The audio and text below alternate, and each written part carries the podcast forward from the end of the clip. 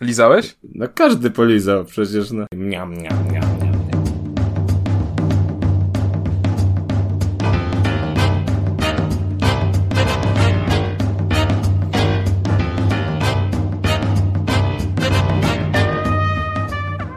Ale kupiłeś PS5. E, a to obok miało być roweru. I to była dobra decyzja? E, kupno PS5? Tak. Nie no, sprzęt fajny, firma chujowa, nie no. I co ja będę mówił, no. Wygląd na plus. Wygląd jest tak na minus, kurwa, to PlayStation 5 No jest tak what brzydkie. Poło... No bo Czemu to jest takie położyłeś. wielkie? Eee, That's what wiem, she tak- z takim się Wszędzie urodziłem. pasuje. w sumie to zdanie mógłbym to rzucać i, i by było. Jest, jest brzydka, bo ją położyłeś. Na stojąco wygląda dużo lepiej. Na stojąco to jest wieża, która mi robi, kurwa, na pół pokoju cień. Nie, nie przesadzaj. Chujowo to wygląda. Stary, Nie, nie, ta na stojąco jest ładna. ta, konso- ładna jest. ta konsola nie musi być taka duża, nie powinna być taka duża. Jakby była o połowę mniejsza, albo chociaż o jedną trzecią, to by była dużo ładniejsza, bo Nie. ten, ten sam Nie. design, ten, ty jesteś fanboyem, więc cicho. Nie. Ten sam design jest jak najbardziej okej, tylko przez jest to, że ona jest, ładny. tylko przez to, że ona jest tak kurwa duża, Nie, jest, jest to wygląda jak krowa. wielkości. Nie, jest za duża. Nie wygląda jak krowa. Krowa jest łaciata. No, Ale jest tak jak- biało-czarna ta konsola, tak jak leży- zauważyć, więc... Ale krowa, no. To jeszcze jesteś w stanie sobie na niej coś postawić, tak jak Konrad wysyłał Tak. na to zdjęcie, że kwiatka, kubeczek, jakąś podstawkę, a na stojąco to już nic na tym nie postawisz. Ale możesz oglądać swoje piękne odbicie w tym czarnym elemencie na środku. Czyli Xbox narcyz. Series X jest klocem i na nim też można postawić wiele, nawet, nawet prędzej na tym się coś postawi jak na półce niż na e, PS5, tylko o ile Xbox Series X to jest półka, to PlayStation 5 to jest kurwa mały stolik kawowy. Tam możesz Ale- śniadanie przy tym zjeść. Ale jest jedna różnica, która jest zdecydowanie po stronie Sony, czyli pad, bo jest przecudowny. Jest, jest spoko, jest, to jest pierwszy Jest raz, to jest pierwszy raz w historii, kiedy PlayStation ma lepszego pada od Xboxa. To jest najlepszy pad w historii. A ciekawi mnie, czy, czy ten, jakby go pod PC podłączyć, to by wykorzystywał Można, swoje... można, można. No można, ale czy by Działa, pełni... nawet Bethesda mówiła... E, tak, tak. bo nawet przy Ghostwire masz wszystkie te same funkcje, bo Be- Bethesda się tym chwaliła. Czy to od Więc gry możesz zależy? sobie kupić DualSense'a i Ghostwire'a przejść tak, jak Bóg przykazał. Nie, nie, pad jest, pad- jest naprawdę spoko, to jest, to jest cudeńko technologiczne i, i no czuć, że to jest, jest, że to jest nowa generacja, Oj tak, e, oj bo tak. przy Xboxie przejście z One'a na Series X'a to jest tak naprawdę upgrade sprzętu, bo cały, cały system jest ten sam, ten pad to jest tak naprawdę to samo, tylko lekko zmodyfikowane, ale, Ale tutaj, to jest to samo. panie dzieju, oj, oj. Znaczy, to też nie jestem jakoś aż takim zachwycony. Wkurwia mnie to, że on ma te, to wam wysyłałem film, y, te cycuchy, za które się łapie, że one mają takie y, zaostrzone końcówki, więc jak ja mam duże ręce, to mały palec mam akurat na tym rogu, więc mnie to boli. Ale ty delikatny jesteś, Konrad, bardzo. Duże ręce, Wrażliwy ale jednak, taki, no. delikatny, tak. Adaptacyjne triggery są bardzo fajne, ale po kilku rundkach w Gran Turismo to mnie bolą są palce. Wspaniałe. No to prawda, ale, Triggery, ale są triggery są bardzo spoko, natomiast to, tak jak mówiłem wam, haptyczne wibracje to jest przereklamowane to jest. Nie jest, nie jest, nie. To jest tak samo wibruje jak wszystko inne, no o czym ty mówisz? Nie, nie, nie, nie, nie, nie, nie. Więc ja się tyle nasłuchałem przez ostatnie półtora roku, powiedzmy, że haptyczne wibracje, że to krople deszczu czujesz, że... Tak, tak. No i tak, tylko że to wygląda tak, że się wibracja włącza na pół sekundy. Jest zajebista wibracja haptyczna, kurwa. No. No tak. Na dobrą sprawę te triggery i to, że one wibrują, to też nie jest jakiś wielki, wielkie odkrycie, bo Xbox One to już miał ile? 9 lat temu? Ale wspaniały jest ten pad. Nie, jest, jest, jest spoko, to jest na, na pewno lepszy niż to, co ma Xbox, bo i to zawsze mówiłem, natomiast e, Sony wygrało. Essa. pod względem pada, no, to nie jest coś, o czym bym nie mówił wcześniej, no natomiast e, no sa- sama firma jest chujowa, no ale co To ja sobie zobaczę Ile kosztuje w Jeszcze mnie w dupę wyruchali, bo musiałem zapłacić za upgrade Gran Turismo y, do wersji na PS5, y, bo mi przyszła ta na PS4 w zestawie. No, tak więc... kupiłeś. No dobrze, jakbym kupił kurwa na Xboxa Forza Motorsport, to niezależnie od tego, czy bym kupił, no zresztą tak, tak, tak, tak było, nie? Że z Fifką, o, że miałem se Fifkę i jak sobie włącza, włażałem do Łana, to mi się odpala wersja na Łana, jak włażałem do Series X, to mi się odpala wersja na Series X bez, do, bez dodatkowych opłat. A tu musiałem wejść w sklep, który znowu działa tak zajebiście wolno. Nie wiem, dlaczego Sony nie potrafi zrobić tego swojego stora yy, poprawnie, bo na Series X, Xboxie w ogóle działa szybko, a na PS5 się wszystko kurwa ładuje za każdym razem. Yy, I musiałem zapłacić 40 zł za upgrade. No super. Znaczy to i tak jest lepsza sytuacja niż przy przejściu z poprzedniej generacji, ale, ale w przypadku w zestawieniu z tym, co robi konkurencja, no to jednak, jednak no trochę słabo. Ale bawię się dobrze, fajne jest. Astros Playroom zajebiste, Gran Turismo 7 to jest spoko, chociaż twórcy się przez 12 lat nie byli w stanie nauczyć robić, yy, robić sztucznej inteligencji przeciwników, bo oni jadą po prostu po, po sznurku i każdy wyścig to jest tak naprawdę czasówka tylko z jadącymi samochodami, ale, ale no jest ok. To co, zaczynamy ten odcinek w końcu, czy nie? Dobry wieczór Polsko! To 23 epizod Trójkastu i za mikrofonami jak zawsze Konrad Noga. Dzień dobry wszystkim. Jakub Smolak. Dobry wieczór drogim redaktorom i dobry wieczór drogim słuchaczom. I Kacper Cembrowski, czyli ja i również dobry wieczór. E, I jak co tydzień od dwóch już odcinków, ten jest trzeci. Zaczniemy od tematu 23 kuli. Jest taka, jest taka szansa, że znowu mi się te tematy, co już były, wrzuciły do kuli. No ale zobaczmy. Strykam. Ale czemu ty je tam wrzucasz? Bo y, tu później jest, wiesz, chaos taki w biurze, do nagry w studiu. Przepraszam, chaos jest w studiu. I tak wychodzi, no. Konrad, przecież wiesz, jak wygląda nasze studio trójkastowe w Chinach. Przecież no wynajmujemy, byliśmy tam ogarnąć. No to jest takie studio jajo wręcz. Dobrze, e, uwaga, będzie pyknięcie. I losowanko. Jest temat, już patrzam. Dzisiaj, moi drodzy, porozmawiamy o... Tego chyba nie było. A to jest w panach Kacpera. Najlepsza konsola przenośna ever. Uhu! Także. To zaczyna. No, to jest pana temat, to pan zaczyna. Hmm. Sentymentalnie bym powiedział, że PSP, ale tak ogólnie to chyba jednak ten Switch. Ale Switch właśnie, to jest... Bo Switch jako osoba przenośna to tak średnio imo. Jako hybrydowa to zdecydowanie najlepsza, bo też jedyna. Nie, jeszcze Wii U było. Ale... A czemu jako, liczymy... czemu jako przenośna nie? E, no bo ja głównie właśnie jaram się Switchem ze względu na tą hybrydę i w sumie jest w takie większe tytuły wszystkie gram na TV, a też doceniam te gry ruchowe, które, które też są w sumie w trybie TV, a tak w przenośnie w podróży to sobie gram tylko w pociągu. No dobra, ale, ale to nie jest argument za tym, żeby to była zła konsola. Znaczy, nawet nie tyle zła, nie? Tylko, ale dlaczego to nie może być najlepsza konsola? Nie, ale ja mówię bardzo subiektywnie. No, ale ja to pytam, no. Z tego względu, że ja mam V1 i ona ma średnią baterię. Okej. Okay. to jest dobry argument. Nie, myślę, że ogólnie y, patrząc na, na całą historię, to z, z, mojej perspektywy zdecydowanie PSP. Myślę, że gdybym za młodu bardziej się interesował Nintendo i, i zainwestował w 3DS-a wcześniej, to myślę, że e, myślę, że właściwie nie zainwestował nigdy w 3DS-a, bo dostałem od, od Bartka Gabisia. Dziękuję, Sugar Daddy. E, ale, ale tak ogólnie to wydaje mi się, że to PSP chyba naj, najlepiej wypadało w moim przypadku. No to ja tylko czemu? tak od siebie dodam. A, ty chcesz odpytać czemu? Proszę bardzo. Proszę no, chciałbym, no. E, bo łatwo było można przerobić i miałem mnóstwo gier za darmo. A z kim mi przyszło nagrywać, no.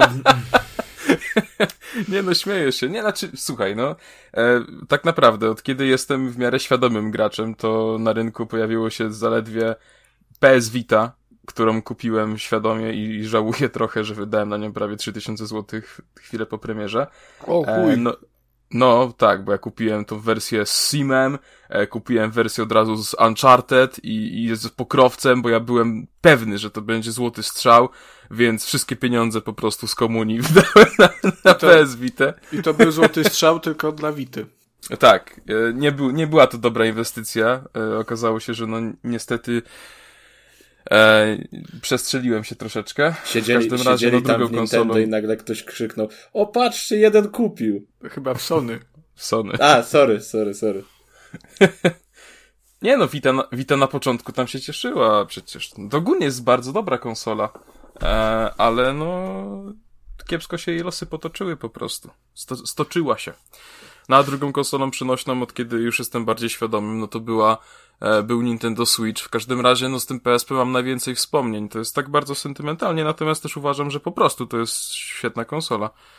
E, więc i też biblioteka gier i też jakby liczba sprzedanych kopii, to wszystko, no to tylko potwierdza, że jest to ogólnie ogromny sukces i ja się świetnie przy tej konsolce bawiłem. Ja uważam, bo tutaj do tej kwestii można podejść troszkę na różne sposoby yy, i rozpatrywać najlepszą konsolę pod względem samego hardware'u, yy, jak i dostępnego na nią, tu też taki makaronizm wtrą- wtrącę, żeby brzmieć mądrzej, yy, software'u. Jeżeli chodzi o sam sprzęt, to jakby Game Boy. Game Boy był bardzo fajny. Znaczy, oryginalnego nie miałem. No, w sumie mam Advance'a tylko, ale no mniejsza. E, pod, pod względem samego sprzętu, o ile Switch jest bardzo fajny pod względem hybrydowości, e, to jakby on jest strasznie niewygodny e, i wydaje mi się, że jednak że ja też go nie rozpatruję tak naprawdę, to podobnie mam jak ty, że nie rozpatruję Switcha trochę jako konsoli przenośnej tak naprawdę, e, bo w zasadzie zwłaszcza odkąd przeszedłem na pracę zdalną, to nie wyjmuję go z doka e, i gram na telewizorze w 20 klatkach, ale wyższej rozdzielczości. E, Muszę powiedzieć, że pod względem sprzętu chyba wydaje mi się, że ta PlayStation Vita była najlepszym, najlepszym wyborem. Mm, Znaczy najlepszą konsolą przenośną w moim odczuciu, ze względu na wszystkie bariery, jakie, jakie tam były. E, Na kapitalny e, OLEDowy wyświetlacz, który teraz też ma Switch tak naprawdę. E, No, ale po jakim wtedy, czasie, nie? w 2012 to robiło, nie? E, To, że tam masz kamerę z, z tyłu, z przodu chyba, ten touchpad te z tyłu, że masz dotyk na, na przednim ekranie i to w grach tych first party było wykorzystywane w gorszym lub lepszym, e, w gorszy lub lepszy sposób. E, W Terrawayu, z tego co mówiłeś, to było bardzo fajne. Tak, tak, tak. E, tak. W Uncharted Tak, to... bo No. w Terrawayu to był taki dosyć mocny element rozgrywki, to na tym się to opierało właściwie. I to była jedy, jedyna gra, która w sensowny sposób wykorzystywała ten tylni panel dotykowy, który mnie ogólnie niesamowicie irytował.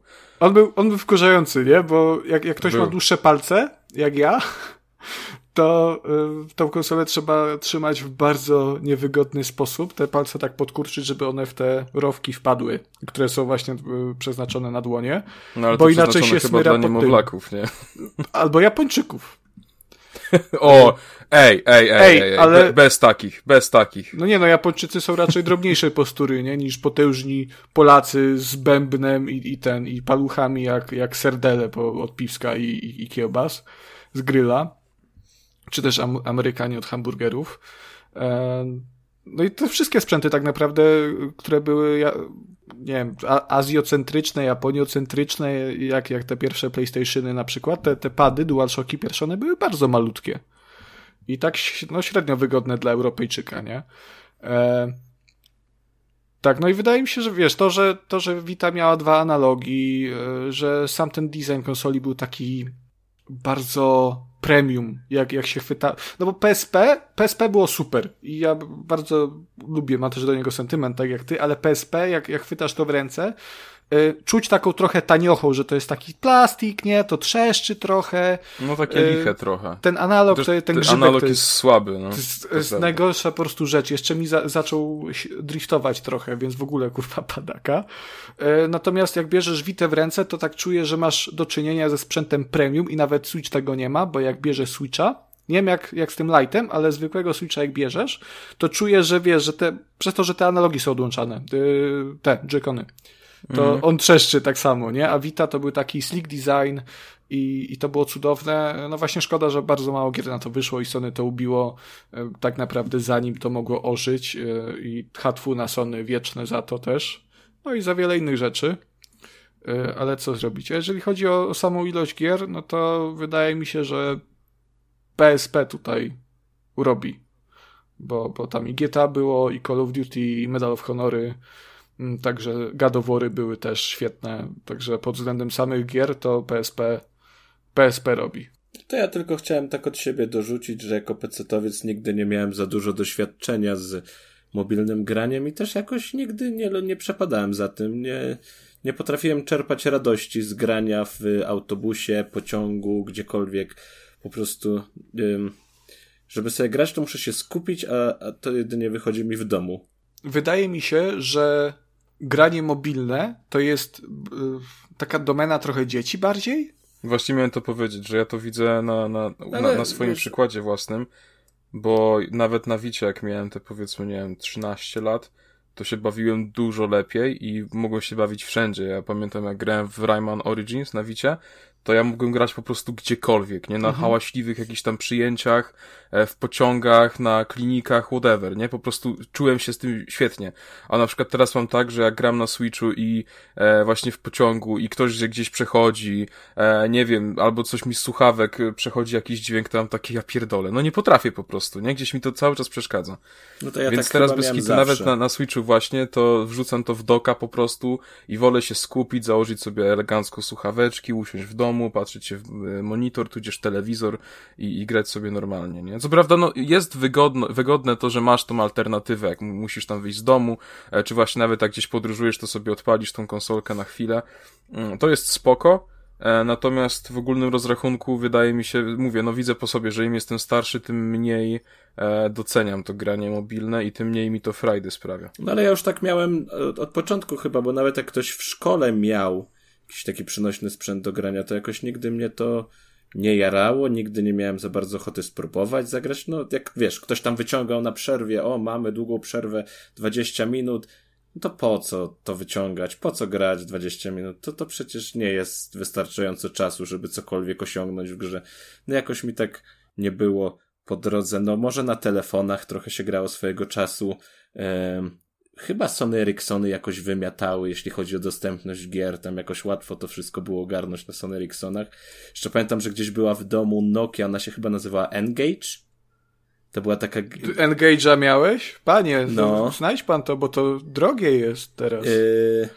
Dom za to kupisz. Nie, to już na pewno nie istnieje.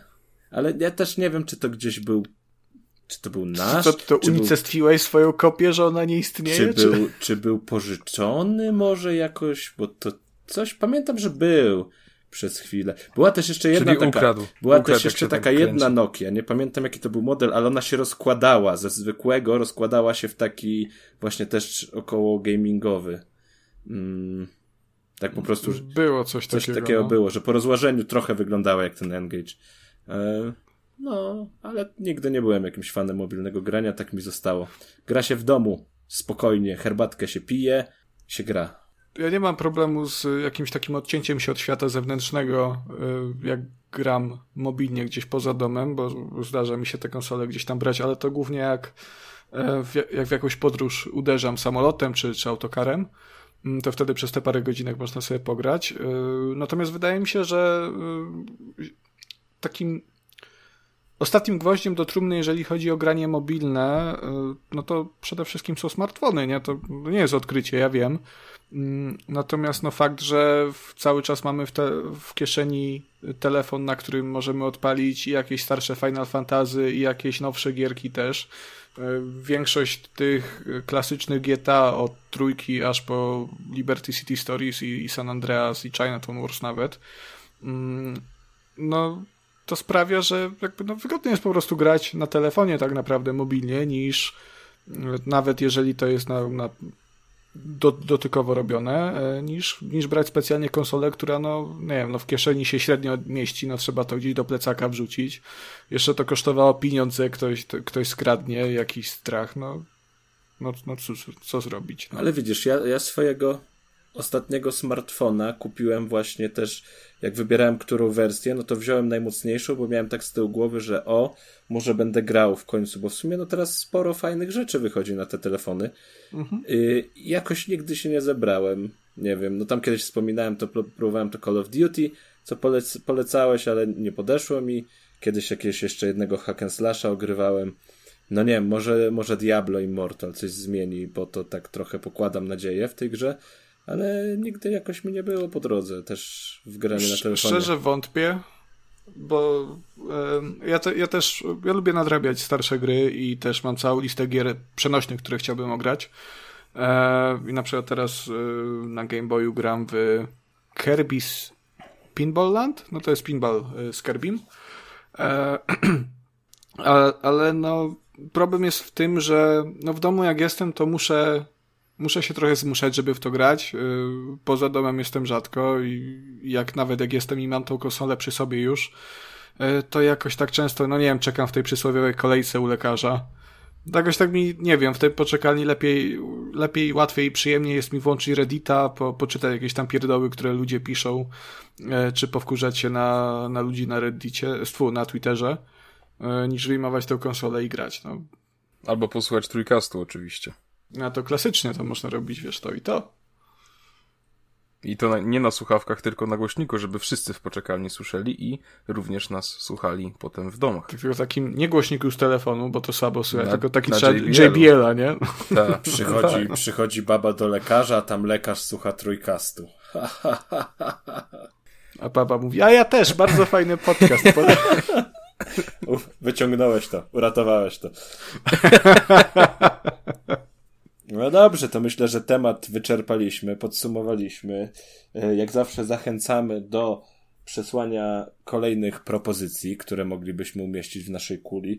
A żeby ten temat się już nigdy nie powtórzył, to ja go teraz tutaj y, publicznie porwę i, i zapraszam do sekcji, zjeść musisz. sekcji newsowej. Miam, miam, miam, miam, miam. Dobrze. E, zaczniemy od tego, że Sony wreszcie oficjalnie zapowiedziało swoją odpowiedź na Game Passa, e, chociaż uważam, że nazywanie tego odpowiedzią na Game Passa jest dosyć dużym nadużyciem. E, zacznę od przedstawienia wszystkich planów, które oficjalnie będą, na które będzie się dzielić PlayStation Plus. E, więc tak, e, będzie PlayStation Plus Essential, czyli e, powiedzmy najgorszy ze wszystkich możliwych zestawów. Mm, I tak, w ramach tego, tego e, progu wchodzą dwie gry do pobrania w miesiącu, czyli mniej niż obecnie, e, rabaty w sklepie PlayStation Store, miejsce w chmurze dla zapisów z gier i możliwość gry online, czyli w istocie nic się nie zmienia e, poza tą ilością gier, więc można powiedzieć, że Kradną. jest to ten ten, tak, jest to ten PS Plus co teraz, ale gorzej, a cena zostaje ta sama, bowiem miesięcznie wychodzi 37 zł, za kwartał wychodzi 100 zł, a za rok wychodzi 240 zł. E, drugim e, progiem jest PlayStation Plus Extra. E, I on wprowadza, znaczy oczywiście zawiera wszystkie benefity z pierwszego progu oraz daje dostęp do katalogu 400 najlepszych gier na PlayStation 4 i PlayStation 5, w tym hity z katalogu PlayStation Studios oraz produkcje partnerów zewnętrznych.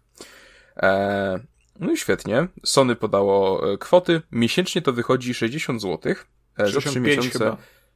E, znaczy ja tutaj mówię, e, bo oni w złotówkach nie podali, e, przynajmniej na czas jak po robiłem research. 65 wychodziło właśnie. Aha, no to mi wychodziło dokładnie 59,98. Może, bo teraz może te kursy szaleją, to pewnie tak, dlatego. Tak, tak. Za 3 miesiące wychodzi 170 zł, za 12 miesięcy wychodzi 400 zł. I przechodzimy do PlayStation Plus Premium najlepszego ze wszystkich zestawów, ponieważ zawiera wszystkie benefity z Essential i Extra.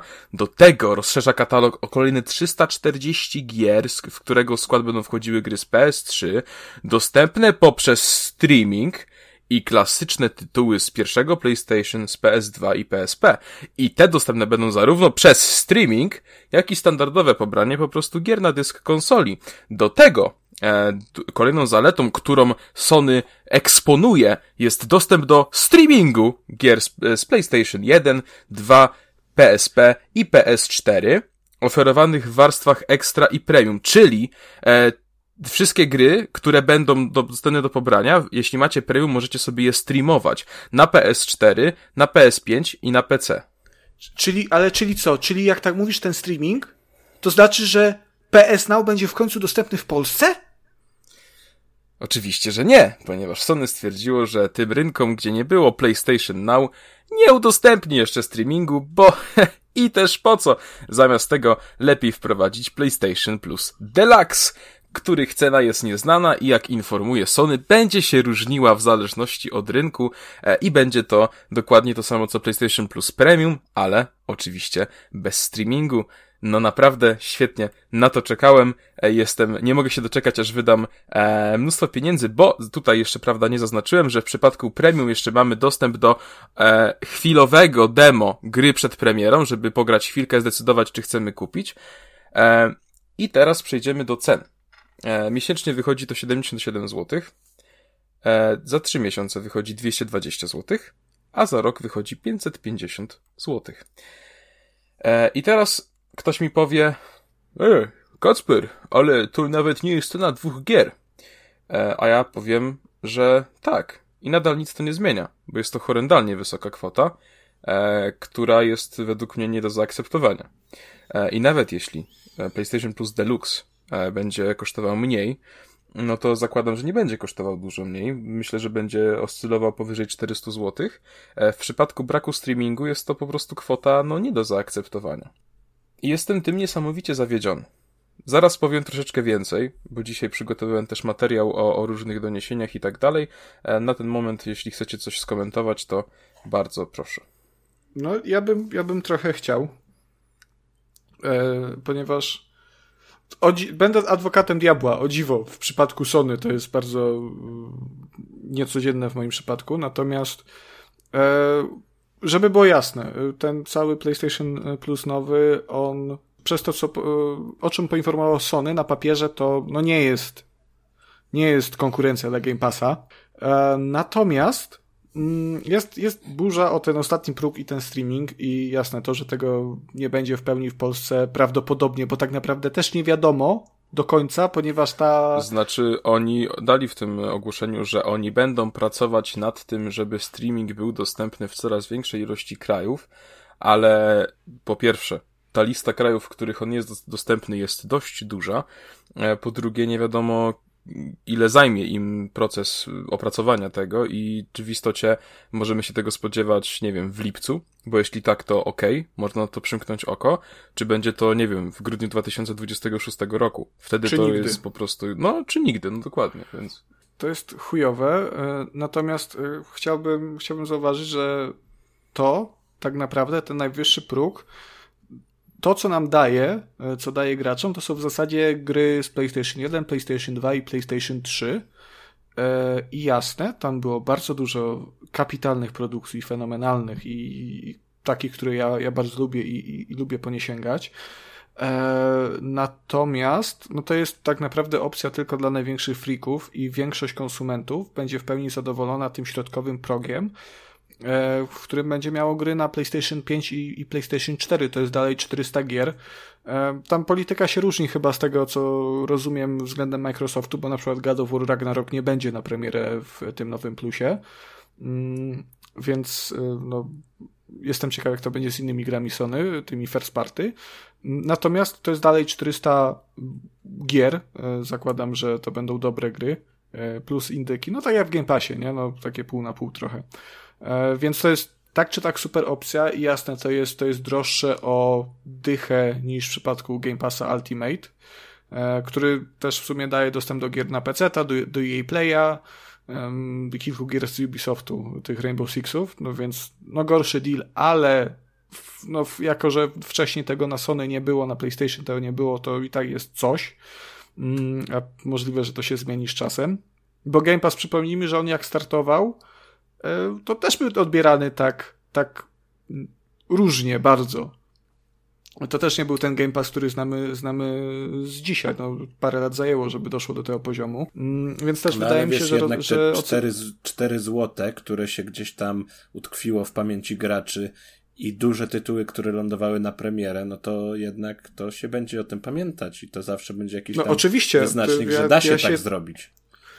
Y, Kuba, dlatego ja na początku od razu zaznaczyłem, że y, w obecnej formie, to, to tak jak jest napisane na stronie y, Sony, PS Plus się nie umywa do Game Passa. Ja jestem tego w pełni świadom, natomiast też nie wydaje mi się, żeby to była jakaś taka tragicznie zła usługa, bo trochę na Twitterze i w sieci spadły na Sony z tego względu gromy.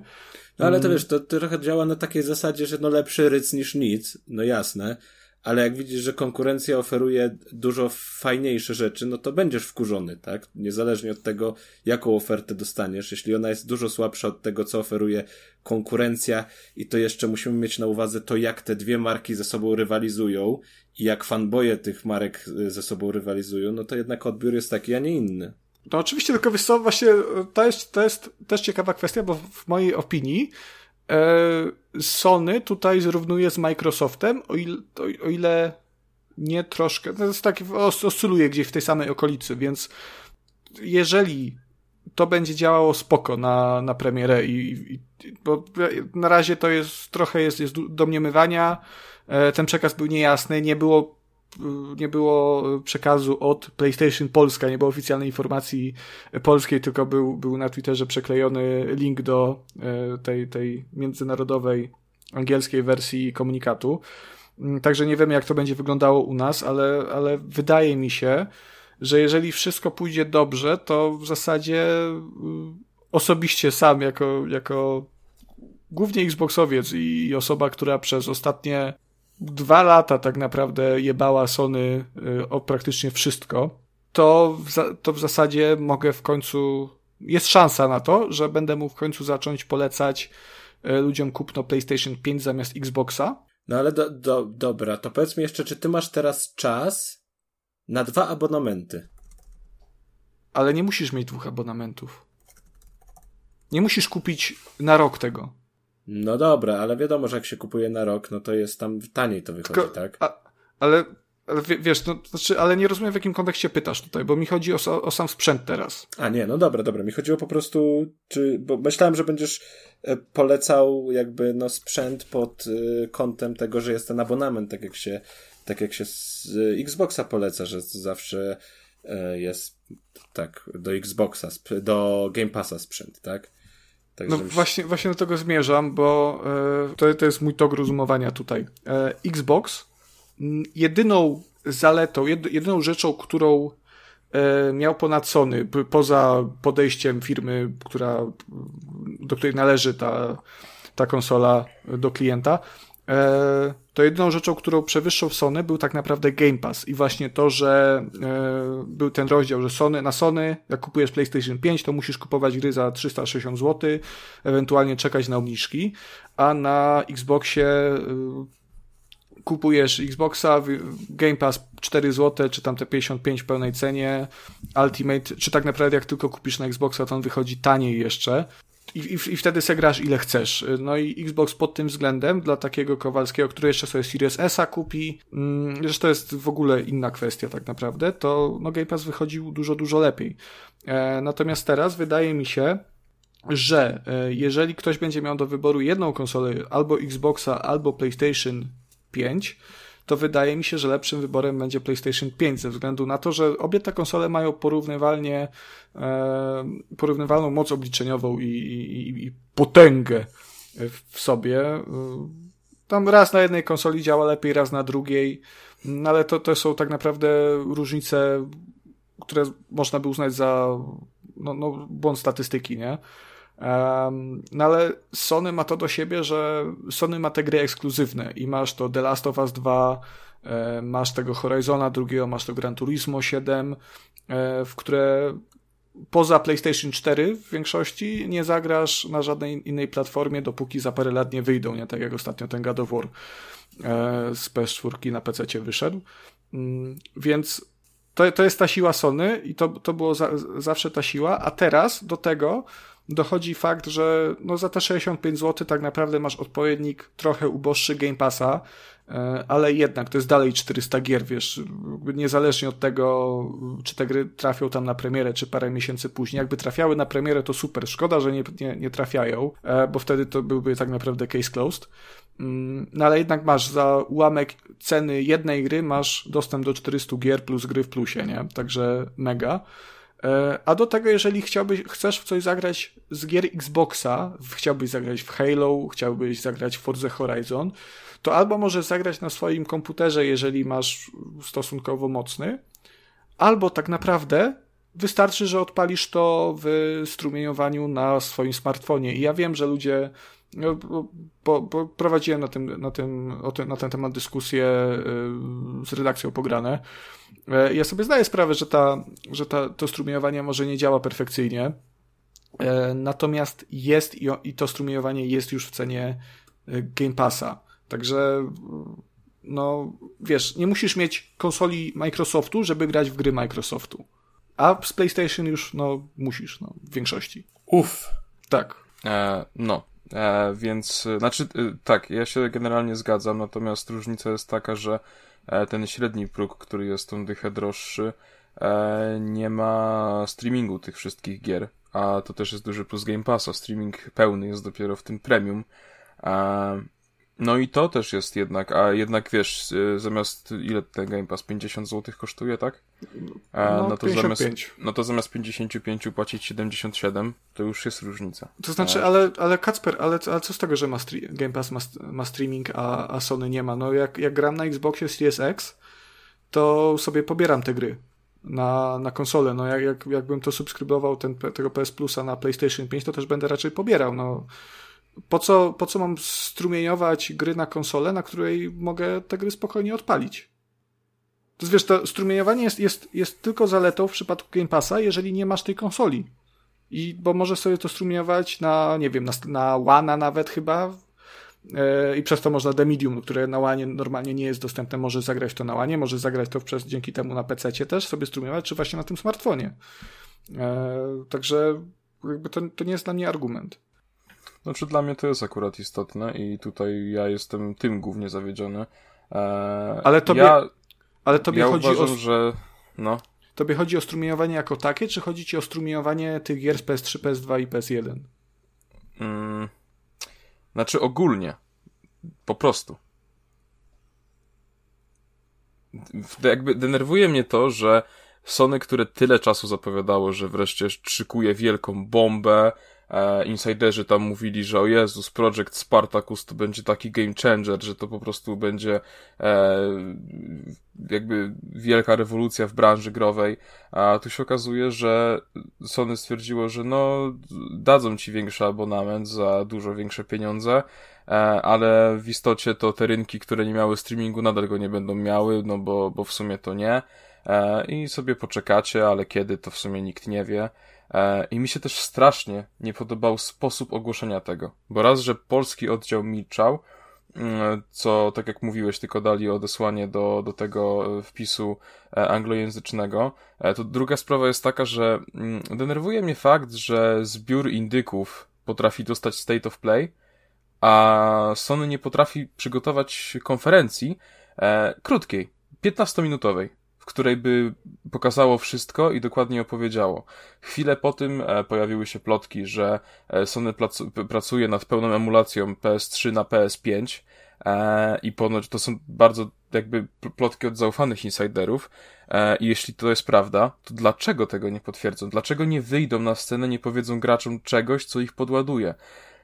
Dlaczego... Może to nie jest prawda nawet, no dobra, nie jest, może, ale nawet jeśli uruchomienie nowej, e, nowej usługi uważam, że zasługuje na to, żeby po prostu przekazać to graczom w troszeczkę lepszej formie e, niż w obecnej. Poza tym chwilę, chwilę po tym ogłoszeniu e, CEO PlayStation, znaczy e, no PlayStation, ten Jim Ryan w oficjalnym podcaście e, PlayStation powiedział, że e, współpracują z ponad 200 partnerami, z czego większość, znaczy no dużo, du, duża część to jest to są naprawdę tacy ogromni, takie grube ryby w branży i możemy się spodziewać w tym katalogu gier naprawdę ogromnych tytułów. I super, to też zmienia na pewno postać rzeczy. Ale czemu tego nie powiedzą na scenie? Czemu nie podładują w ogóle graczy w ten sposób? Bo wydaje mi się, że nawet taki przeciętny gracz jest już na tyle, jakby na, ta, ta branża działa w ten sposób, że dla ciebie hasło 400 gier nie znaczy już całkowicie nic. Mhm. Bo fajnie, no super 400 gier, ale to może być 350 indyków, nawet 380 indyków, a 20 gier, które są obecnie w PlayStation Plus Collection. I wtedy tak naprawdę te 400 gier to sobie można w dupę wsadzić, za przeproszeniem. Bo to nie robi żadnego wrażenia. Ja, ja trochę też nie rozumiem mm, tego posegmentowania y, tego plusa i, i tu daj mi wyjaśnić, bo to, że jest tańszy, droższy i, i ten najdroższy daje najwięcej, to ja łapię, nie? Na tyle sprytny jeszcze jestem. E, tylko wydaje mi się, że lepiej by było, gdyby Sony poszło trochę śladami Microsoftu, ponieważ Microsoft to robi super, bo masz różne typy Game Passa e, i tych ich usług i masz Games with Gold, masz tego klasycznego Game Passa na konsolę i masz y, Game Passa na PC-ty, czy tego PC Passa, tak? Chyba to PC Game Pass to się teraz nazywa, bo przechrzcili. I każde, każdy z tych, każdą z tych usług możesz kupić osobno, ale możesz też w, zasubskrybować wszystkie naraz w postaci Ultimate'a. A z tego co rozumiem, w przypadku Sony możesz, możesz sobie zasub, zasubskrybować albo tego Essentiala, albo tego Extra, albo tego y, Deluxa, ten się ostatni nazywa? E, I... Ten Deluxe będzie u nas, ten normalny jest premium. No, no to, no to Deluxa tudzież premium. E, I nie rozumiem, dlaczego Sony po prostu nie pozwoli na modłę tego Game Passa. E, nie wiem, czy chce być inne, czy co, ale czemu nie pozwoli e, mi zasubskrybować po prostu tego plusa, tak jak no, teraz to, to pozwala, nie? Ale osobno plusa, osobno powiedzmy tych gier na PlayStation 4, PlayStation 5, osobno gier na PlayStation 1, PlayStation 2, PlayStation 3 i ewentualnie wtedy dorzucić tego y, PlayStation Plusa Premium, który ma to wszystko albo część tylko, nie? No bo wtedy mhm. każdy ma wybór, bo może mnie nie interesują te gry na PlayStation 5, dlatego kupiłem PlayStation 5 oczywiście, bo mnie nie, nie, nie interesują gry na tę konsolę i chcę grać tylko w gry na PlayStation 1, to wtedy sobie biorę tego yy, tego, tego na, z tymi starszymi grami. Jeżeli chcę, interesują mnie tylko gry na PlayStation 5 lub 4, ale nie interesuje mnie granie online albo starsze tytuły, to bym sobie wziął tego, yy, tego środkowego, tego, tego z grami na PS4, PS5. Mm, więc myślę, że to by było dużo lepsze rozwiązanie niż takie dziwne, dziwne schodki. No, no po cholerę to jest. Znaczy, no tutaj strasznie jest też sporo niedopowiedzeń i ogólnie to też strasznie źle się złożyło, bo oni to ogłosili razem, e, znaczy chwilę po tym, jak e, ogłosili e, zestaw na, na kwiecień w PlayStation Plus, który jest no po prostu żenująco śmieszny. No ty nie widziałeś Xboxa na, na kwiecień? Nie, nie. Nie, ty nie, nie narzekaj. Natomiast no niemniej jednak, no zestaw, który zaserwowali na kwiecień to niestety nie był żart na prima aprilis e, i, i po prostu y, no ja szczerze, mimo tego, że jestem tej marce całkiem oddany, czuję się po prostu, jestem zniesmaczony. Czuję się zdegustowany, no i, i mówię, przede wszystkim brakowało mi takiego kurczę, jakiegoś takiego wyjścia do tych graczy, takiego faktycznie jakby zrobienia wokół tego otoczki, prze, prze, jakby, żeby pokazali swoje plany, przedstawili je, żeby dali jakikolwiek pretekst, żeby na to czekać, a nie surowy wpis na blogu w języku angielskim tylko i wyłącznie. Macie tutaj, za to masz to, za, za tyle masz to. Kurde, no, no nie, no i brak tego wprowadzenia tego streamingu jeszcze na takie rynki, naprawdę przecież Polska to też już nie jest mały rynek wcale. I wydaje mi się, że też w ich y, gestii powinno być to, żeby rozwijać się cały czas. A coś takiego, kurwa, no, jestem po prostu zawiedziony, szczerze. I jeśli faktycznie to rozhulają, jeśli, nie wiem, ja pewnie sprawdzę ten, ten premium, o ile do nas kiedyś trafi, czy ten deluxe, ale, ale to do, myślę, że dopiero jak będzie jakaś tam promka na to, bo no te 550 zł to mi się w bani nie mieści. Ale wiesz, że eee. możesz, możesz na miesiąc tylko, nie? Subskrybować, nie musisz na rok od razu. Wiem, ale to jest w ogóle nieekonomiczne. Ale, ale kurwa, ale jak chcesz sprawdzić, to, to po chuj masz za 550 brać. No, to, jaka to jest logika? Ale sprytnie w ogóle zrobili z tym, bo nie wiem, czy pamiętacie, chyba w lutym, jak mówiliśmy w odcinku, że e, Sony blokuje dostęp do kupowania tych pakietów PlayStation Now, e, że znikają one ze sklepów w Kanadzie, w Stanach i tak dalej. E, no i wszyscy po prostu stwierdzili, że no to pewnie dlatego, że e, po prostu będzie nowy, nowy PS Plus, tam Project Spartacus i tyle. A się okazuje, że to znikało z tego względu, że przez funkcje streamingowe dla, abona dla abonentów PlayStation Now e, do końca ich abone abonamentu muszą im dać ten pakiet premium, który finalnie wychodzi dużo drożej niż PS Now wychodziło. No więc takie trochę cebulactwo. Znaczy, jak, jak wchodził Game Pass, e, tam też były jakieś takie różne e, machlojki, bo można było po prostu.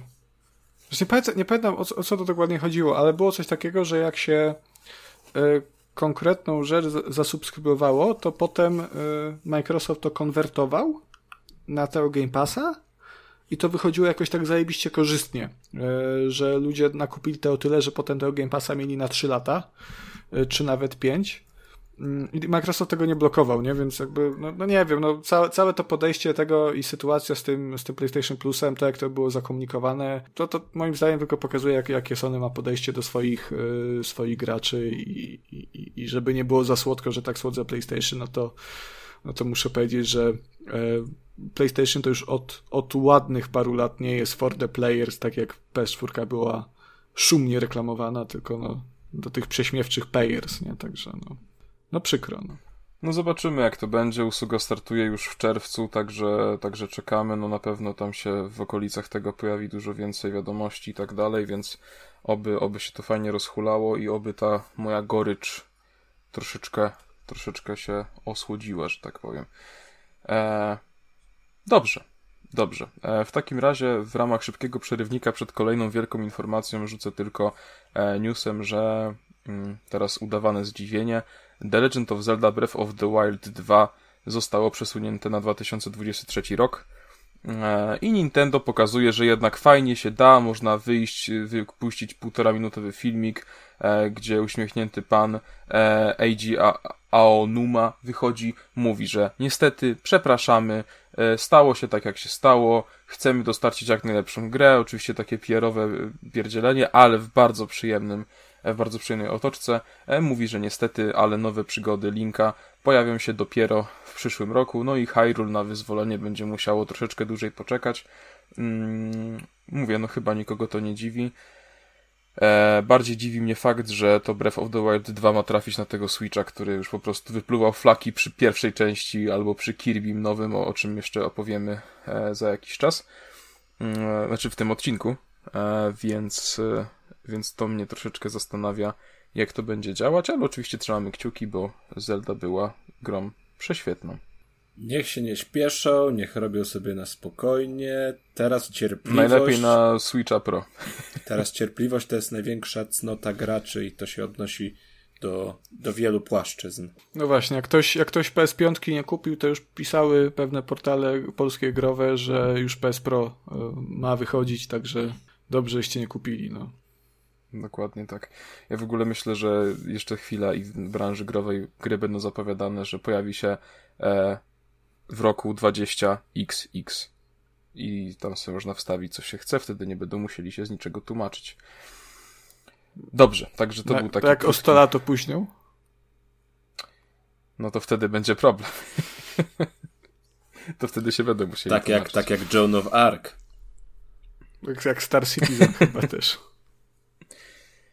E, dobrze, proszę Państwa, kolejną bombą e, z, z tego ostatniego czasu, od ostatniego epizodu jest fakt, że no, wielu chciało, wielu marzyło, ale niewielu e, wierzyło. Wszyscy A wierzyli, jednak... wszyscy wiedzieli. Kacper, proszę cię. Nie, nie, nie, nie, nie. No musisz mi psuć takie ładne wejście. Już tak, kurczę, podniosłem tutaj wszystkim ciśnienie. Wszyscy już, kurczę, tak, a, o czym powie? CD Projekt Red oficjalnie potwierdził że pracuje nad nową częścią Wiedźmina. Właściwie nad nową grą z uniwersum Wiedźmina. I zanim zaczniemy snuć domysłu o co chodzi, e, to tylko powiem, że jest to zawarta współpraca z Epic Games e, i Wiedźmin 4, tak sobie pozwolę powiedzieć, powstanie na Unreal Engine 5, czyli na tym silniku, na którym było Dokładnie demo z Matrixa. Proszę? Jak ładnie z angielska. Tak, tak, starałem się. Przygotowałem się przed odcinkiem. E, więc e, powstanie na Unreal Engine 5, czyli tym e, silniku, na którym było to demo Matrixowe, plus na którym też działa Fortnite, który się dopiero rozkręca. E, i to będzie miała, to, to będzie wieloletnia współpraca właśnie CD Projektu z Epiciem, jako że CD Projekt to jest doświadczone studio, mm, to będą mieli wszystkie, jakby wszystkie doświadczenia i, i rzeczy, które wyłapią podczas produkcji gry mają przekazać Epicowi, żeby oni dopracowali ten silnik jak najbardziej. I to jest ciekawe z tego względu, że CD Projekt Red do tej pory wszystko tworzyło na tym swoim silniku, czyli Red Engine, e, a tutaj jednak będzie, e, nowy Wiedźmin będzie na innym silniku, co wydaje mi się dobrą decyzją, bo ten e, Unreal Engine 5 zapowiada się naprawdę spoko. E, i myślę, że też to dobrze wpłynie akurat na Wiedźmina, bo jednak trójka była fenomenalna, z tym się nie będę kłócił, ale była dosyć toporna pod wieloma względami, jeśli chodzi o poruszanie się i też o walkę, mm, więc troszeczkę odświeżenia na pewno się przyda. E, tym samym chciałbym rozwiać wszelkie wątpliwości, że Cyberpunk 2077 nie zostanie przeniesiony na Unreal Engine, on będzie cały czas rozwijany na tym Red Engine. Ile tych ja, engine'ów tam się Ja myślę, że oni tam nie będą chcieli kombinować z Cyberpunkiem. Nie, jeszcze, ale właśnie to ja działa miałem, jako tako. Ja miałem podpytać was, czy może pamiętacie, jak oni się tłumaczyli w jakiś sposób z tego stanu Cyberpunka, to czy tam padały takie argumenty, że to jest właśnie, że coś tam silnik zawiódł, że były problemy z tym silnikiem, bo się musieli przenieść e, jakby no, inna perspektywa, tak, i tak dalej, i tak dalej, inny styl gry. Czy tam coś było takiego? Bo mi się takie rzeczy kojarzą, ale nie jestem na 100% pewny. Mm, ja nie kojarzę, ale ja też nie śledziłem jakoś bardzo mocno tego tematu, szczerze powiem. Ja, więc... ja podobnie. Ja pokrzyczałem i, i, i zamknąłem ten mhm. temat. No bo jeżeli życiu. wiesz, jeżeli teraz nie kłamie, jeżeli tak faktycznie było, no to może to, to, ta zmiana silnika jest jednak y, potrzebna. No.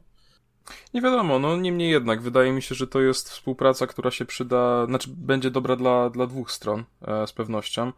E, ale przechodząc już do samej gry, to warto powiedzieć, że właściwie nie dostaliśmy nic, żadnych informacji, tylko dostaliśmy taką małą Ale ile dostaliśmy teorii, Kacper! Tak. Teorii, no, te, teorii było tak.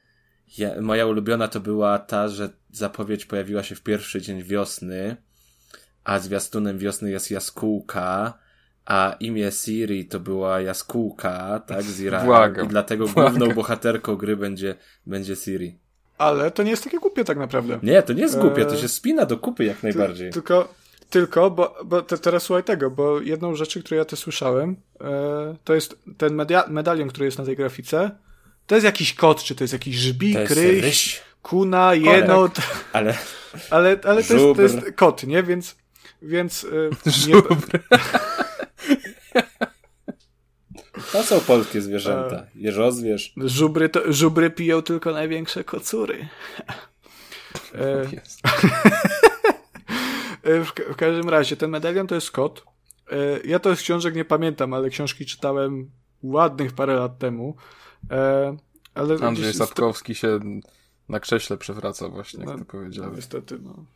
A, przy, a przed grami, znaczy przed w sumie trójką. No, ale no takie chciałem sobie fanfika przeczytać, nie? W tym świecie. E, w, w, każdym razie, ta grafika to jest kod e, i z tego, co gdzieś mi się przewinało w internecie, to e, Ciri ponoć miała jakiś tam zdobyczny amulet kota. Nie wiem, czy to jest prawda trochę mi się to nie kojarzy.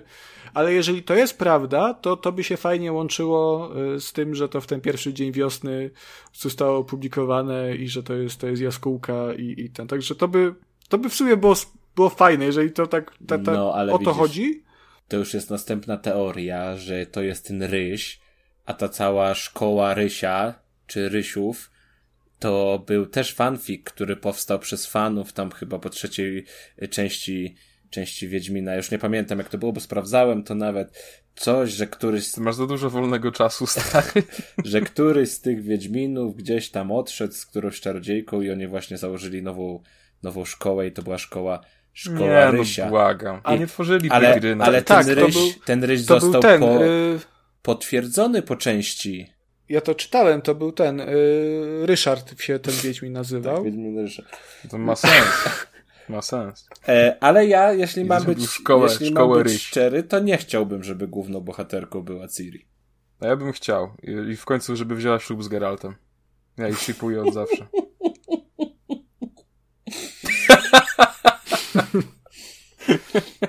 Uff. Jeszcze jedną popularną teorią jest, e, która niestety nie wpisuje się w spermiarskie fantazje Kacpra. Ej, ej, wypraszam sobie. E, e, to jest to, że może będziemy tworzyć własnego Wiedźmina. No ja bym To właśnie będzie chciał... MMO, ja jak bym, Final Fantasy XIV. Ja bym chciał stworzyć sobie własnego Wiedźmina. Znaczy, mi się ogólnie wydaje, że cały Wiedźmin to stał Geraltem. Bo to jest, Geralt to jest taki bohater i on jest tak, w taki sposób napisany, że on trafia w bardzo y, dużo różnych gust na różnych płaszczyznach i to jest taki bohater po części idealny w swojej osobowości, w swoim zachowaniu i w swoich zdolnościach i, i Wiedźminy Geraltem stały, tak naprawdę. Nie wiem, jak to będzie bez niego, ale wydaje mi się, że Ciri nie jest w stanie unieść tego ciężaru na swoich barkach, więc y, może faktycznie bym widział tutaj zmianę na to, żeby się tworzyło własnego Wiedźmina i że, że, że, żeby to był taki, no wiesz, po prostu RPG, gdzie tworzysz własną postać i grasz własnym Wiedźminem. Ja bym wolał Ciri. No to może sobie stworzyć. A to już wiesz, nie jest to samo. Aj tam, aj tam. A ta Ciri w końcu była w Cyberpunku, czy nie była? Nie. Nie była. Aha. No to będzie w Wiedźminie Ale może 4. sobie stworzyć. A to już nie to samo. Bo jestem no. ciekaw, czy w Wiedźminie 4, jak będzie, będzie się można. Ła, Jak będzie można sobie stworzyć własnego Geralta, e, to czy też będzie ten błąd, że ci pindryk przez spodnie wylatuje? Co? To będzie taki Nie- nie widziałeś tego? Cyberpunka. Nie.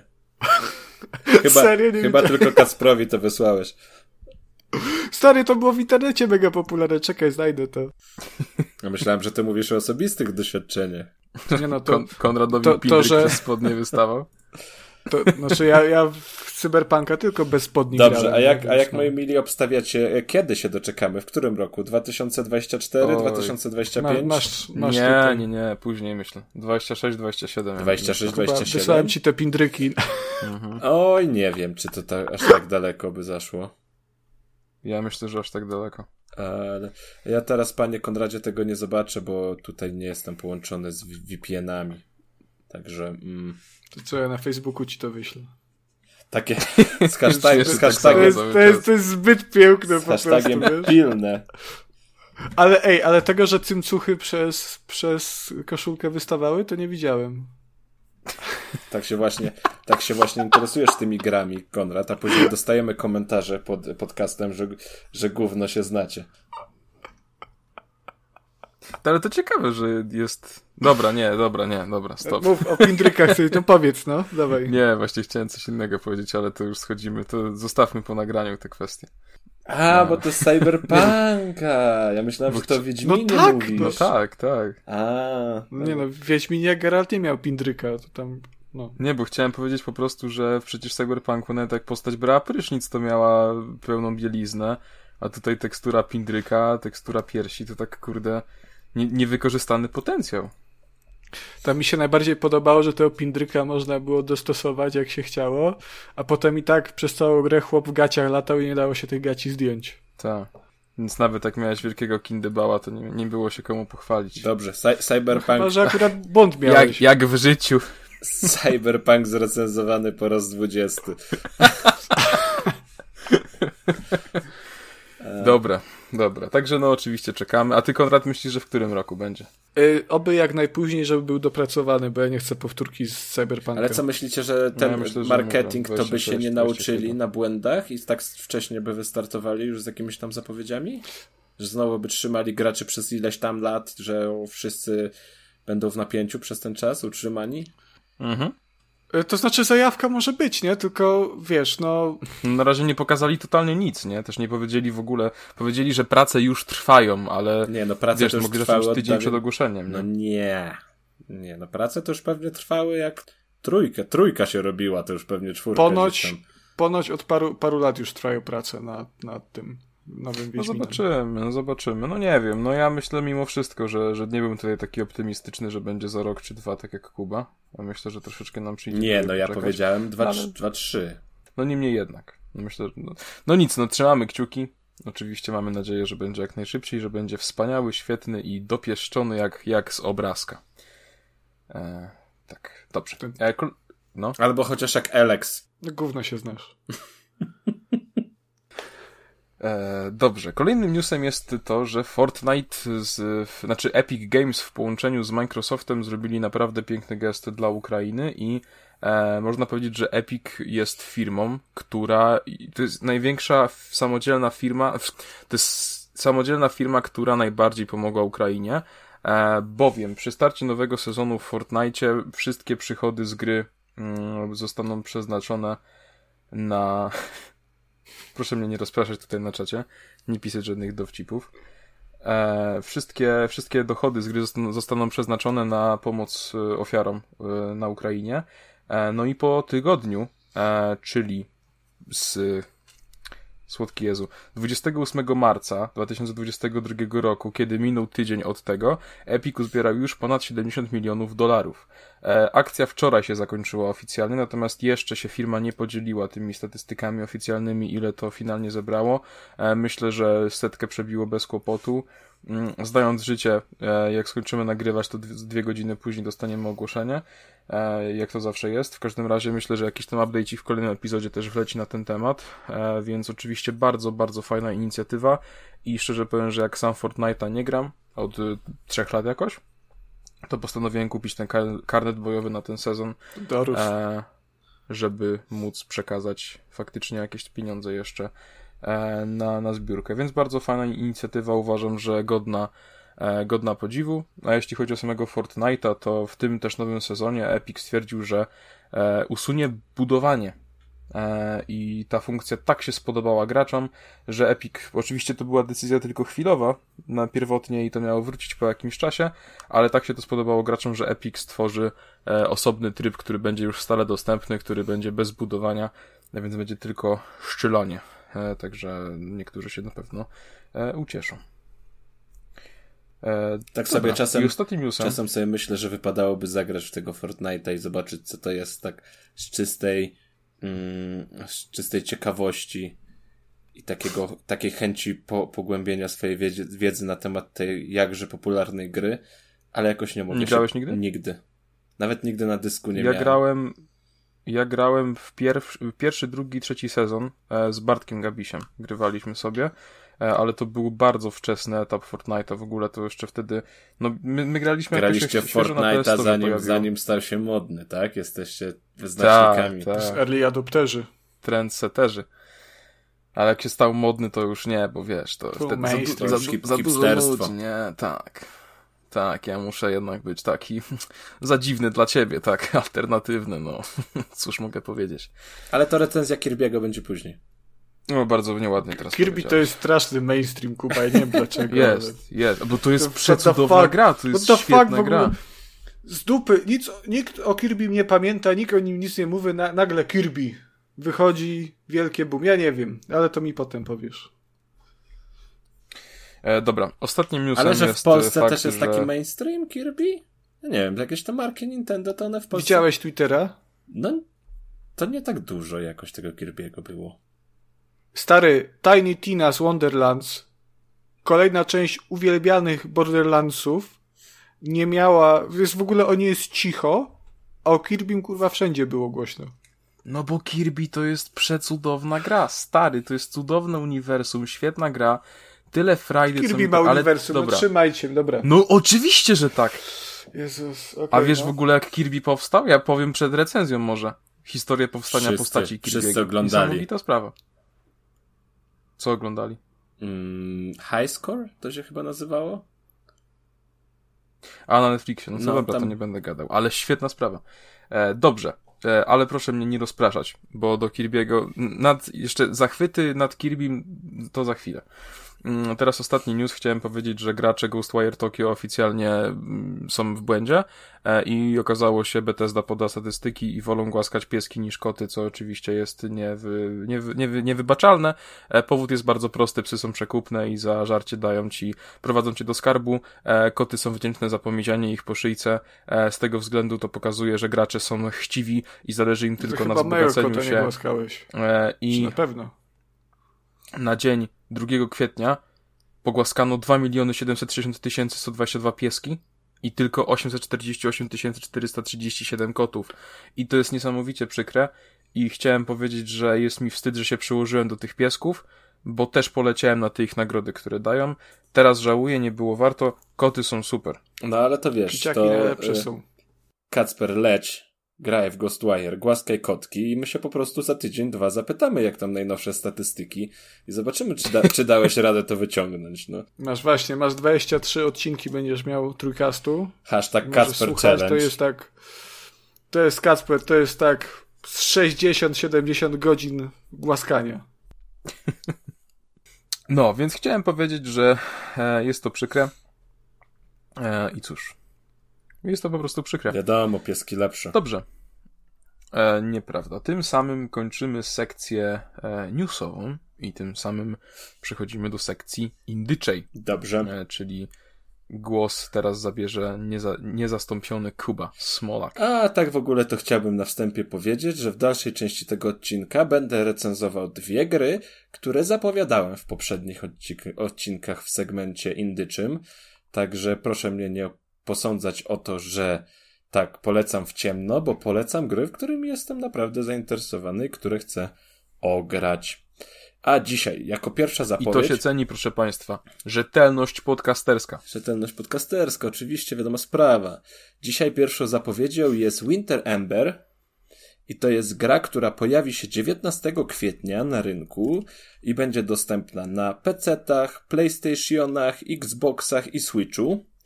I to jest skradanka, moi mili, e, w rzucie izometrycznym. Mm, I to jest taki, no taki thief, tylko że no po prostu z, z inną perspektywą, tak? E, I tutaj naszym zadaniem będzie zemsta. To będzie cel naszej misji mm, głównej, a będziemy się mścić na takich złych e, religijnych fanatykach, którzy w przeszłości doprowadzili do masakry i unicestwili cały nasz ród. I oni sobie, moi drodzy, myśleli, że nas też unicestwili, ale my gdzieś tam przetrwaliśmy ten, ten, tą, tą, tę masakrę i wracamy po ośmiu, Szachmat. wracamy po ośmiu latach się mścić e, na nich i będziemy ich zabijać i eliminować i to wszystko będzie się działo w, z ukrycia w cieniu. Mm, I tutaj takim głównym motywem rozgrywki mają być e, strzały. Bo twórcy przygotowali aż 30 rodzajów strzał. Każda będzie miała inne właściwości i naszym zadaniem będzie odpowiednie ich wykorzystanie, czyli na przykład będziemy mieć strzałę, która gdzieś tam rozpyli jakąś chmurę gazu, albo strzałę, która będzie zakończona liną i pozwoli nam się to gdzieś tam wspiąć i tak dalej, i tak dalej. Oczywiście ta nasza postać będzie wyposażona w jakiś tam y, sztylet konieczny do walk wręcz, jeśli zajdzie taka potrzeba, no ale jednak tutaj stawia mm, definitywnie na to rozwiązywanie tego wszystkiego po cichu, tak żeby nie dać się wykryć, nie dać się zauważyć. I nie wiem, no mi się ta gra po prostu wydaje podobna do, do Dishonored na przykład, czy do FIFA, o którym już mówiłem. Do FIFA chyba bardziej No. z tymi strzałami. Znaczy nawet ten Do bohater, FIFA? FIFA fajna. nawet ten bohater, jak się na niego tak patrzy, to on tak wygląda, co nie? Tak jak ten, ten, ten, ten, e... Gareth. O, Gareth, tak. Chciałem powiedzieć słynny złodziej, bo zapomniałem imienia, ale, Wybrnąłby, ale wybrnąłby. uratowałeś mnie. A pamiętam jak w pierwszego grałem. Znaczy nie wiem, czy to był pierwszy, czy drugi, ten stary. Jaka to była trudna gra dla mnie wtedy, jak ja, To basu stary. jak ja byłem dzieciakiem. E, bardzo trudna. No teraz by nie była łatwiejsza, myślę, A. wiesz? Zwłaszcza, że to jest no, już dość stary tytuł, to pod względem przystępności dla nowych graczy. Pewnie tak, ale ja w ogóle nie ogarniałem tam, dlaczego oni mnie tak szybko zabijają, to co tam chodzi. No, ale to były, to, by, to byli inne czasy, moi kochani. Także to jest pierwsza propozycja. Ja jakimś tam dużym fanem skradanek nie jestem, ale jakiś taki ciekawy klimat od tej gry bije i, i chętnie bym spróbował, tylko zawsze w przypadku skradanek najważniejszym elementem jest to, jak wykonana jest sztuczna inteligencja przeciwników, bo to jakby narzuca tempo i, i jakość całej gry. To ma strasznie duże znaczenie. A e, studiom niezależnym, małym studiom, to tak czasem ciężko przychodzi do, dobre ogarnięcie sztucznej inteligencji u przeciwników. No zobaczymy, jak będzie w tym przypadku.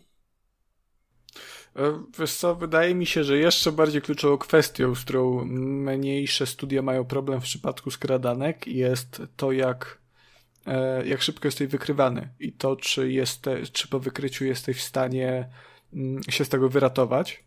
I troszkę się boję, zwłaszcza patrząc po perspektywie, że to może być trochę problematyczne.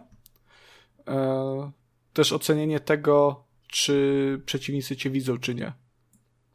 Mm, także to jest takie ze sobą powiązane, bo na przykład jeżeli. No wiesz, jak zastosują klasyczne będzie... stożki jakieś takie, że, że to będzie widoczne jakby z Tylko, na, wiesz, gołym bo, okiem, bo... to, jest, to jest taki element, który się sprawdza, ale on się niekoniecznie dobrze sprawdza w grach typowo nastawionych na skradanie, tak? To jest mhm. jako, jako dodatek, jeżeli to jest, mamy skradanie jako dodatek gdzieś w jakiejś większej produkcji, no to okej, okay, możemy na to przymknąć oko, a w takiej produkcji stricte y, nastawionej na skradanie i pozostawanie w cieniu, to jednak tak mm, coś ciekawszego trzeba wymyślić.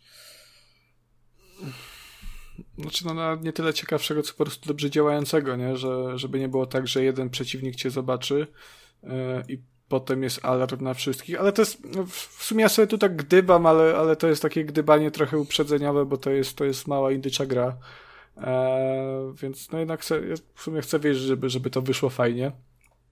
E, bo wygląda ładnie, naprawdę te, te, te plansze, te lokacje wyglądają bardzo fajnie. E, I to jest, to jest faktycznie taki thief e, z rzutu izometrycznego. Dobrze to była pierwsza propozycja. Drugą propozycją jest gra The Serpent Rogue i to jest mm, to jest gra, która się będzie opierać na craftingu. Tak mi się przynajmniej wydaje, oh no wszystko na, tym, na to wskazuje. na craftingu eliksirów i mikstur, bo będziemy alchemikiem w tej grze. Mm. Tylko to ma być gra akcji tak? Czyli to nie będzie jakiś tam e, taki, taki stricte ek ekonomiczny tytuł, czy coś takiego, to będzie gra akcji, w której po prostu naszym orężem będą eliksiry, mikstury i tak dalej, i tak dalej. I dzięki niej będziemy mogli czynić wspaniałe rzeczy. E, nie wiem, w opisie gry było napisane, że na przykład będziemy mogli przybrać inną formę, będziemy mogli zmienić stado, stado, grupę przeciwników stado e, kurczaków, na przykład jakieś tam burze, wyładowania elektryczne wywoływać tymi eliksirami.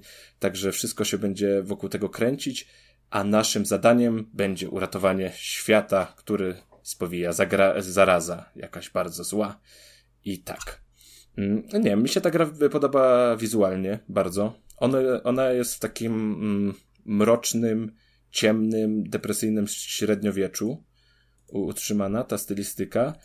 Mm, no i teraz hmm, mogę zdradzić już, że na pewno będziemy mieć recenzję tej gry, może w przyszłym epizodzie, bo, bo już mam kluczyk, jeszcze nie odpalałem gry, także nie wiem, czy nie łamię tutaj embargo ani nic takiego, bo po prostu jeszcze nie grałem w tę grę. To wszystko, co wam mówię, to jest z opisów, które możemy znaleźć na Steam, ale no jestem tą grą na tyle zainteresowany, że na pewno ją sprawdzę i, i podzielę się swoimi spostrzeżeniami. A, jeszcze nie powiedziałem. Nie powiedziałem, że gra zadebiutuje 26 kwietnia, czyli do premiery jeszcze troszkę zostało, a będzie dostępna na PC-tach, PlayStation 5, yy, Xboxie Series X and S i Nintendo Switch. I co ciekawe, Ojej. to jest gra, która jest tworzona przez ukraińskie studio. Mm, i pomimo całej sytuacji, wojny i tego, że tam jest strasznie niebezpiecznie, e, to jednak oni dokończyli tę grę, nie przesunęli daty premiery i no kurczę, nie wiem, no naprawdę byłem zdziwiony, że to dali radę dowieść do końca. No, szacuneczek. Ale co, zgaduję, że nie jesteście zainteresowani taką produkcją opierającą się na craftingu? Znaczy, no do mnie to chyba wiesz zresztą, że to, to raczej przygotowując tego indyka, to, to nie spodziewałeś się, że trafisz do mnie. No to wiesz, to tak samo. To musi być to tak gra wysokobudżetowa. Jest. Ja jestem ogólnie łasy na te AAA, właściwie tylko, więc. E, z tymi, z tymi tak, tak samo z tym craftingiem jest jak z tym skradaniem. To wszystko, cała gra będzie stała tym, jak ten crafting zostanie zrobiony i ta eksploracja. E, bo pewnie będziemy musieli sporo eksplorować, żeby znaleźć elementy, które wykorzystamy do craftingu, ale tutaj też yy, na karcie Steam doczytałem się, że mają być yy, decyzje, które będą kształtowały to, jak będzie wyglądał świat, jak potoczy się historia po tym, jakie decyzje podejmiemy, więc może tam będzie coś więcej, może to będzie odrobinę e, głębsze. No i też ten świat ma być taki responsywny na to, co robi gracz. Także jako, jako przykład tam był chyba wymienione, wymienione było to, że jak mm, nie wiem, załóżmy wybijemy wszystkich mieszkańców wioski, to do miasta wejdą potwory i tak dalej. Czyli tak, tak by te nasze akcje będą, będą się wiązały z jakimiś konsekwencjami. Y, mam pytanie. Proszę. Takie y, je, językoznawcze. Mhm. Przez jakie rzecz się pisze grabarz? Mm, No ja bym, Ja bym- strzelił, że przez RZ. ja też bym powiedział, że RZ. No bo w opisie jest nie chcesz pomagać grabarzowi w pochówku przez rzecz z kropką. Tak mi się rzuciło w, w oczy. A to trzeba, Ciekawostka. to trzeba zobaczyć przez teraz. Nawet sprawdziłem. Sprawdziłeś. Mhm. Mhm. No cóż, a może to jest imię, to może nazwa własna jest. Ale z małej. A to, Dobra, polskiej już, wersji tak ta gra nie będzie miała, więc, więc spoko. Nie, nie, ma, nie ma się co martwić. To już trzeba się zastanowić, wiesz. W ogóle y, to tak a propos ciekawostka, pod Wrocławiem jest taka miejscowość, która nazywa się Żurawina przez U otwarte. No to poprawnie. To Żurawina przez U zamknięte. Wow, okej. tak, przez U zamknięte. Dobra ciekawostka. Kasper, zawodowy newsman. No jak? Dlatego mam tę funkcję w naszym podcaście. Dobra. No i jest jeszcze trzeci tytuł, ale e, z tymi grami dodatkowymi, z tymi śmiesznymi, to jest tak, że musicie ją sobie otworzyć, bo inaczej nie będzie tego efektu.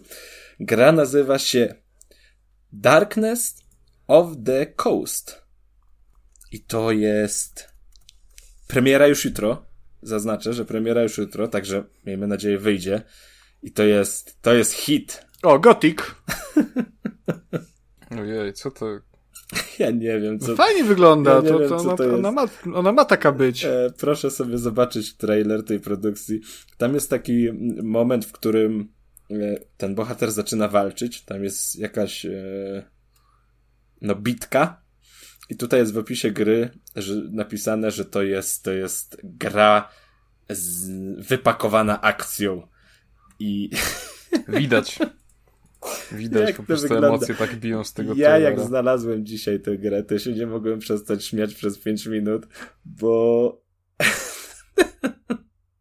To, to jest Gothic. Te postacie- Przecież. Te postacie wyglądają tak dramatycznie. Ten świat, który jest pusty i jakiś taki, nie wiem, w ogóle jakby to e, płaska ziemia No była, jak że, pusty, tam jakaś kaczka skacze, ja widzę. że Wiesz co, ja myślę, że taka gra po prostu, ta gra taka miała być. Taka toporna i po prostu, no... nie, do, nie Wiesz, doceniłem jakąś- No tak, w sensie jak chcesz jakąś taką zwykłą, generyczną grę, to sobie odpal Horizona nowego, na przykład. Ale tutaj ma A. być też, kurczę, widzicie, historia nastolatków. E, bo główny bohater na, ma na imię Anders i on jest przestraszony całym tym światem, tym, co się z nim dzieje, jego przyszłością w tym świecie. I to będzie takie chwytające za serce i akcja i, i ma być e, good story balance.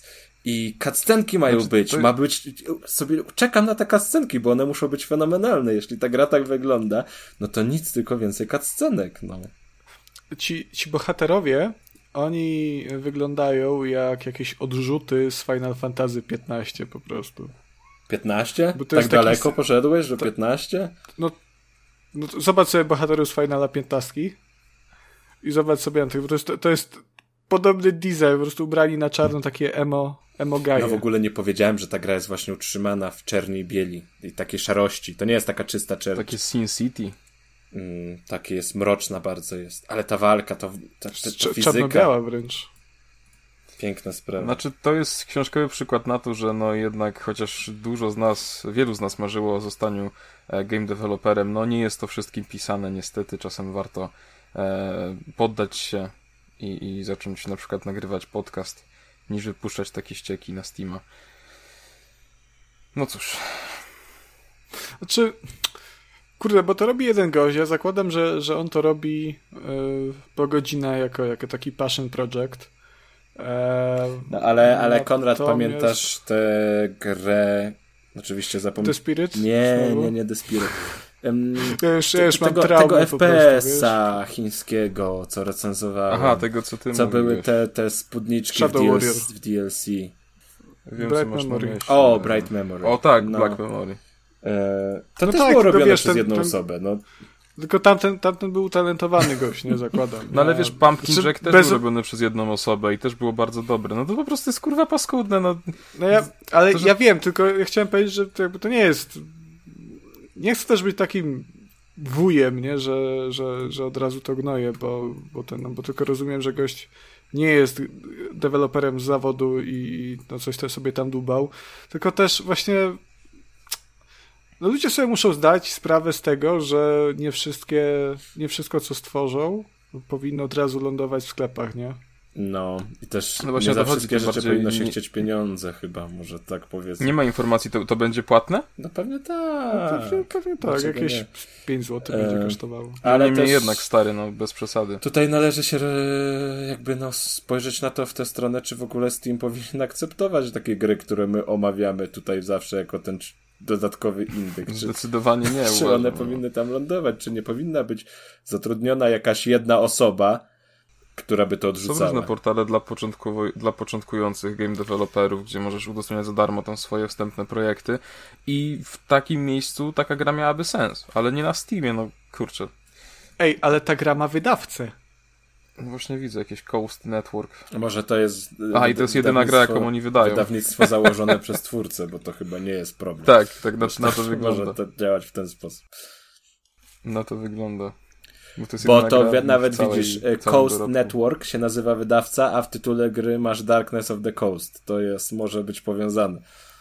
Aha, okej. Okay. Mhm. Super. No. Nie, no dobra. Ale myślę, że jeżeli spokój. jesteście mm, tak no przed osiemnastką w tym, w tym burzliwym, nastoletnim wieku i macie dużo pytań na temat tego, jak wygląda świat, jak będzie wyglądała wasza przyszłość, dlaczego jest tak, nie inaczej i w ogóle macie dużo rozterek życiowych, to ta gra powinna rozwiązać te problemy, bo ona właśnie będzie poruszać te kwestie. A czy będzie, yy, będzie dostępna normalnie na Steam Decku? Uzyskała weryfikację? Nie ma informacji na ten temat. No i słabo. Valve powinno od razu informować, czy takie ogromne produkcje trafią na, na Steam Deck. Dobrze, koniec tych złośliwości. E, teraz pan Konrad nam opowie o Tiny Tina's Wonderlands. Owszem, tak się składa, że po raz pierwszy od bardzo dawna y, grałem w zwyczajne gry do, e, Wreszcie, na, na podcast zamiast jakieś dziwne indyki. Czy znaczy, jeden tam się trafił, ale to jest taki z, z bardziej zwyczajnych indyków. E, no i oczywiście tak, za, za kluczyk e, dziękujemy Cenedze, która nam go dostarczyła w zaufaniu, że zrecenzujemy tę grę. Ja ją tutaj także zrecenzuję. Grałem na Xboxie, Xboxie Series X, e, bardzo potężnym, natomiast sama gra wyszła również na e, PlayStation 5, e, PlayStation 4, Xboxa One, a także na PC-ty. Mm, I warto tutaj zaznaczyć, że e, na Xbox, na konsolach nowej generacji, czyli Series X i PS5 ta gra działa bardzo, bardzo dobrze. E, tryb rozdzielczości, czyli ten, powiedzmy, że ten podstawowy w tym wypadku, e, to jest 4K w 60 klatkach na sekundę, działa bez zająknięcia się, natomiast można sobie też włączyć tryb, tryb performance i to już jest 120 klatek na sekundę.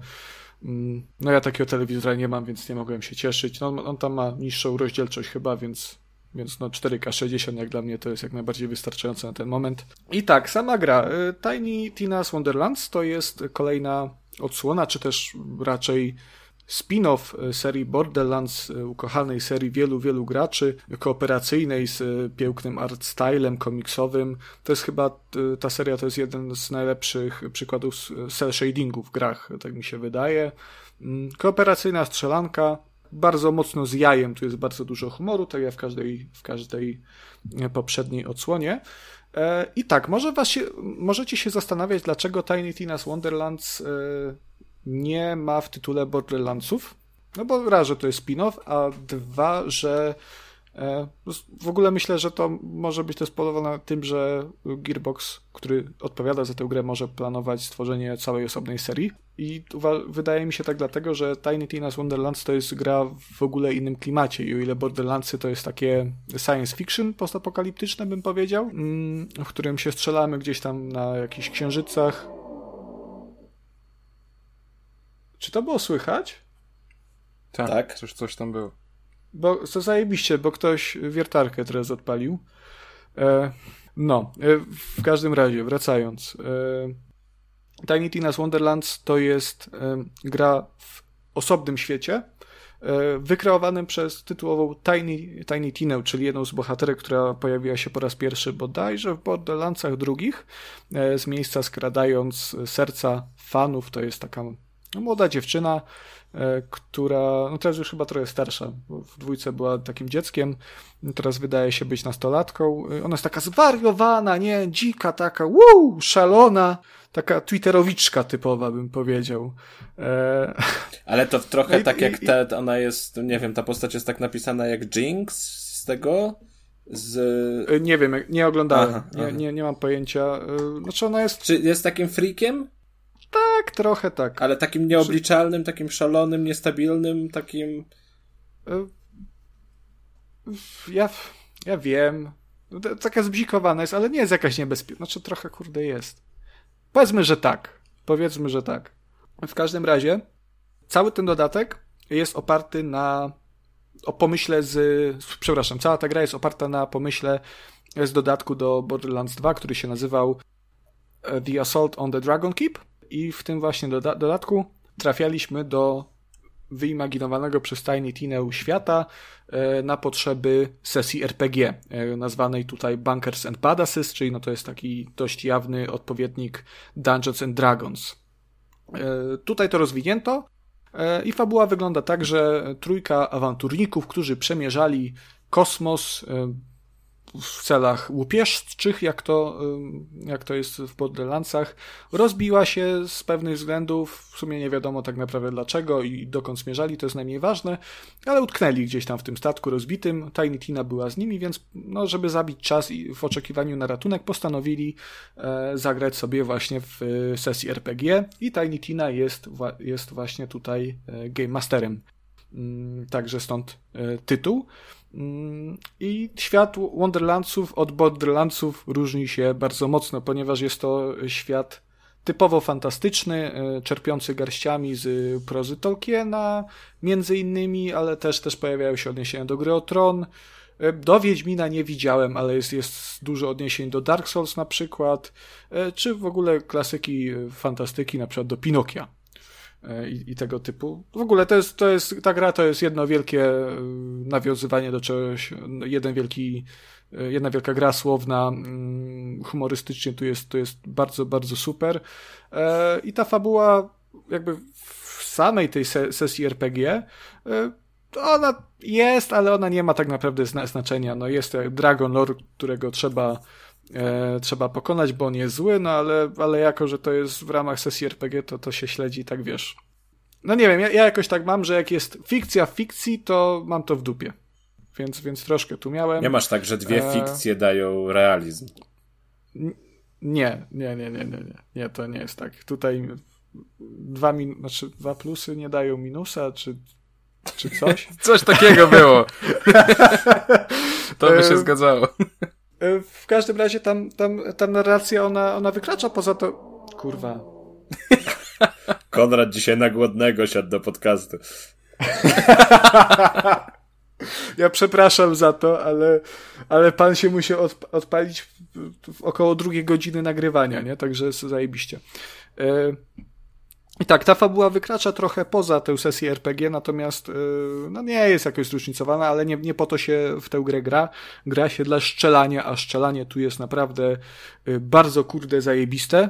A bardzo... mogę, mogę mieć jedno pytanko jeszcze? A proszę, a proszę cię bardzo. Bo y, ja czytałem troszkę o tej grze, bo byłem delikatnie zainteresowany i, i czytałem, że e, właśnie Tiny Tina's Borderlands, e, bo oczywiście pojawiało się sporo zarzutów, że to będzie tylko reskin Borderlandsów, ale mówiono, że właśnie jakby to taka e, swego rodzaju liniowość tej serii zostanie przełamana przez to, że e, jakby fabuła będzie bardzo często wyrywana. To znaczy, że jeśli na przykład e, Tiny Tina zmieni pomysł swój, to nagle akcja zostanie zatrzymana, cofnięta i będziemy mieli coś innego. Nie, e... to, się, to się ani razu nie zdarzyło. Nie było czegoś takiego? Nie, nie, absolutnie nie ma czegoś takiego. Zmie czasami Oj. zmienia się świat.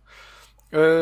Gdzieś tam był, był taki moment zaraz na samym początku, gdzie wchodzi się Jezus, no to się chyba nazywa lokacja Swamp of Dankness, coś takiego, czyli to, to jest jakieś takie e, bagna wilgotności, coś takiego, nie? I wchodzisz, tam jest ładnie, są jakieś świerki, rosną i bohaterowie to komentują, e, że no ale to miały być bagna, nie? I tu nic nie ma, więc, więc Tina się wkurza i, i no to dobra, to widzicie grzyby, nie? I faktycznie te drzewa maleją i w ich miejsce Aha. wyrastają duże grzyby, grzyby. Takie motywy są, nie ma ich jakoś dużo. To, to był chyba taki najbardziej widoczny i najbardziej taki powiedzmy widowiskowy, ale, ale są momenty, dużo jest tego właśnie łamania czwartej ściany, jako że to jest ta sesja RPG, e, gdzie, gdzie są wtrącenia tych bohaterów. Oni cały czas tam z offu dyskutują na temat fabuły i tego, co się dzieje, kłócą się między sobą, kłócą się z Tiną, która e, potem czasami się wkurza i, i, i wiesz, no troszkę zmienia, ale to nie jest tak, że wszystko się cofa, nie? Tylko, że na przykład zastanawia się nad czymś, bo ktoś je coś zarzucił i, i mówi, no dobra, to tam yy, widzicie rybę, nie? I się ryba pojawia. Ale to, to, nie, to, nie, jest, to nie jest y, level Call of Juarez Gunslinger. Właśnie, bo chyba... Y, z tym mi się to najbardziej kojarzyło właśnie, bo tam były te opowieści mm -hmm. o, mhm. tych, y, o tych łapaniu tych łowców nagród, tak?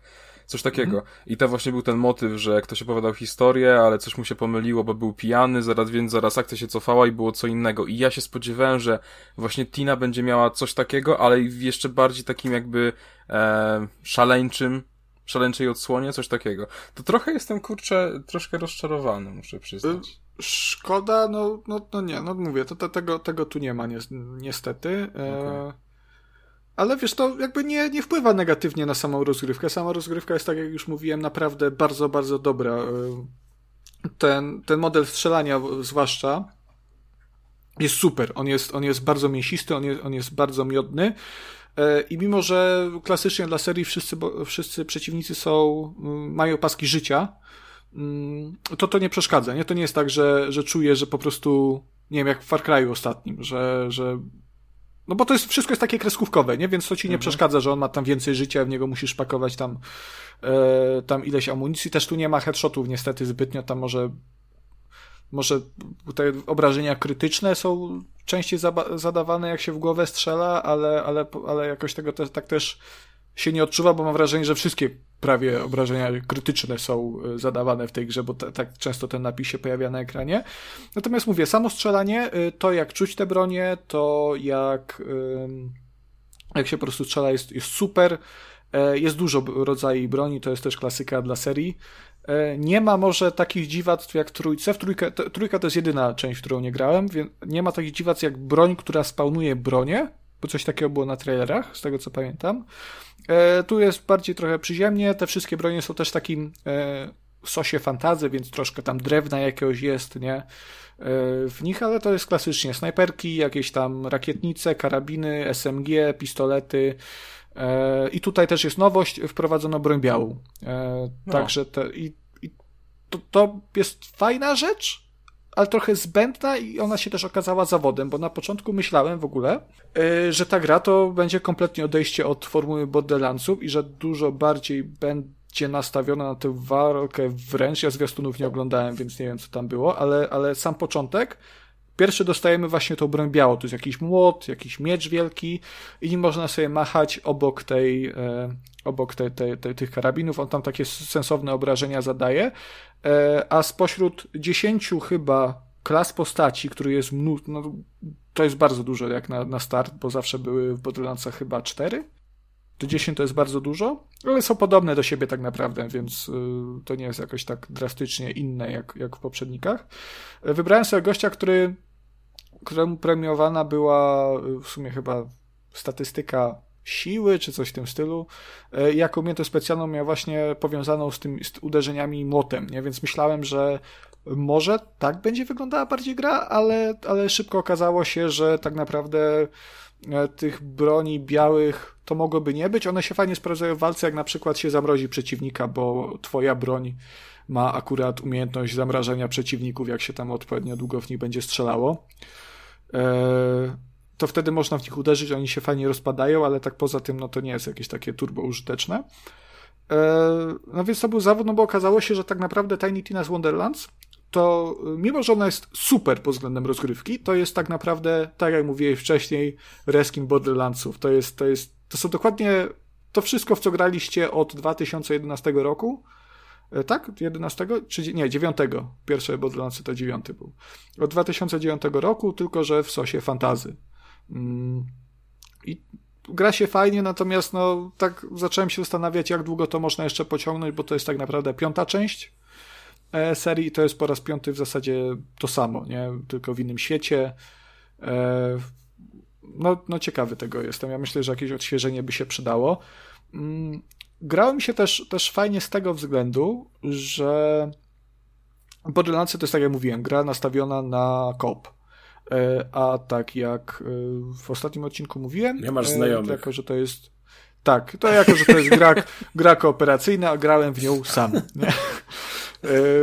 I ani razu nie czułem, żeby coś mi, przez, co, coś mi z tego względu umykało z samej rozgrywki, bo w poprzednich odsłonach tak było czuć, że powinienem grać z drugim graczem, nie? E, to tutaj jakaś ta, ta, ta cała kampania jest przystępniejsza dla, dla solowego gracza i, gra się naprawdę fajnie. E, wręcz nawet bym powiedział, że nie czuć tego, że to jest gra zrobiona pod kopa, nie? Także można się bawić tak czy tak i, i to nie, nie wpływa negatywnie w żadnym wypadku. A to jest dobra informacja, bo ja na przykład tak. też nie mam znajomych. A ja bym się jeszcze chciał dowiedzieć, jak długa jest to gra w singlowym wydaniu? Mm. Mi ona zajęła jakieś 18 godzin. Oj, to dużo. Z tym, że. I nie, znu, nie znużyła z tym, że, Czy ja z tym, że. Yy, ja rob... Nie, to jest bardzo mało, Kuba, bo ja robiłem wszystkie questy poboczne. No dobra, ale to jednak jest 18 godzin robienia tego samego, nie? Ale, no, ale, ale Borderlands Kuba, były dużo dłuższe przecież. To zawsze. były gry na 40 godzin. Minimum, jeżeli chciałeś przejść ze wszystkimi, e, ze wszystkimi zadaniami pobocznymi i fabułę, to schodziło z cztery dychy jak nic, jak nie więcej. No i one były nudnawe. No, męczy, one zawsze męczyły, no bo to są gry pod koopa tak naprawdę, mhm. nie? Więc jak się grało samemu, no to, no to to męczy. No mnie po 18 godzinach Wonderlands też zaczęły lekko męczyć, no bo w zasadzie no to jest cały czas to samo, nie? Co to jest, ta, te questy w, te, w tych grach, one zawsze są y, one są bardzo na tym samym oparte, nie? No trzeba pójść, zabić, coś znaleźć i wtedy trzeba coś więcej zabić, pojawia się boss, też trzeba zabić, nie?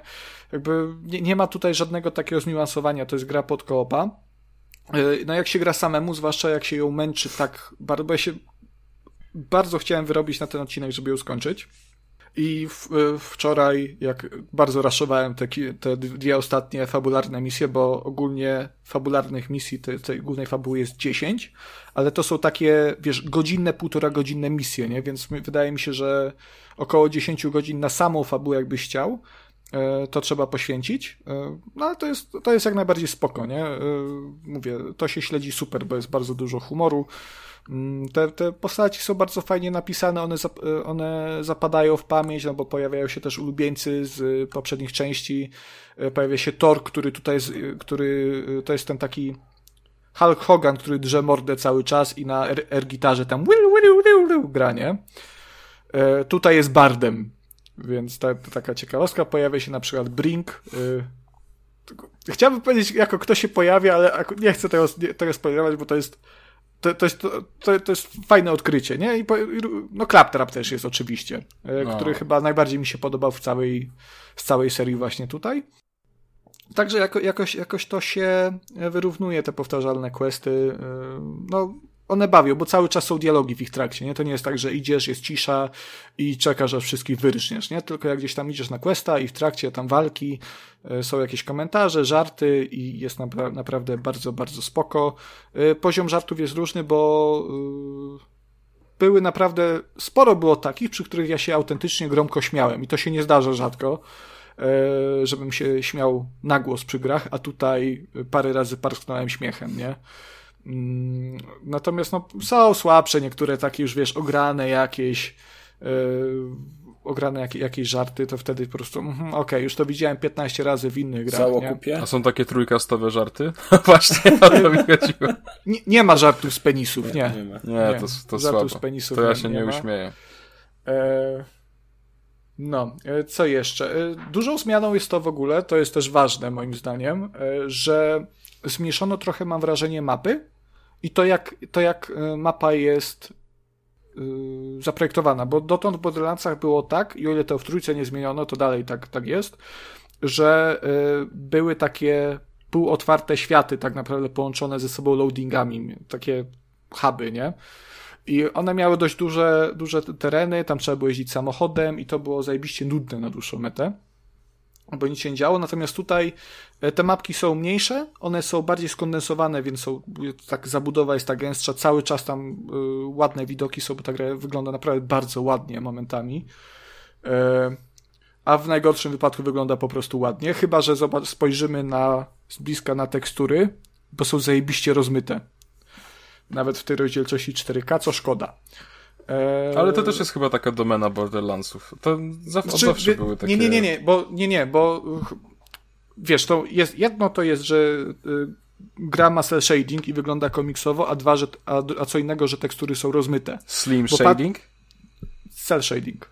A, myślałem, że slim bo, shading. Nie, nie, Slim Shading to jest tylko jeden, jest Real Slim Shading. o, i to są nowe żarty, no właśnie. to są, tak, to są borderlandsowe. E, wiesz, tutaj, tutaj jak patrzysz na na przykład model jakiegoś tam pudła takiego pirackiego e, i przybliżysz sobie, no nawet nie przybliżysz, ale podejdziesz i spojrzysz, to widzisz, że to nie jest wyraźne, nie? To okay. jest takie rozmyte po prostu. No ale jak tam patrzy gdzieś z daleka, no to, no to wygląda naprawdę super. Te tam jakieś tam krajobrazy są mega, nie? Tam jest jakiś wielki wieloryb zabity, czy, czy coś tam, jakieś inne gówno. E, troszkę cza czasami widać, że się pojawiają modele e, na widoku gdzieś tam w tle, ale to nie, nie jest jakoś takie drastycznie złe.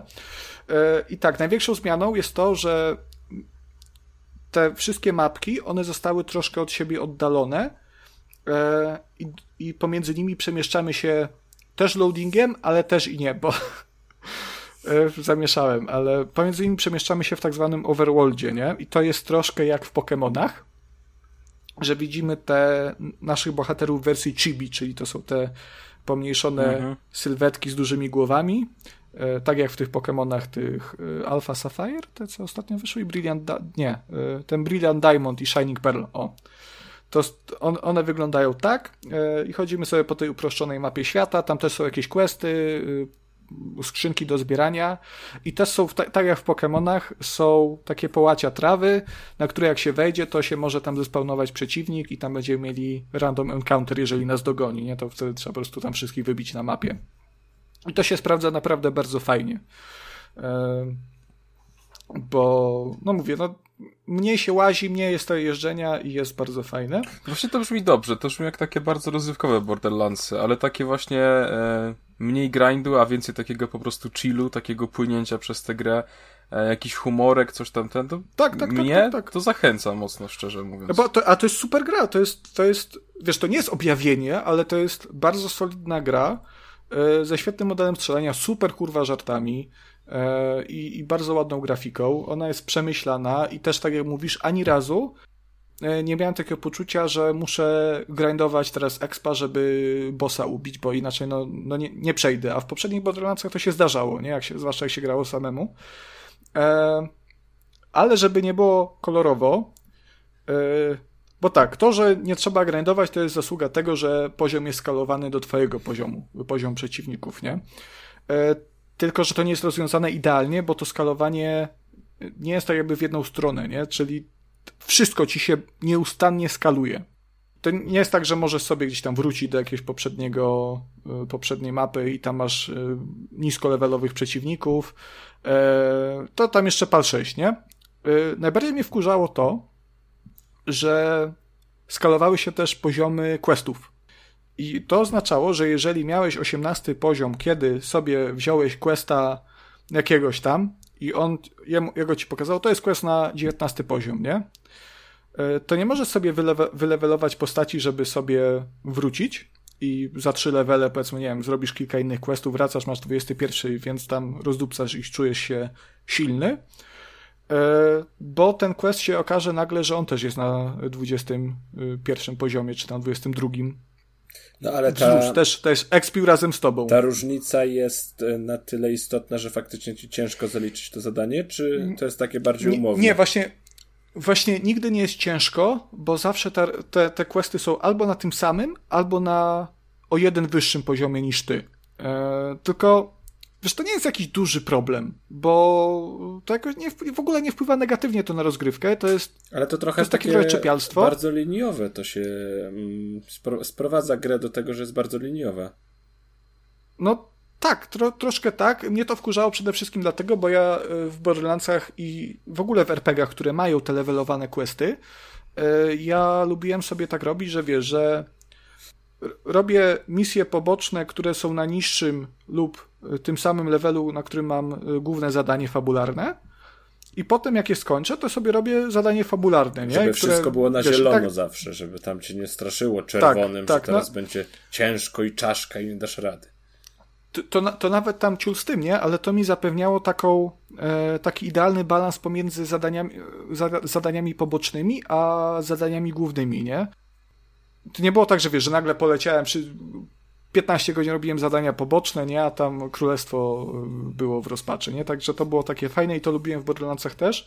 Tutaj tego nie ma i no właśnie nie wiem, po co tak naprawdę są te levele tych questów, bo yy, to, to one nie, nie, nie, wpływają na nic, nie możesz wylewelować, one są kompletnie tutaj niepotrzebne, no ale mówię, to yy, nie wpływa, nie wpływa jakoś negatywnie na rozgrywkę, to, ten balans też nie jest pomiędzy zadaniami pobocznymi a głównym zadaniem też nie jest zły, bo nawet jak robisz wszystko, mm, to tych zadań pobocznych jest na tyle mało o dziwo, że jakby tam, tam trzy, nie wiem, dwie godzinki zadań pobocznych, godzinka questa fabularnego i, po, i, i jest taki fajny loop, nie? Także to jest spoko. Hmm. Tak się zastanawiam, czy coś jeszcze, to jest wszystko, co w moich notatkach miałem z takiego bardziej interesujących rzeczy. To jeszcze byś mi powiedział, yy, i czy jest więcej jakichś tych yy, RPGowych elementów, ale chodzi mi o to nawiązanie do tego, że to się rozgrywa w grze fabularnej. Yy, że jakieś kostki, coś tego, coś tam się dzieje, czy... Nie, tam są, wiesz, są hasła, że teraz rzucacie tam za, in, na inicjatywę, nie? Tam Tina krzyczy, ale to nie ma żadnego w ogóle wpływu na cokolwiek. To, to nie jest RPG, to jest, to jest strzelanka tylko i wyłącznie. Jedyne kostki, jakie są, to są kostki na mapie, to są znajdźki, w które jak uderzy, znajdziesz, uderzysz je, to ci wylatuje lód, nie? E, także to jest jedyna rzecz. E, I z tego, co warto powiedzieć, to jeszcze nie, to jest taka chyba troszkę nowość, ale po przejściu fabuły, właśnie wydaje mi się, że ona nie będzie miała ta gra zbyt dużego replayability, tak jak inne Borderlands, że potem się tam ten endgame jest jakiś taki mocny, bo tutaj nie dostałem zbyt dużo takich finałowych questów po ukończeniu. Pojawił się tylko nowy tryb, czyli to się nazywa bodajże Chaos Chamber, coś takiego. I to jest w zasadzie takie lochy, do których można wchodzić i tam się strzela przeciwników, zbiera się lód i punkty, które potem można na nagrody wymieniać, także to jest, to jest chyba najwięcej na co można liczyć. Nie? Dobra, a powiedz mi jeszcze, jak często zmieniałeś elementy ekwipunku? Jak, jak, cały czas. Cały czas, czyli faktycznie ten lód, który znajdujesz, on jest wartościowy. To nie jest tak, że zbierasz śmiecie przez pół gry, bo ci się trafiła tam na początku dobra spluwa i nie, no cały czas będziesz wymieniał na, na wyżej punktowane, zadające większe obrażenia. I różnica jest spora Natomiast... też w, w samym użyciu broni, nie tylko, że tam statystyki do góry, tylko to jest... Tak, tak, tak, tak, okay. tak, tak, tak, bo na przykład karabin maszynowy, on może albo strzelać, no jak karabin maszynowy, ale, ale to musisz już nam... inny karabin zrób maszynowy... ten odgłos, jak karabin maszynowy, to jak robi? tu, tu, tu, tu, tu, tu, tu, tu, tu, tu, okay, nie? A, a, drugi? a, drugi? karabin maszynowy takim strumieniem na przykład strzela i robi tak a, plus, plus, plus, różne efekty są, nie?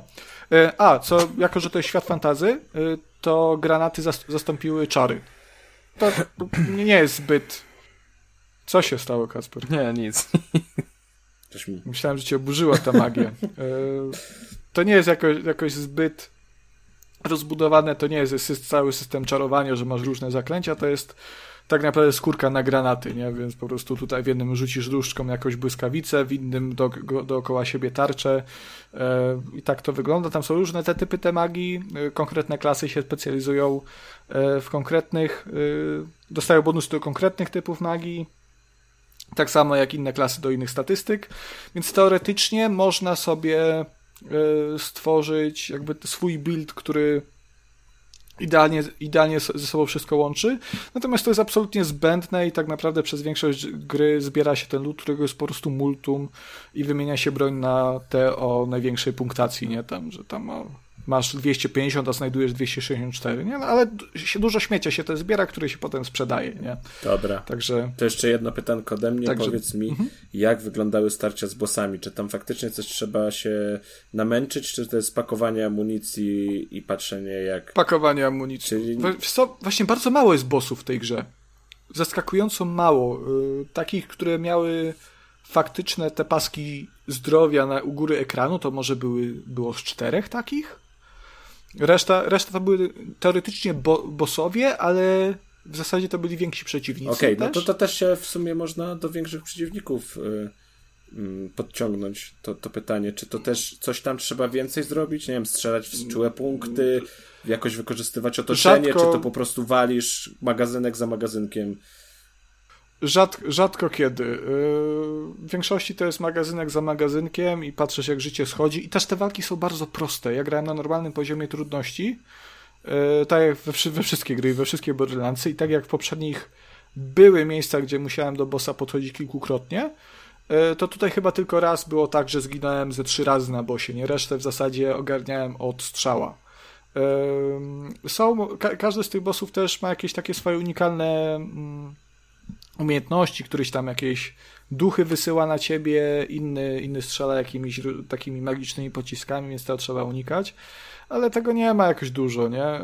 Finałowa walka jest natomiast bardzo fajna, ona mi się podobała. Też nie jest trudna, natomiast była ciekawa i bardzo mi się fajnie, y, fajnie w trakcie niej walczyło, co też nie jest, nie jest często, bo zazwyczaj te finałowe walki mnie męczą tak naprawdę, by już chcę tę grę skończyć, a tu mi się naprawdę bardzo podobała. Dobrze, to ja nie mam więcej pytań. Dziękuję bardzo za e, odpowiedzi, panie redaktorze Konradzie. No, proszę, Kacper, może ty coś chcesz jeszcze wiedzieć? Ja już wszystkiego się dowiedziałem, czuję się zachęcony i uważam, że chociaż jest to, jest to mimo wszystko reskin Borderlandsów, to jednak e, niesie trochę, trochę takiego, to, trochę takiej świeżości, która mi bardzo odpowiada, przynajmniej tak mi się wydaje po twojej jakże rzetelnej recenzji. Tak, Więc... tak, no to jest reskin, ale, ale też bardzo solidny tytuł po prostu. E, to dobrze, to jak już nie macie więcej pytań, e, ja też powiedziałem chyba wszystko, co chciałem, mm, to e, Kacprze, ja bym bardzo chciał, żebyś mi w końcu powiedział, o co chodzi, kurde, z tym Kirbym. No, ten Kirby to jest, to jest przecudowna gra. Ja wam powiem tak, już odkładając e, wszystkie żarty na bok, naprawdę przy Kirbym bawiłem się fenomenalnie. Eee, Kirby to jest y, jedna z moich. Chyba, w sumie to jest chyba po prostu moja ulubiona postać z tych wszystkich e, Nintendo. E, Przepraszam, że ci przerwę. Mhm. E, powiedzmy, jaki to jest tytuł gry? Kirby and the Forgotten Land. No, każdy teraz jest na tym samym etapie, bo może kogoś ominął. Ale, ale, ale jak Kacper wcześniej ci ten y, przeszkodziłem, bo chciałeś opowiedzieć historię w ogóle tej postaci, to jest bardzo fajna historia i może nie wszyscy słuchacze wiedzą, no my akurat wiemy, ale no... Ja nie wiem właśnie, A, bo ja oglądałem to High Score, ale nie pamiętam. Aha, no to jest bardzo, to jest bardzo fajna historia i fajnie, że ta postać się zrodziła w taki, a nie inny sposób. Także proszę bardzo, panie eee, Dobrze, y, i co prawda, no ja tutaj się y, nie, nie przygotowałem jakoś bardzo, bardzo dokładnie, e, więc e, jeśli chcecie faktycznie poznać historię bardzo e, od profesjonalnej strony, to polecamy ten właśnie serial na Netflixie E, Kuba, przypomnij proszę tytuł. High Score? No nie, no on słaby był. High Score. E, no, ale zdradzam kilka ciekawych faktów. No, prosty był, taki mm. przyjemny do oglądania. No, tam nie było jakichś super ekstra informacji i tak dalej, ale miło było popatrzeć. O jakichś turniejach bijaktyki było, była większość czasu. Tam no, ale widzisz, ja na przykład mało. bardzo mi zapadł w pamięć ten wątek, który opowiadał o tym, jak w Stanach tu przemoc gier swojego czasu odbierano, przemoc w grach, jak to może na młodzież wpływać. To było, to się fajnie oglądało, e, bo to ciężko uwierzyć, że ludzie mieli takie pomysły. E, no dobrze, w każdym razie e, Nintendo zostało posądzone o to, że ich Donkey Kong to jest tak naprawdę e, naruszenie praw autorskich do postaci Goryli. King Konga. I w momencie, kiedy to się stało, oczywiście Donkey Kong pojawił się w Mario, to jest też o tym, o, o tym nie wie wiele osób, albo to Mario pojawił się w Donkey Kongu, chyba w ten sposób. Tak, to Mario był w Donkey Kongu, bo on uciekał przed tymi... E, przed tymi wbiegał na tych beczkami. schodkach do góry. To jeszcze nie był Mario, to był Jumpman wtedy. No, ale, ale to e, tekstura była, była Mario. E, no w każdym razie, Nintendo właśnie dostało pozew, Ciekawostka że... była, a nie przytyk. Dobrze, okej. Okay. O, o, okej, okay, dobra. Dobra, okej, okay, no, spoko. Proszę, nie, za garaże, spoko, za garaże proszę się udać. Mhm. No, udamy się, udamy. Przyjdę e... jak ci z Cyberpunka. Nie mogę się doczekać. E, Okej. Okay. E, I w momencie, kiedy Nintendo dostało ten pozew, e, oni byli na tyle małą firmą, że w istocie, gdyby przegrali tę sprawę, to mogliby się zamknąć. E, I tę sprawę pomógł im wybrać prawnik John Kirby. E, tak się nazywał mężczyzna, e, który był dosyć łysawy, e, miał bardzo czerw- czerwoną twarz, e, ale był bardzo sympatyczny, no i wygrał im sprawę, dzięki czemu można powiedzieć, że e, po części e, John Kirby w istocie e, jest odpowiedzialny za to, że Nintendo w ogóle przetrwało i, i dało sobie radę, więc ludzie z Nintendo stwierdzili, że w ramach wdzięczności stworzą grę na jego cześć, tworząc właśnie postać o jego nazwisku, czyli Kirby, która wygląda jak twarz tego prawnika. Oj, to nieładne to było. Czy, czy, czy, czy ten no. prawnik był jakąś ofiarą, kurde, poparzenia czy pożaru? No nie, no. Panowie, no. To nie, nie ja wymyśliłem to, ja tylko mówię, tak? Proszę się do Nintendo kierować z tym. E, w każdym razie bardzo, bardzo fajna historia, bardzo przyjemna. Bo on im tę sprawę e, wygrał, ale kiepsko. Chyba... Mógł lepiej, tak? No to... Jak, jakby wygrał lepiej, to nos miał przynajmniej. Uszy. W każdym razie, zapytacie, ale dlaczego y, Kirby jest, y, nie wiem, tak w moim serduszku? E, ja nie mam wcale z tą serią wspomnień, bo tak jak wspominałem, ja y, tak naprawdę pierwsza moja styczność z Nintendo tak na własność to był 3DS e, chyba 3 lata temu, więc stosunkowo e, późno, tak naprawdę. co prawda na tym 3DS-ie grałem w dwie części Kirby'ego, w Planet Robobot i w jeszcze jedną część, ale nie pamiętam podtytułu. E, w te gameboyowe części stare nie grałem, muszę się przyznać, ale nie wiem, coś ta postać ma w sobie takiego, coś to uniwersum ma w sobie takiego, że zawsze tego Kirby'ego uwielbiałem. Jakie uniwersum, no? To jest y, jednocześnie najsłodsza i najpotężniejsza, najbardziej groźna postać w ogóle w, we wszystkich uniwersach, nie? A, e, to jest po prostu niesamowite e, i, i strasznie Captain się... Marvel Nintendo. Tak, tak, dokładnie. I zawsze mi się strasznie podobało to, że yy, kurczę, no główna umiejętność Kirby'ego yy, to jest to, że zasysając przeciwników, on automatycznie ma ich moce. Więc to jest świetne. Jesteś słodką różową kulką, która nie może sobie poradzić, bo tymi swoimi małymi łapkami no nie jest w stanie ci za dużo zrobić, ale ma niesamowicie pojemne usta, pojemny przełyk. I, i wciąga przeciwników do siebie i jak ich połyka, to dostaje ich yy, umiejętności.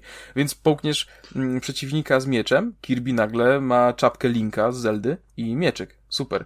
E, połkniesz przeciwnika, który rzuca w ciebie fireballami, Kirby'emu się pali głowa i ty rzucasz fireballami, albo masz ognisty oddech. Jakby, no to jest naprawdę świetny pomysł. E, więc no jakby, a do tego masz jeszcze opcję lewitowania e, przez chwilę, bo Kirby jest w stanie na tyle powietrza wciągnąć, że on potem puchnie, idzie do góry i uf, uf, delikatnie je wypuszcza, dzięki czemu możesz troszeczkę sobie gdzieś kawałek podlecieć. No fenomenalna sprawa. A nawet jeśli wciągniesz przeciwnika, który nie ma umiejętności, więc Kirby nie złapie jego umiejętności, możesz go wypluć, możesz go potraktować jako pocisk i zrobić sobie żywy pocisk i plunąć w innego przeciwnika. Fenomenalna rzecz. Zbrodnia wojenna. Fenomenalna rzecz e, i, i wspaniała. E, ostatni ten Kirby, który wyszedł w 2018 roku bodajże, e, o podtytule Star Allies, to był niesamowicie słaby Kirby. Kirby. I po tym troszeczkę byłem taki zniesmaczony, bo to była chyba najgorsza odsłona, nad którą pracowało to studio HAL Laboratory, tudzież HAL Laboratory. E, w każdym razie mm, obawy okazały się niepotrzebne, bo Kirby and the Forgotten Land, czyli jak to wiele osób mówi od pierwszej zapowiedzi, że to jest e, e, Super Mario Odyssey, ale to Kirby, to jest prawda, tak właśnie jest. I to jest jak największy komplement. To nie jest tak, że e, spisane zadanie przed lekcją, tylko to jest zrobione zadanie tak samo dobrze na inną lekcję. Jest fenomenalne. To jest tak pomysłowa, kreatywna, ciepła i słodka platformówka, że autentycznie dawno przy żadnej grze się nie bawiłem tak dobrze.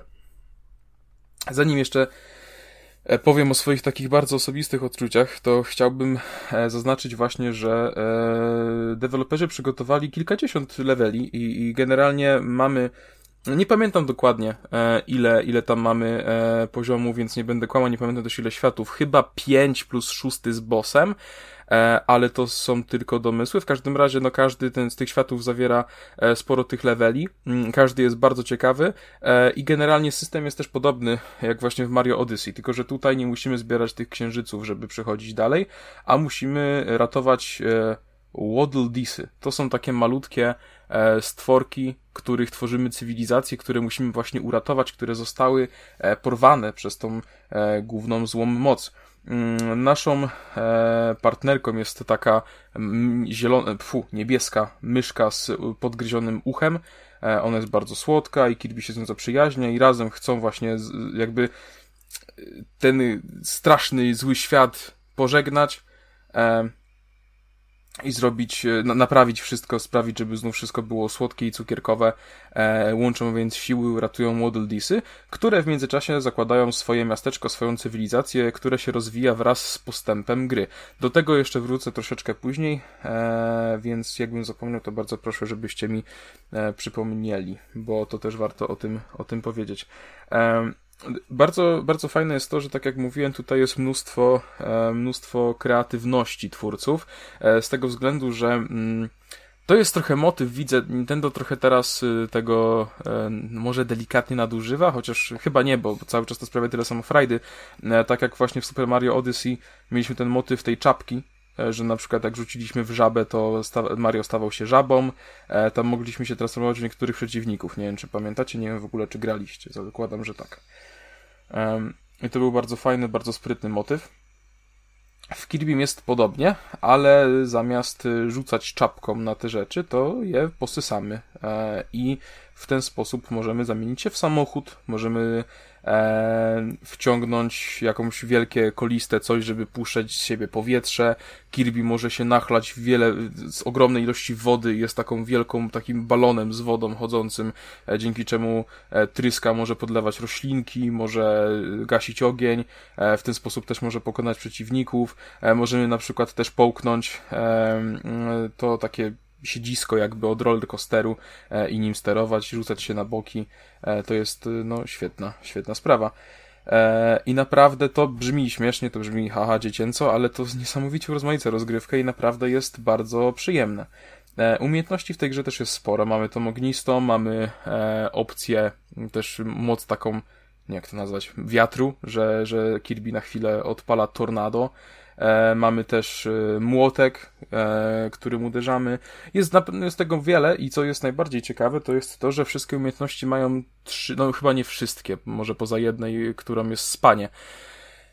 Mamy, wszy, mamy trzy tiery tych umiejętności E, które znacznie polepszają e, i to bardzo pomaga w, rozgrywce i jest e, też urozmaica zdecydowanie rozgrywkę. Do ulepszenia, które możemy wykonywać właśnie w tym miasteczku, potrzebne są pieniądze, które zdobywamy podczas leveli lub w tym miasteczku, do czego je, powtarzam się, ale wrócę, i potrzebujemy specjalne gwiazdeczki. Te gwiazdeczki zdobywamy właśnie w specjalnych levelach, które są rozsiane po mapie.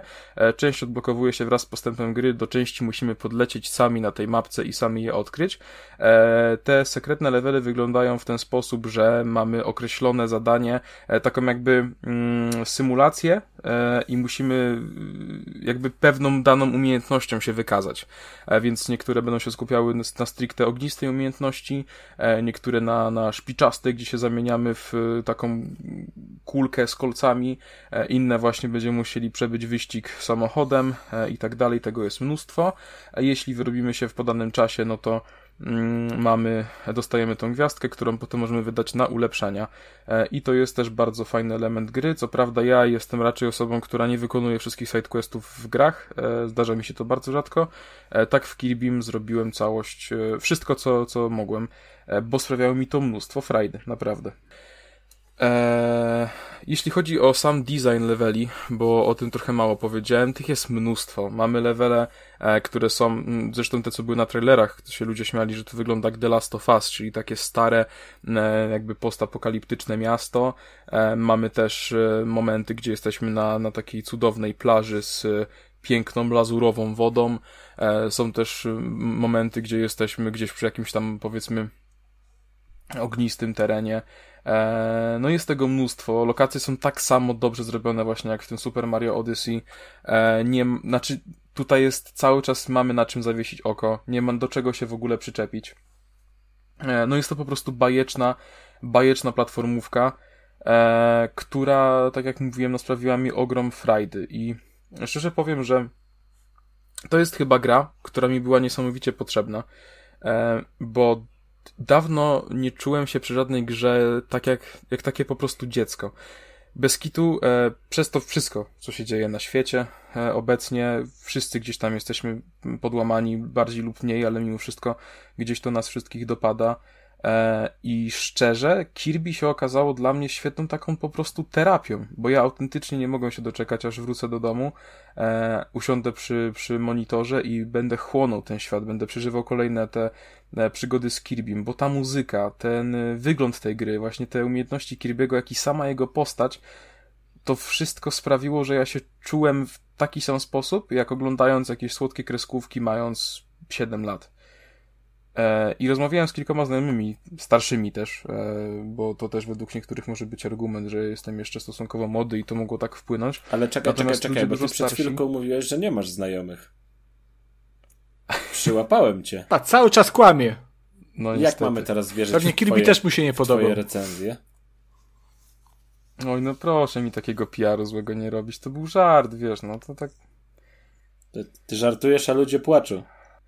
I jak e... złapaliśmy chwilkę, no. e, to chciałbym powiedzieć, że właśnie tymi słowami e, troszkę, znaczy nawet nie troszkę, tylko bardzo mm, by uzmysłowiłeś mi, dlaczego e, Kirby and the Forgotten Land jest tak bardzo teraz popularny i w sumie nie wiem, dlaczego nie wpadłem na to na to wcześniej. No nie jestem sprytny, widać, ani y, zbyt lotny.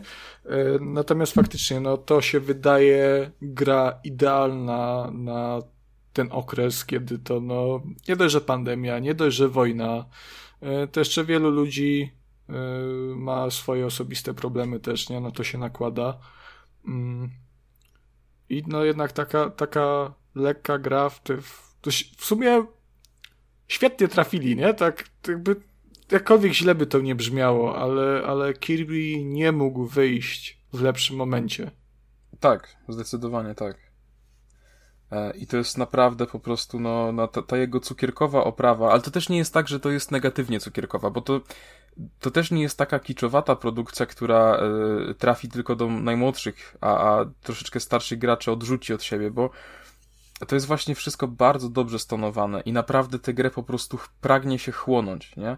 Autentycznie, ja wam powiem, że naprawdę, to, to myślę, że na to też wpływa sporo takich aspektów pozagrowych, ale to jest chyba gra, w którą mi się najprzyjemniej grało w całym tym roku. Mimo tego, że sprawdziłem mnóstwo premierowych, dużych tytułów, to chyba nic mi nie sprawiło tyle frajdy, co ten właśnie Kirby, bo to jest, to jest naprawdę po prostu to, czego potrzebowałem. I uważam, że jeśli macie Switcha, to czy jesteście z tą marką, e, czy lubicie Kirby'ego, czy nie, czy mieliście z nim wcześniej styczność, czy nie, e, uważam, że tutaj się w tej, w obecnej chwili, tu gdzie się znajdujemy, e, po prostu ona da wam chociaż chwilę takiego właśnie ukojenia. E, to też mm, oczywiście y, muszę powiedzieć, że sama seria zaliczyła spory upgrade, bo, bo y, jakby ta formuła, która jest tutaj, e, to jest idealne odświeżenie i, i no Kirby się aż prosił o to. Mm, świetnie, że, że tak się stało. E, więc oczywiście w kwestii fabuły, no to to jest to jest gra Nintendo, nie? No mówię, no ratujemy tych, te, te Waddle Deesy, mamy walki z bossami, ale to nie jest, to nie jest główny koncept. Tutaj właśnie chodzi o to, żeby podziwiać te lokacje, projekty tych lokacji, żeby móc walczyć e, w ten taki słodki sposób, pochłaniając to wszystko, e, żeby przerywać to właśnie jakimiś takimi głupkowatymi rzeczami w stylu wchłonięcia samochodu, e, czy, czy napicia się ogromnej ilości wody. To wszystko jest naprawdę, naprawdę dobre. E, I, I design tych poziomów, to wszystko jest naprawdę no, niesamowite. E, I ta gra naprawdę jest przecudowna. E, jeszcze właśnie e, poza, poza tą samą fabułą, tymi levelami, e, które oczywiście są główną częścią gry i to bardzo dobrze, bo są, bo są wyśmienite, mm, mamy też to miasteczko. To miasteczko właśnie rośnie w siłę wraz z postępem gry. Im więcej odblokujemy Waddle Deesów, tym odblokuje nam się więcej rzeczy w tym miasteczku i to są takie rzeczy na przykład jak możliwość właśnie ulepszania tych naszych umiejętności. To jest oczywiście na początku, to jest coś, co się odblokuje siłą wyższą samo ale później dostajemy na przykład też y, knajpę, gdzie możemy sobie kupić y, pewne e, żarcia, które nam podnoszą HP. To oczywiście też spotykamy po, po drodze, bo nie można zapomnieć, że Kirby, mimo tego, że tutaj ratuje ten, ten Waddle świat, nadal jest niesamowitym łasuchem i nie, nie pogardzi tutaj jakimś makaronikiem, tutaj jakimś donatem, e, tutaj całą michą spaghetti. E, więc bardzo chętnie wszystko będzie zasysał po, po drodze. E, natomiast możemy sobie kupić jakieś tam mm, jedzenie, które będzie, będzie przypisane pod X-em, e, więc w razie krytycznej sytuacji możemy się nim posilić. Ja kupowałem tego podężnego pomidora, tego Max Tomato, który leczy całkowicie nasze HP. Mm, później jest też na przykład sklep, który na, na pewien czas, na jeden level nam podnosi obrażenia, podwaja nasze HP.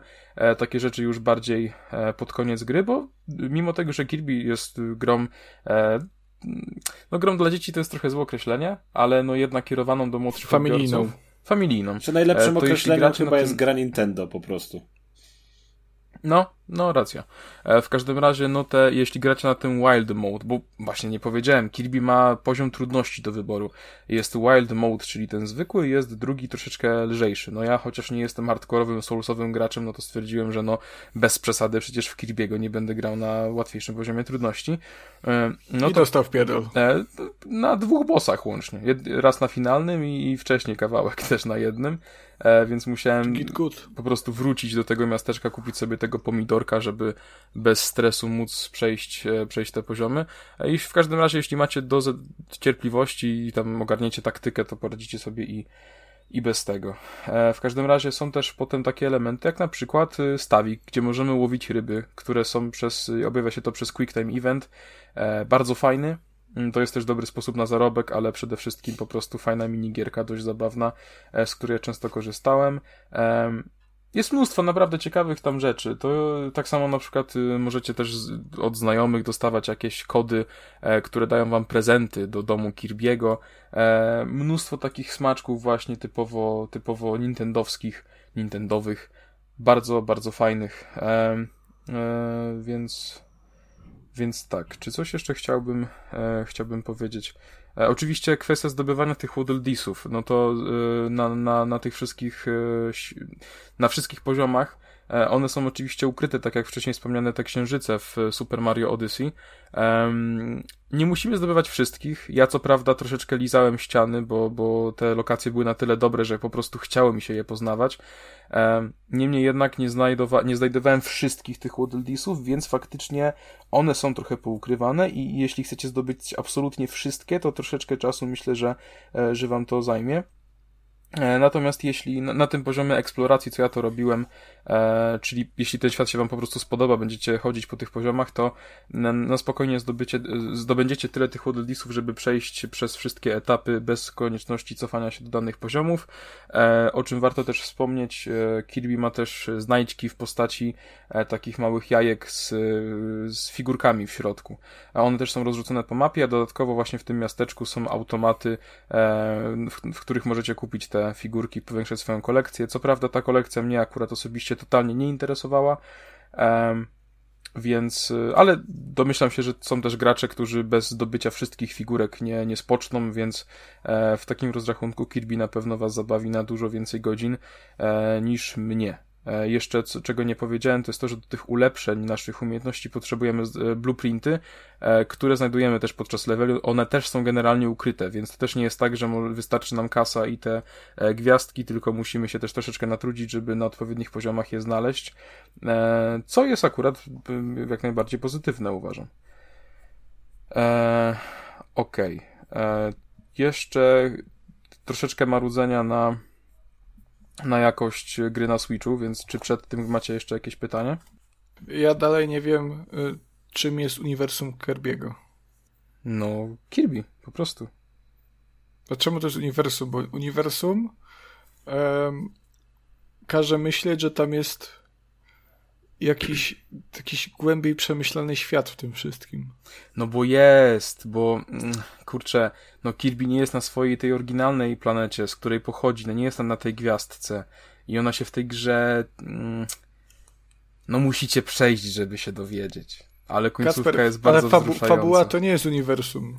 No tak, ale kurczę, on był na tej gwiazdce, ale nie jest, bo to musisz grać we wszystkie części po kolei. To jest no wszystko, no to jest wszystko połączone, Konrad, jak w Pixarze. No, no dobrze. No. Uniwersum Kerbiego niech będzie. Dobrze. E, więc teraz e, jedyny problem, jedyny problem tej gry, czyli e, Nintendo Switch. E, to działa w 30 klatkach i ani jednej więcej. Nie ma takiej możliwości, a, absolutnie. Ale e, za to wielu mniej. Zda, za to zdarza się, że wielu mniej. E, wow. Ale co jest, co jest najsmutniejsze, to jest to, że tutaj została wykorzystana ta sama technika, co w przypadku Pokémon Legends Arceus, czyli jeśli przeciwnik jest troszeczkę dalej od nas niż e, bardzo blisko, to ma całkowicie zniwelowane jakiekolwiek e, animacje. E, I to wygląda jak taka animacja poklatkowa, ale fanowska i bardzo średnio wykonana. E, I to niesamowicie źle wygląda. Jeśli płyniecie sobie słodko Kirbym, który jak wchodzi do wody, to automatycznie wokół niego się pojawia mm, to takie kółko do pływania dla dzieci i widzicie ryby w tle, które pływają po prostu i tak przeskakują o pół metra bez żadnej animacji. E, I to też nie jest tak, że to jest szczepialstwo, że, że tego się normalnie nie zauważa, że trzeba się wykazać sprytem i sokolim okiem, bo y, bardzo często jest tak, że e, fabularne segmenty e, wymagają od nas, właśnie same nam pokazują, co się dzieje troszeczkę dalej. Z tego, wow. I to po prostu, i to widać niesamowicie, szczególnie chyba w którymś z, ostatnich, z ostatnich leveli tak było, że była taka dynamiczna jakby, dynamiczny zjazd Kirbym po, po jakiejś tam powierzchni i było dużo przeciwników przed tobą i oni wszyscy, wszyscy tak topornie po prostu przechodzili i to bardzo źle wyglądało. I, i to, to też mnie smuci, to jest właśnie to, co, o, o czym mówiłem przy okazji tego newsa o przesunięciu Breath of the Wild dwójki, że ja nie mam pojęcia, jak, ten, jak ta nowa Zelda ma działać na, na, na tym Switchu, e, bo ten Switch sobie nie radzi z Kirby'm, gdzie, ja mówię, po, zakochałem się w tej grze, ale to nie jest bardzo wymagająca gra. Ona jest daleka od bycia niesamowicie wymagającą produkcją. Mm, więc, y, no, kurczę, obawiam się o jakość tych przyszłych, przyszłych gier e, na Switchu i tym samym to też pokazuje, że wypuszczenie Switcha OLED zamiast tego Switcha Pro legendarnego e, było po prostu błędem, no, bo jednak zmienienie ekranu nie poprawi działa, działania gier. Tutaj potrzeba po prostu lepszych bebechów. I to, to przeszkadza. To faktycznie przeszkadza. Natomiast y, mimo wszystko, no gra wygląda prześlicznie. Naprawdę. Jest chwytająca za serce. E, koniec jest dość, dosyć wzruszający. E, sama rozgrywka jest bajeczna. E, i, I kurczę, zresztą Kirby and the Forgotten Land to jest gra, Jed pierwsza gra od pięciu lat, którą zamówiłem, którą, za którą zapłaciłem, którą kupiłem w preorderze. I, I nie żałuję ani złotówki. Jeszcze dostałem dodatkowo e, podkładkę pod myszkę z Kirbym, która wygląda prześlicznie, jest, jest w kształcie Kirby'ego, no nie mogę, nie mogę Ale on się ekscytuje fajnie. Że, że, taka, że taka kula? No tak. Po kuli to ciężko chyba myszką. Ale no nie, nie, w sensie to no, płaski, ale taka no, piękna jest. Ja pozwolę e, się sobie odnieść do twoich słów o Switchu e, i o Zeldzie. Mm, ja wiem, że to jest trochę off-top, nie? Ale, ale e, chciałbym tylko zau zauważyć, że kiedy oryginalna Zelda była, to, to Breath of the Wild była zapowiadana, to ona była zapowiadana jeszcze na Wii U. I jako, że Switch już ma teraz ile już ma? Już 5 lat ma, nie? Mm, no jakoś, jakoś tak będzie. 5 lat ma Switch, więc wydaje mi się, yy, że niedługo możemy się spodziewać zapowiedzi nowej konsoli Nintendo.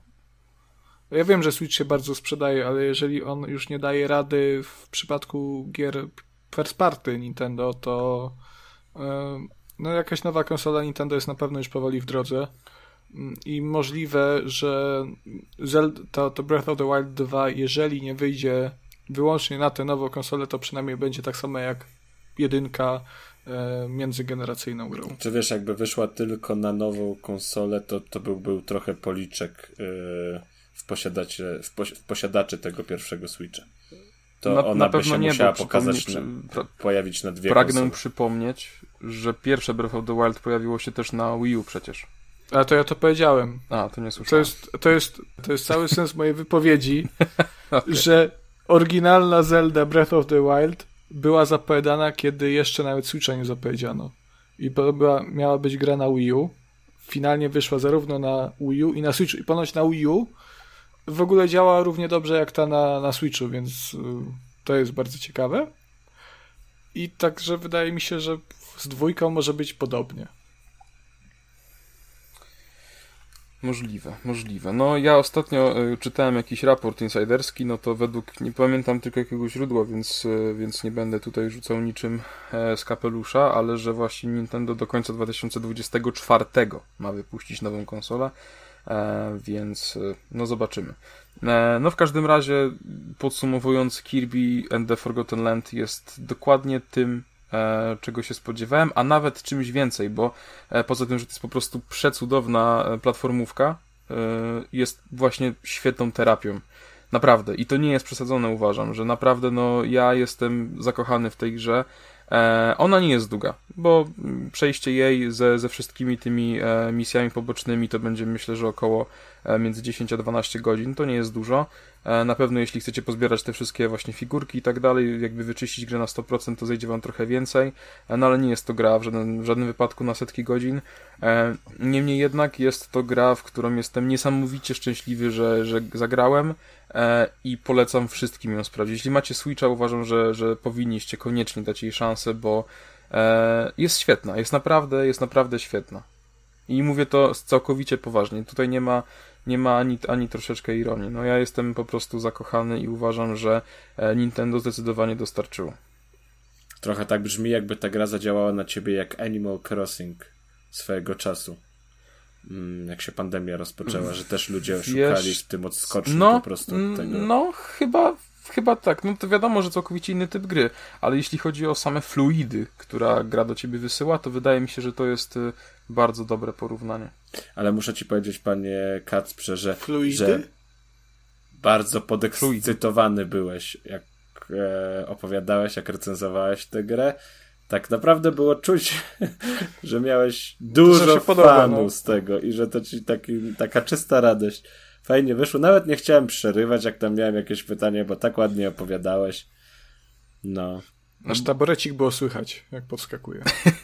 nie, bo mówię, naprawdę po prostu, no, y, czułem się przy tej grze jak dziecko. Naprawdę, to był, no, coś wyjątkowego, bo żadna gra e, od kiedy jestem troszeczkę starszy niż 12 lat nie, nie wzbudziła we mnie takich emocji. takich emocji jak Kirby. Także naprawdę, no mówię, serdecznie polecam.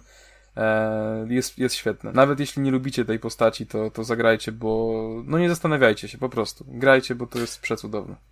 To, to w, w ogóle to wydaje mi się, że to jest największa i najlepsza rekomendacja, jaką można dać, właśnie to, że ta gra sprawiła, że czujesz się, poczułeś się jak dziecko.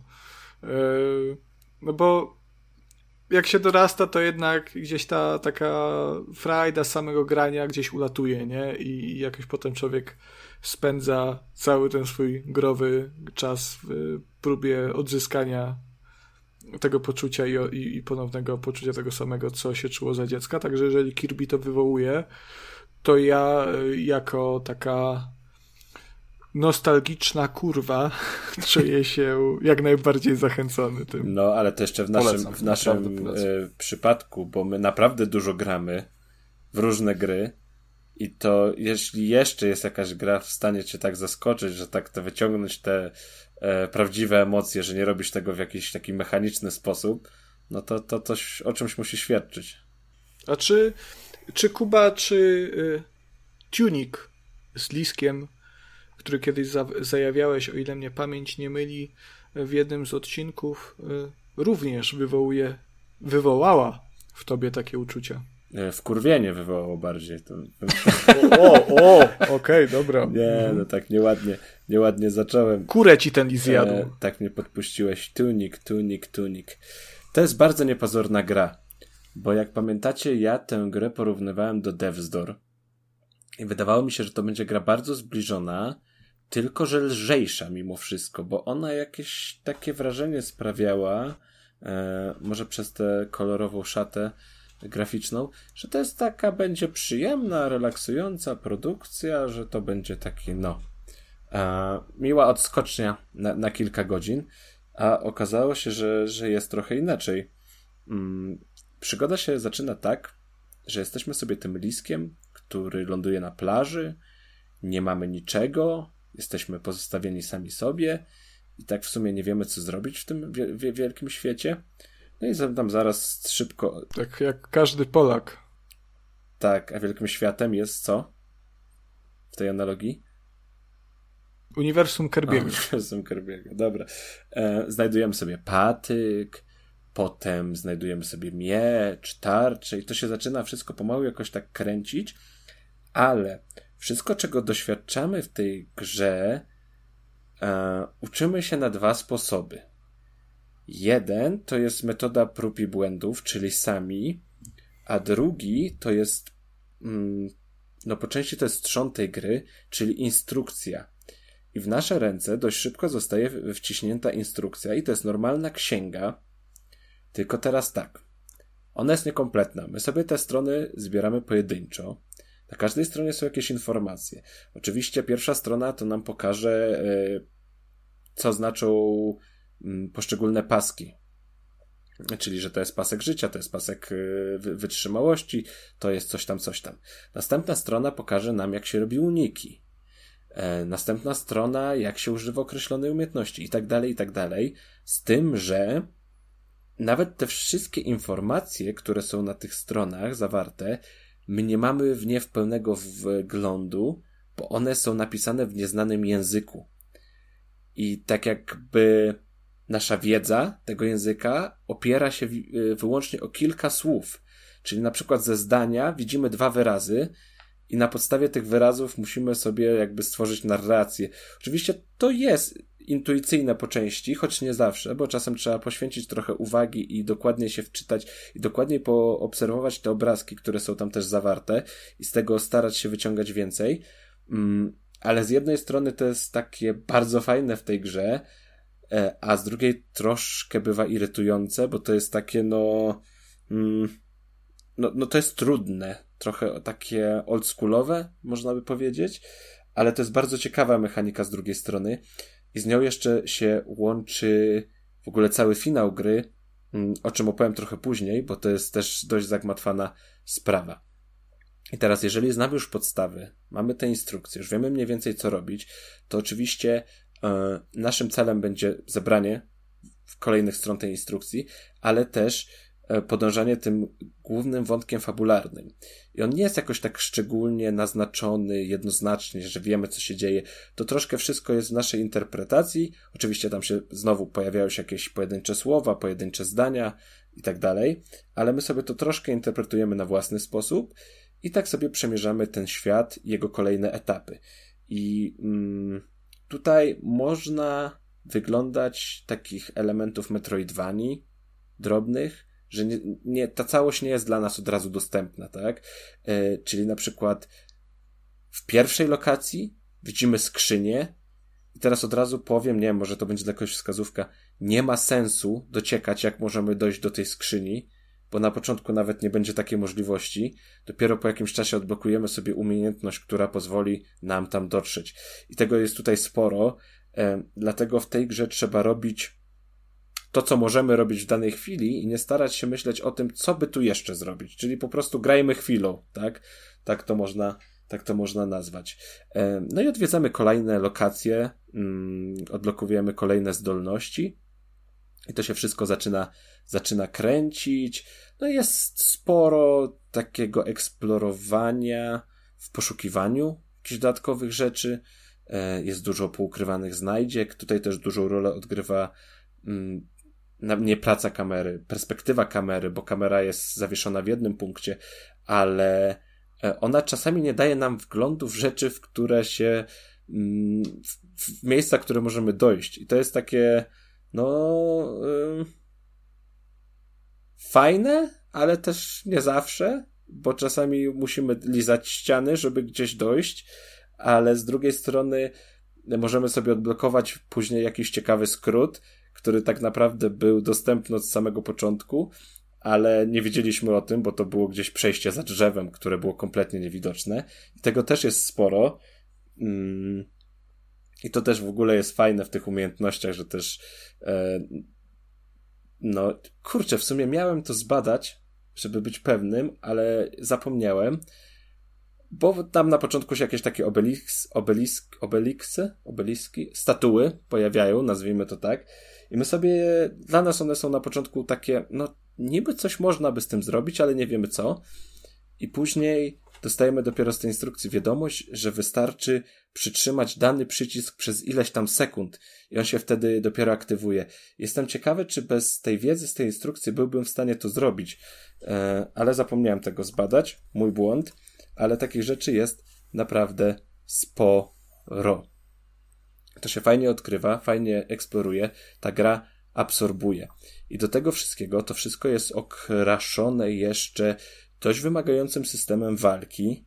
Nie wiem, no ja tam widziałem porównania do Soulsów, ale to, to, to takie porównania, no, no, no, no.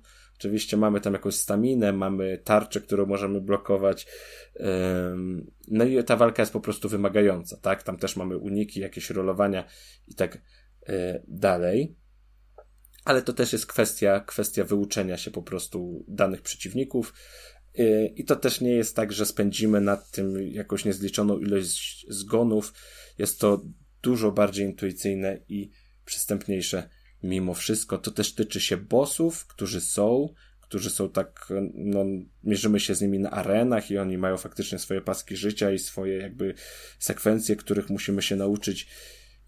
Czyli to jest takie dość soulsowe, ale to też jest na dużo mniejszą skalę i, i, i dużo bardziej jest to przystępne. Chyba tylko z jednym bossem miałem tak, że musiałem faktycznie, um, nie wiem, 10-20 podejść mieć do niego. No i sobie rozwijamy tego naszego liska, e, zdobywamy kolejne umiejętności, on się staje coraz silniejszy, coraz sprawniejszy i tak to wszystko wygląda aż do końca. Teraz, jeżeli zmierzamy do końca, to linia fabularna dość jednoznacznie prowadzi nas w kierunku finałowej walki.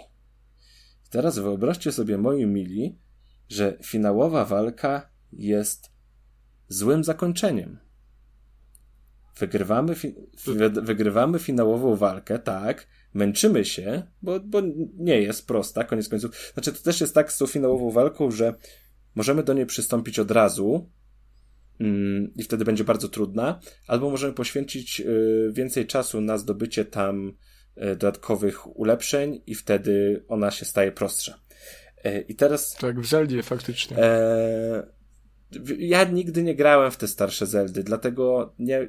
Ale nie, nie, w te... W, A, okej, okej. Okay, okay, Mówię o Breath of the Wild, bo tam też możesz z miejsca, jak tego dziadka z tym patykiem y, spotkasz, to możesz od razu iść na Ganona. No, ja chciałem właśnie y, tutaj zaznaczyć, że dużo osób porównuje Tunic do starych Zeld, a ja nie chcę tego robić, bo nigdy nie grałem bezpośrednio, albo grałem i po prostu nie pamiętam, bo to też tak mogło, mogło być swojego czasu, jak byłem tym mniej świadomym graczem.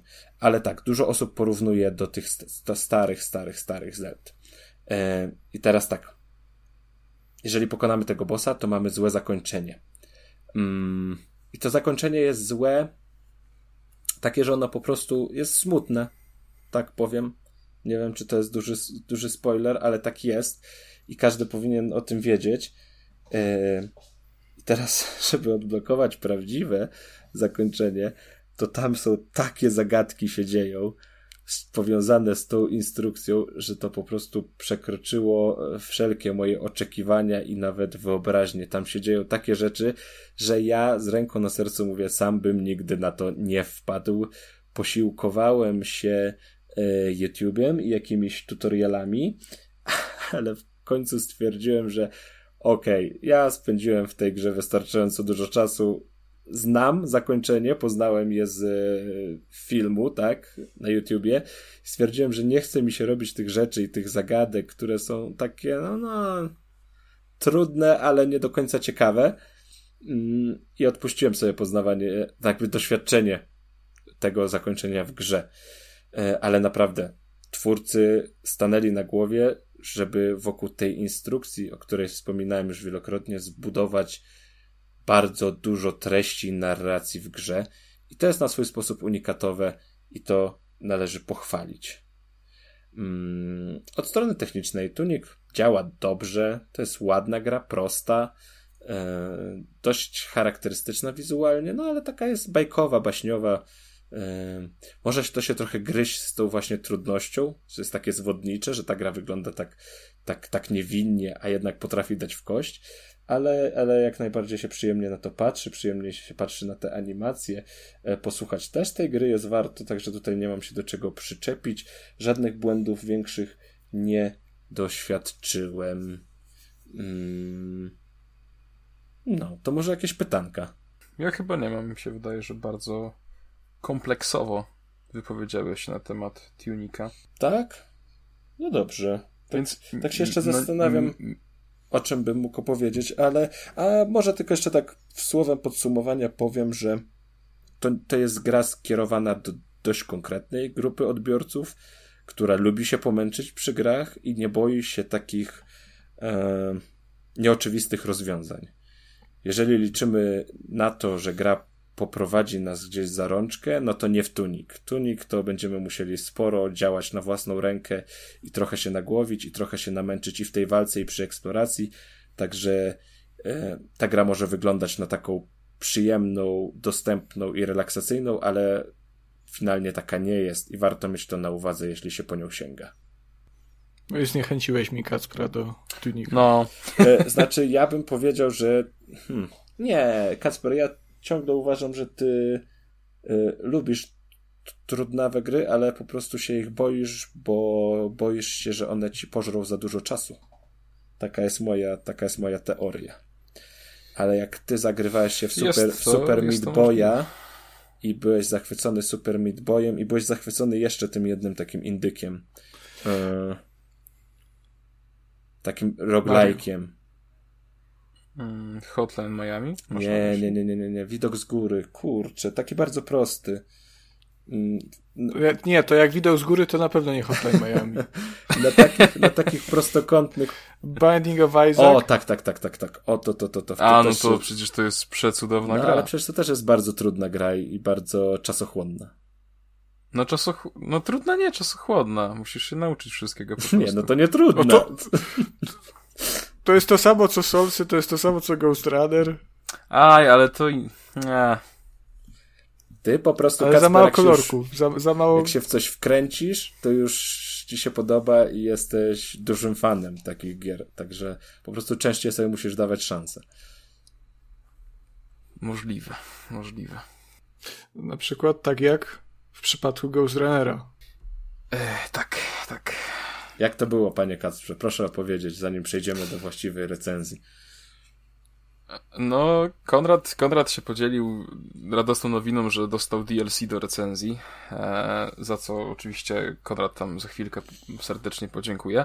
Więc ja postanowiłem, jako że Ghost Runner był kiedyś PlayStation Plus, to stwierdziłem, a pobiorę sobie, e, pogram, może przejdę, e, co by, co byś też móc się wypowiedzieć.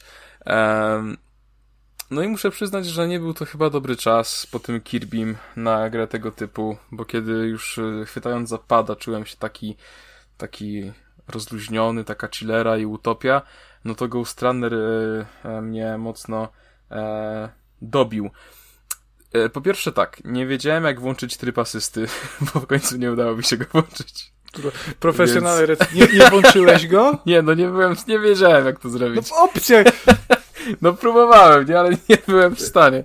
E, w każdym razie e, rozgrywka mi dawała A może po prostu nie frajdy. ma na PlayStation. Myślicie, że jest taka opcja? Nie, nie, nie, no, e, by, było, było w ustawieniach, e, coś tam segmerałem, ale no nic nie przynosiło. Przepraszam bardzo, skoro tryb asysty był w ustawieniach, to jak mogę, mogę się nie włączyć? On był wyszarzony, czy o co chodzi? Czy no, no bo nie chcę, nie chcę mi się wierzyć, że naciśnięcie X-a albo strzałki w prawo lub w lewo to przerasta twoje możliwości motoryczne, no. Stary, no nie wiem, no nie, nie włączyłem go, no nie udało mi się po prostu, no. E, w każdym razie podjąłem się gry bez niego i, i tak. Ja w żadnym wypadku nie mówię, że Ghost Runner jest grą złą. E, nawet bym powiedział, że jest grą dobrą. To jest troszeczkę ten sam poziom trudności. To jest kapitalna gra. E, to jest trochę ten sam poziom trudności, co w przypadku Hotline Miami. Takie odczułem wrażenie, bo e, po prostu musisz powtarzać dane segmenty do, do, do ustranej śmierci, aż wreszcie ci się uda. E, z każdym podejściem jakby wyciągasz kolejne wnioski i, i się uczysz nowych rzeczy. Więc ja wierzę, że kiedyś do tego Ghost Runnera wrócę i, i tę grę ukończę. W każdym razie teraz po prostu nie miałem totalnie moodu na, na tego typu grę. E, I jak się zaczęły większe trudności, już też z tą kotwiczką i tak dalej, e, to już stwierdziłem, że nie, po prostu, no nie, w tym momencie nie jest to gra, nie jest to gra odpowiednia na tę chwilę w moim życiu. E, niemniej jednak bardzo doceniam przede wszystkim aspekt wizualny tej gry. E, sama fabuła jest y, trochę tak śmierdzi kiczem z mojej perspektywy. Mm, jest taka trochę, trochę taka śliska. E, w każdym razie to, jak to gra wygląda, jest, jest bardzo dużym pozytywem. E, I, i też e, jeszcze jedna rzecz mi się podobała, nie zapomniałem. Aha, jakby kwestie parkurowe. Też mi się podoba to, że właśnie ta gra nie jest tylko trudna w kwestii walki, ale też stawia wyzwanie platformowe, zręcznościowe, nie? Tam faktycznie są te, te, pewne elementy, gdzie musisz się wykazać sprytem i szybkim czasem reakcji, refleksem chudego byka, żeby w dobrym momencie kliknąć dobry przycisk. Mm, więc y, to jak najbardziej na plus. Tylko mówię, po prostu no nie, nie miałem w obecnej chwili siły się użerać z tym, e, ale na tyle mi się też ten wpierdol, który dostałem, spodobał, że chyba jak do niej wrócę, to już nawet się poddam z próbą włączenia tego trybu asysty, tylko po prostu e, podejdę do gry na, na jakby tak, tak jak Pan Bóg przykazał. E, tak jak ona została stworzona. Nie, po prostu bez tego trybu asysty.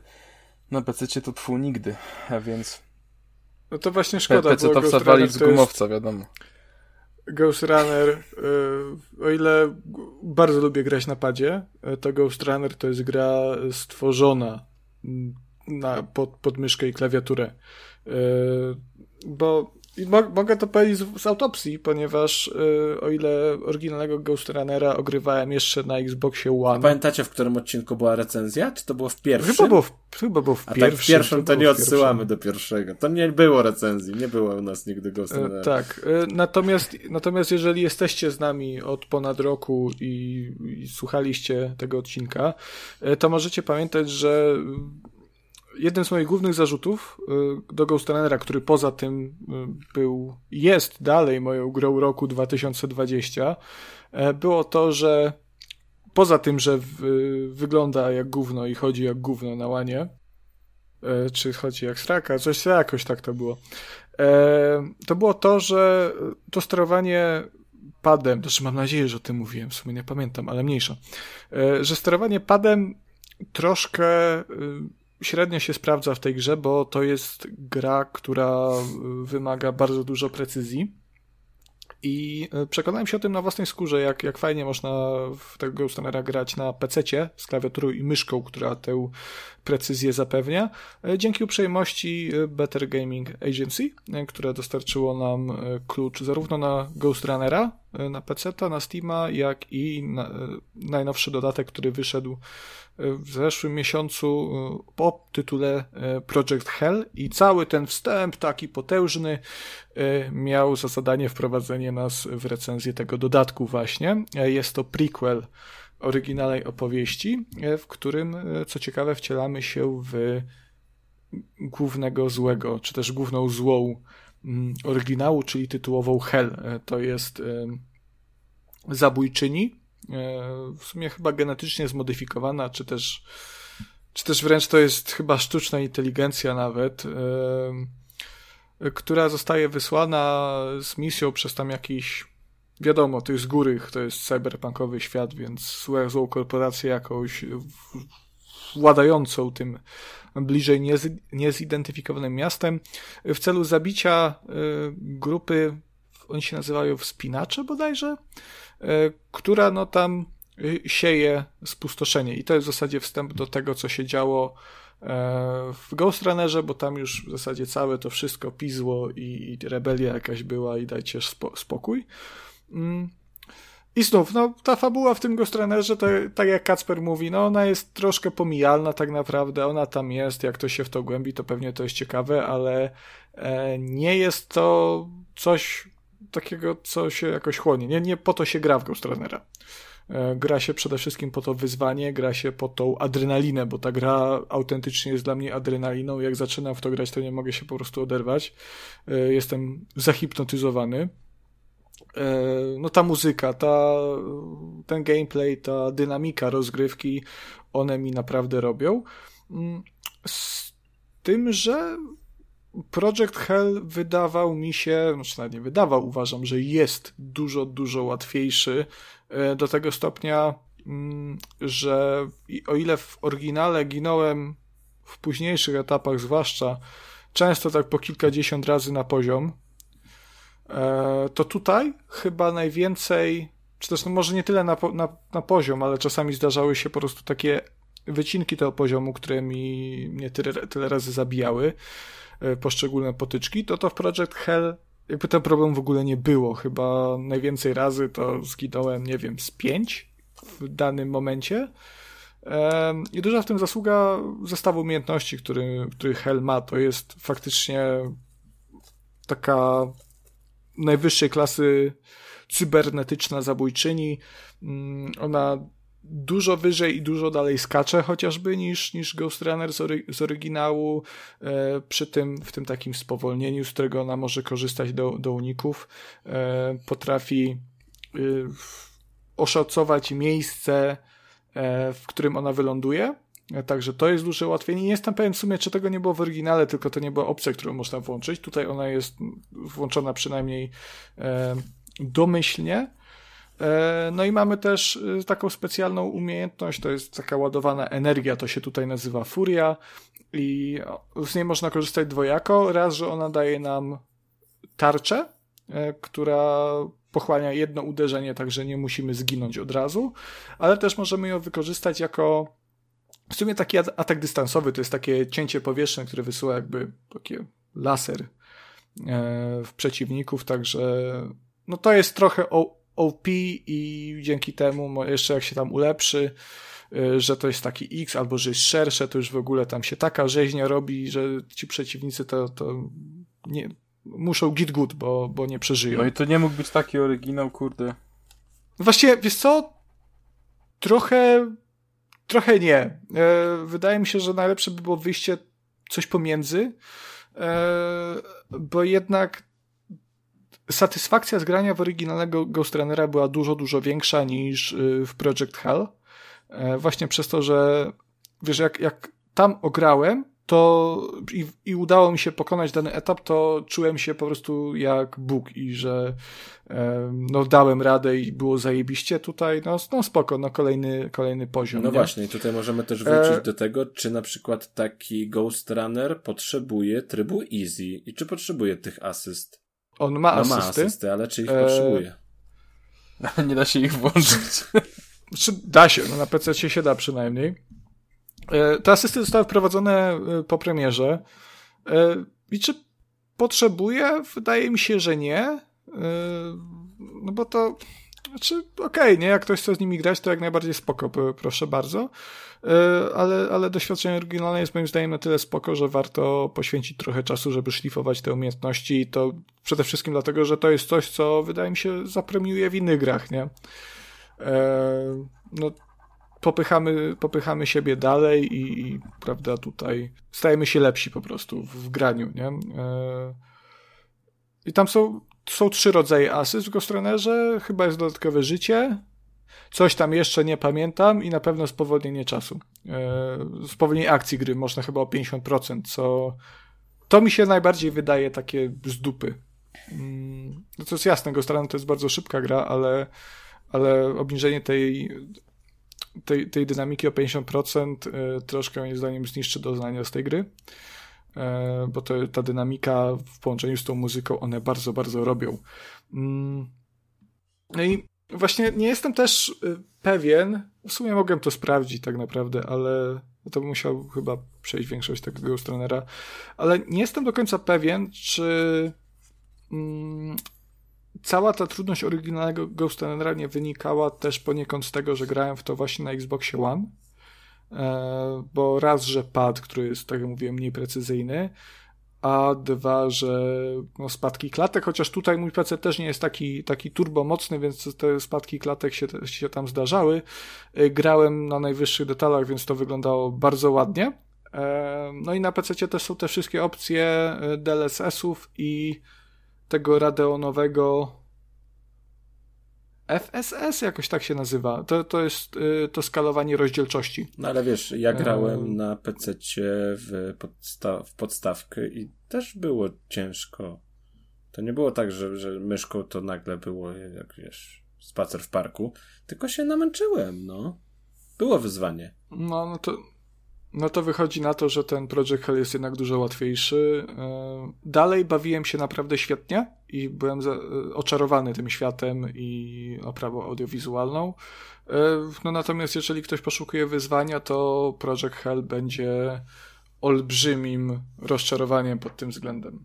Ale jak, jak po prostu chcecie więcej tego świata, więcej tego klimatu, to jak najbardziej polecam sięgnąć, bo naprawdę bawiłem się prześwietnie. Mhm. A nie jestem pewny, czy powiedziałeś, bo to w sumie ważne w przypadku omawiania dodatku, na ile on ci wystarczył, dodatkowego grania? E, on jest bardzo krótki, to jest, wiesz co, sprawdzę na Steamie, ale to są jakieś chyba 3 godziny? Mhm. No nie, no to tak, tak. E, niecałe, no to jest tak 2 godziny i 70, nie, no to powiedzmy 2 godziny 45 minut, to tak to pyknęło. No to tak takie, takie minimum chyba. Mhm. Zresztą też nie jest jakiś turbo drogi chyba, on tam kosztuje 60 zł. Więc to też nie, nie jest jakaś tragedia, ale, ale no co? Mi się podobało. Bardzo, bardzo fajny, fajny dodatek. Sama gra jest po prostu świetna. Aha, i e, jeżeli w oryginalnym Ghost nie podobały wam się te e, segmenty w świecie wirtualnym, e, te bardziej nastawione na parkour w sumie, to dobra wiadomość, tego tutaj nie ma. E, tutaj cały, jest, cały czas jesteśmy w tej y, rzeczywistej rzeczywistości, że tak to nazwę. No dobrze. To ja wam opowiem o kolejnej grze, którą zajawiałem w poprzednim epizodzie. A mowa tutaj o Itorach, czyli platformówce, która mi się bardzo podobała wizualnie i mówiłem, że chętnie bym w nią zagrał, a Konrad stwierdził, że w sumie takie mech, takie nic, nic nowego, nic oryginalnego. No bo w tle brokuły były, no. I ja teraz... To, to było najlepsze. Po chyba około dziewięciogodzinnej przygodzie z Itorach e, mogę tę grę zrecenzować i podsumować. I w sumie to jest bardzo dobry tytuł do tego, żeby pogadać o tym, czy recenzenci powinni zawsze kończyć grę i zawsze starać się dobrnąć do napisów końcowych, mm, zanim zaczną daną grę omawiać. Bo tutaj po pierwszych, nie wiem, dwóch, trzech godzinach mm, miałem takie odczucie, że to jest, to jest platformówka na 5 z plusem. Że tutaj wszystko jest tak, jak powinno być. E, wszystko jest dość e, oparte na dość znanych schematach. Jak najbardziej ładne, bawiłem się ok. I wraz z kolejnymi godzinami zaczęły wyłazić trupy z szafy. E, bo to wszystko zaczęło się, zaczęło się sypać. Ale zacznijmy od początku.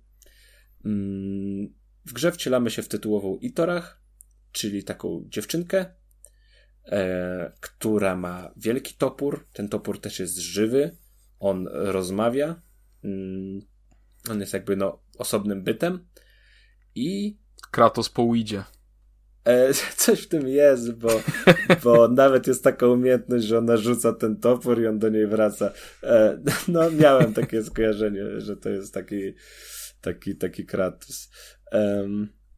No i to jest cała stylistyka tej gry, historia jest oparta ponoć, no nie wiem, nie znam, o mity Ameryki Środkowej i Południowej. Czyli to się chyba tak ładnie nazywa, że jest inspirowana kulturą mezoamerykańską. To nie mogłeś mi to opowiedzieć odcinek temu, jak to zajawiałeś, to mnie zaintrygowałeś teraz bardzo. Zaintrygowałem cię, no ale ja sprawdziłem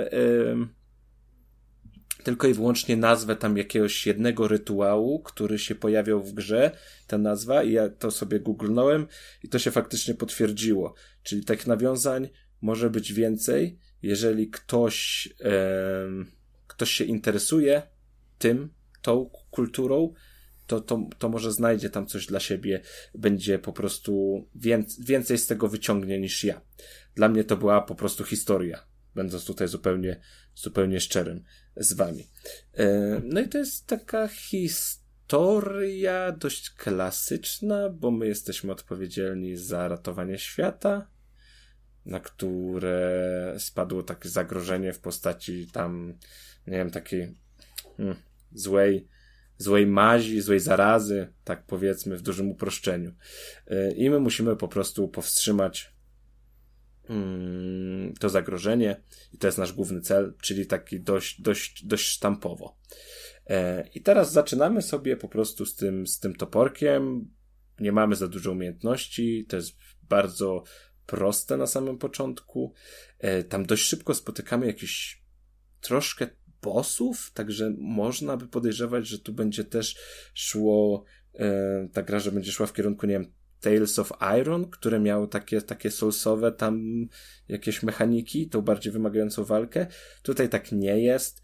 E, jest to jednak zdecydowanie bardziej platformówka, bo wraz z kolejnymi odwiedzonymi lokacjami odblokowujemy kolejne zdolności, nie wiem, tam się nam pojawia podwójny skok, to rzucanie toporem, o którym mówiłem, co pozwala nam na prze, y, uruchamianie przełączników, które są gdzieś dalej.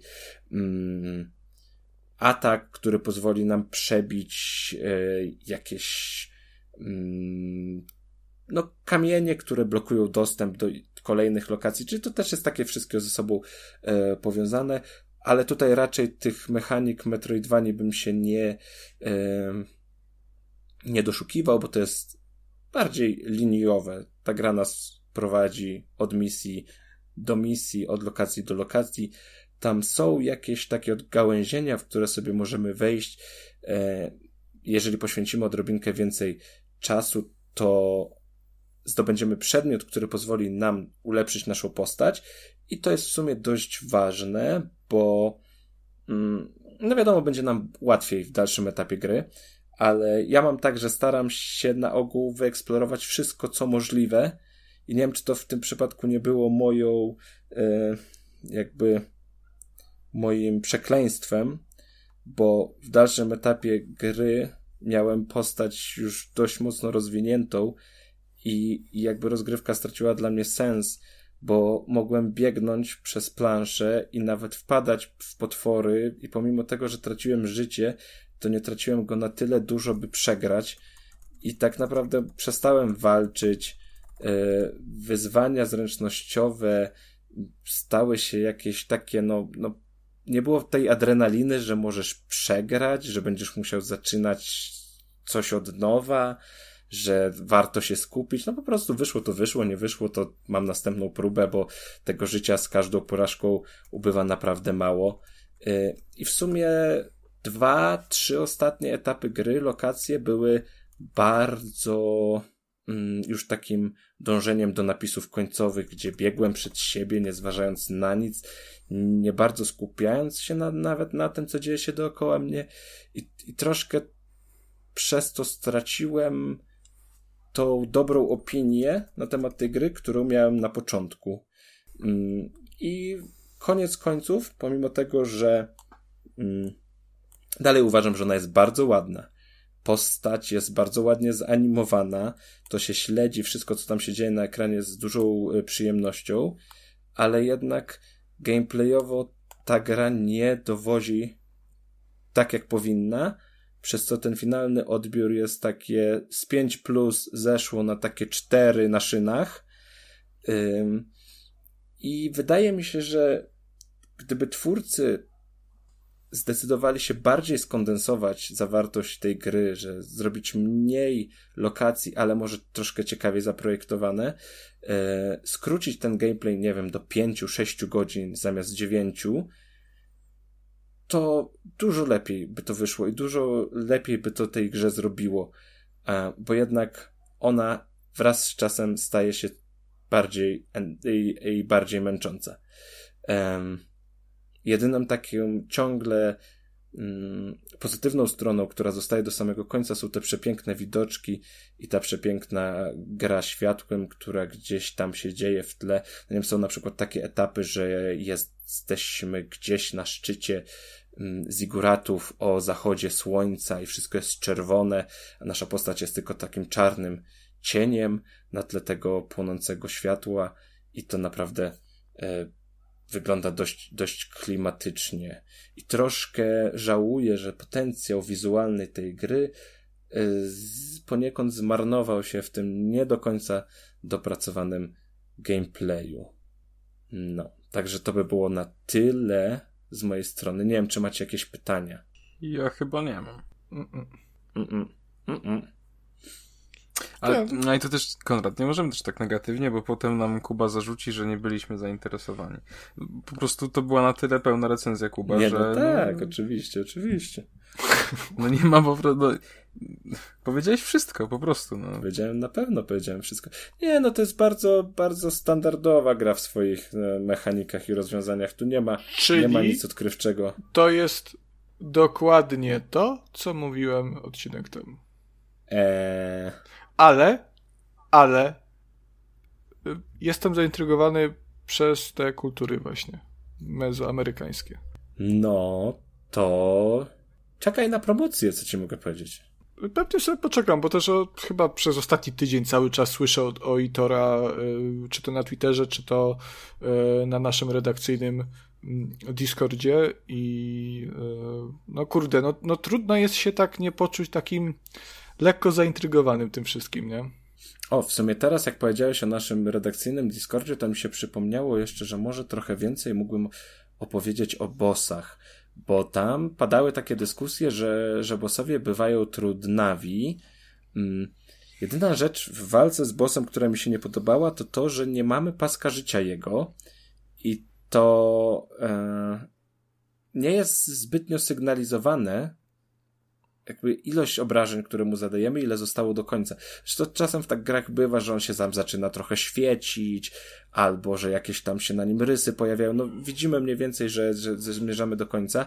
Tutaj tego nie ma tak charakterystycznie zarysowanego, e, także czasem to przypomina takie, takie bezsensowne walenie, walenie, walenie i aż będziemy uderzać tym toporem, aż ten potwór zginie.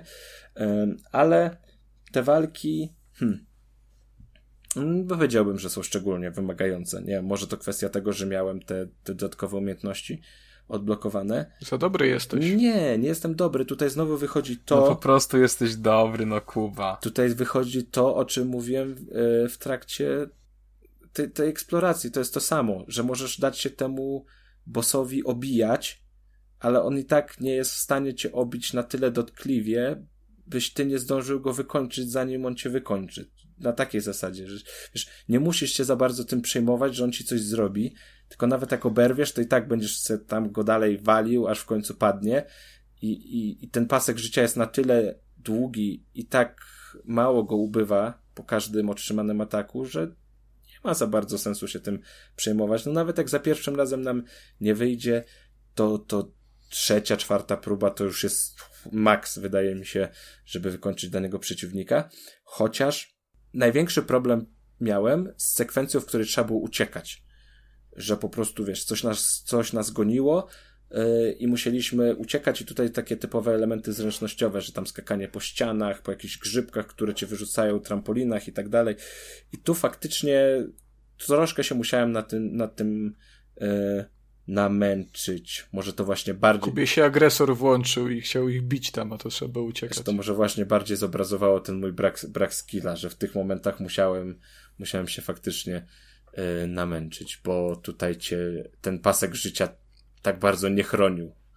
Także tyle na temat, na temat Itora.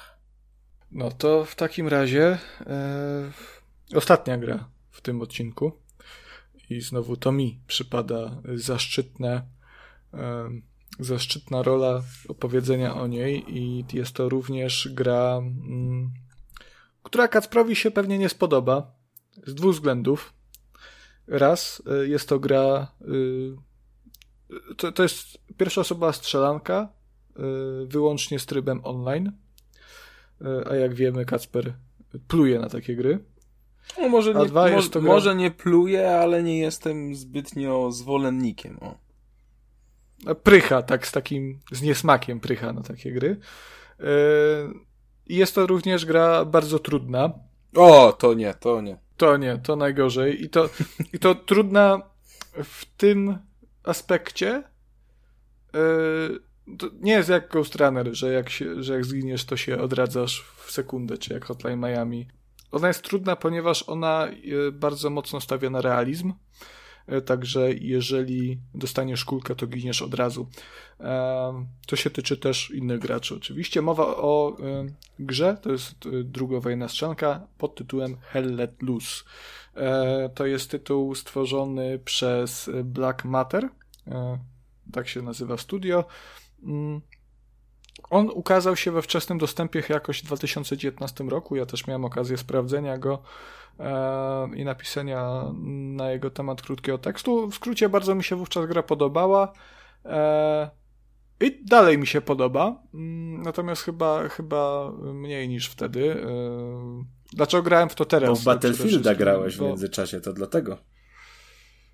E, a chcecie posłać jeszcze o Battlefieldzie potem? Mogę wam też o Battlefieldzie powiedzieć e, kilka słów. A czy, to będzie taka recenzja jak tego Crossfire'a? Ostatnio? Nie, właśnie nie. W sumie wiesz co, możemy to tak y, ładnie połączyć. Ja, ja, ja, szybko o tym Battlefieldzie opowiem, y, bo tam nie ma zbyt dużo zawartości, żeby się roz, roz, rozgadywać na ten temat. W każdym razie Hell Let Loose. Y, pierwotnie grałem na PC, y, natomiast w zeszłym roku y, ta gra wyszła również na konsolach, na Xboxie Series X, chyba One, PlayStation 5 i PlayStation 4. Mm, dostaliśmy kluczyk, ja ten kluczyk chętnie, prawda, mm, zgarnąłem, wykorzystałem i przez ostatnie jakieś dwa tygodnie sobie tam w tego Hell Let Loose'a grałem mm, i wydaje mi się, że po tych dwóch tygodniach, że chyba jednak nie jestem targetem tego typu gier, bo mimo, że koncepcja mi się bardzo podoba, to mm, strasznie się męczyłem. I to nie dlatego, że to jest zła gra, tylko mówię, dlatego, że może możliwe nie jestem targetem, bo to jest tytuł dla y, absolutnych ultrasów, jeżeli, jeżeli o fanów y, militariów chodzi. Y, jeżeli interesujecie się drugą wojną, e, to ta gra was prawdopodobnie zachwyci. E, to jest bardzo ładna gra, ta oprawa graficzna wygląda świetnie, oprawa dźwiękowa też jest e, kapitalna i nie mówię tutaj o muzyce, ale o samym dźwięku jakichś wybuchów, strzałów, które dobiegają z tego pola bitwy. I no przede wszystkim to, to jest gra bardzo realistyczna, bo tak jak mówiłem, każdy ginie od jednej kuli, no i to nie jest też tak, że ci, że ci ludzie biegają po prostu i skaczą jak małpy po, po uliczkach, prują z karabinów. To jest gra bardzo taktyczna, bardzo skupiona na współpracy różnych oddziałów w drużynie ze sobą, e, na odpowiednim korzystaniu z ról, z, ról, z klas postaci, bo tam są i medycy, i no i zwiadowcy, snajperzy, ludzie od czołgów, jacyś tam oficerowie, każdy odpowiada za inną, e, za inną rzecz i e, współpraca tych wszystkich ludzi, zarówno w obrębie jednego sześciosobowego oddziału, jak i całej drużyny, na którą może się składać nawet 50 osób, więc te mecze, w tych meczach bierze udział po 100, po 100 osób, e, no to ta współpraca jest klucze, kluczem do sukcesu. E, i też jest bardzo fajne to, że e, na tym polu bitwy ta sytuacja cały czas się zmienia, więc nawet jeżeli teraz wygrywamy i, i rozbijamy przeciwnika, wdeptujemy go w ziemię, no to to nie oznacza, że za chwilę to my nie dostaniemy w dupę są w tej grze w zasadzie dwa podstawowe tryby. Mm. Jeden to jest, e, to jest takie klasyczne przejmowanie punktów. Jedna drużyna atakuje, druga się broni. E, no i broniąca się drużyna ma, zasad, ma za zadanie utrzymanie swoich e, przyczółków mm, w, przez pół godziny. Natomiast druga drużyna ma za zadanie przejęcie każdego z pięciu przyczółków po przejęciu e, licznik się resetuje. Drugi tryb, drugi tryb e, polega natomiast na rywalizacji o te punkty i każda z drużyn zarówno atakuje, jak i broni e, w tym samym czasie. Także ta, która zdobędzie wszystkie pięć punktów, ta wygrywa. Mm. I jeżeli sobie policzyliście ten, ten czas, który podałem wcześniej, że pół godziny na przyczółek, pięć przyczółków, to możecie sobie łatwo wyobrazić, że te mecze potrafią trwać po 2,5 godziny. Słodki e, Jezu. Ba, w tym drugim trybie każdy mecz, o ile któraś z drużyn nie wygra, trwa 2,5 godziny. To nie jest gra, e, do której można sobie, wiesz, a dobra, to ja se teraz siądę, se szybko przed pracą zagram. No nie, no bo musisz wstać, wiesz, o czwartej rano, żeby przed pracą sobie meczyk zagrać. no dobra, ale powiedz mi w takim razie, w tych, w trakcie meczy, bo one są długie. A jeżeli jedna drużyna ma jakąś decydującą, taką widoczną przewagę, to tej mhm. drugiej może nie chcieć się kontynuować e, no, tak długiego meczu ze słabym składem, skoro wiesz, że on jest od razu skazany na porażkę.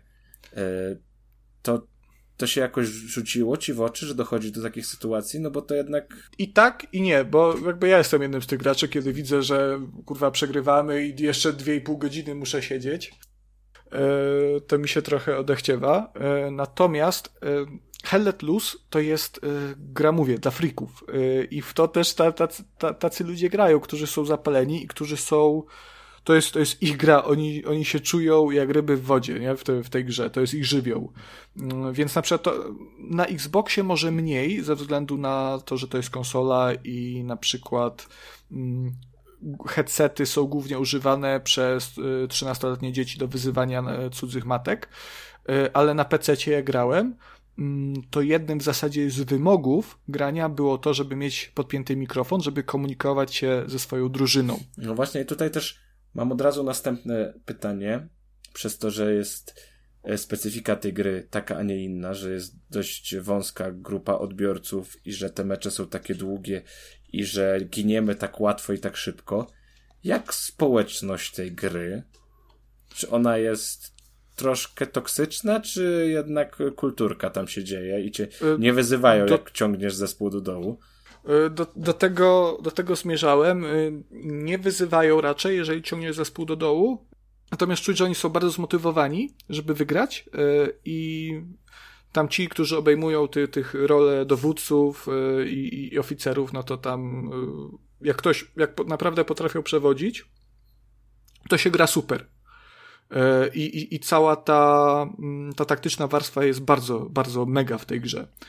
E, tylko problem jest taki, ale odpowiadając jeszcze na, na twoje pytanie, zaraz do wrócę, e, odpowiadając na twoje pytanie, e, na PC jak grałem, to troszkę ta społeczność była toksyczna właśnie ze względu na te mikrofony, bo to był jeden z wymogów. Jeżeli nie miałeś mikrofonu podpiętego, to cię strasznie szkalowano więc tam było straszne parcie na wygrywanie i to mi się bardzo nie podobało.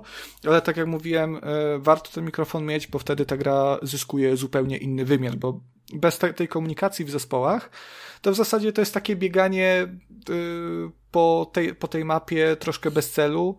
To jest siedzenie za osłoną i patrzenie w krzaki na horyzoncie, czy tam przypadkiem nie widać nie, nie widać jakiegoś łba, a potem giniesz, bo strzelił cię krzak.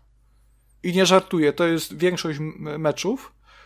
E, to jest patrzenie w krzaki, ostrzeliwanie krzaków, strzelenie do czegoś, czego nie widzisz, a coś tam jest. I potem często ginięcie właśnie przez to, nie? E, Ej, to brzmi jak świetna zabawa. To, znaczy, wiesz, to, to jest no to jest naprawdę dobra gra. Ja wiem, że to tak nie brzmi, ale, ale w to gra się zupełnie inaczej niż w, jakie, w jakąkolwiek inną strzelankę, bo faktycznie musisz się skradać, musisz. Yy... No czujesz się jak na tym polu walki, bo wiesz, że, że zaraz krzak może do ciebie strzelić i zginiesz, nie? I tyle. To nie jest tak, że tam jest jakiś margines błędu, musisz, musisz myśleć cały czas o tym, co robisz, przez to też ta gra jest na dłuższą metę męcząca, jeżeli nie jesteś stuprocentowo na, na niej skupiony. No ale też to frustruje, bo jak, jak nie jesteś tym freakiem, to to frustruje po jakimś czasie. Mm, zwłaszcza, że te mapy są kurde przeogromne. To jest autentycznie tak, że z jednego przyczółka do drugiego biegniesz kilka minut. A, to, a, a system respawnów jest oparty na garnizonach i jakichś tam posterunkach, które tworzą inni gracze, plus kilku y, takich defaultowych miejscach do, do spawnowania się. Okej, okay, a w trakcie Także takiej mówię... dwójpół godzinnej rozgrywki to ile razy cię zabija?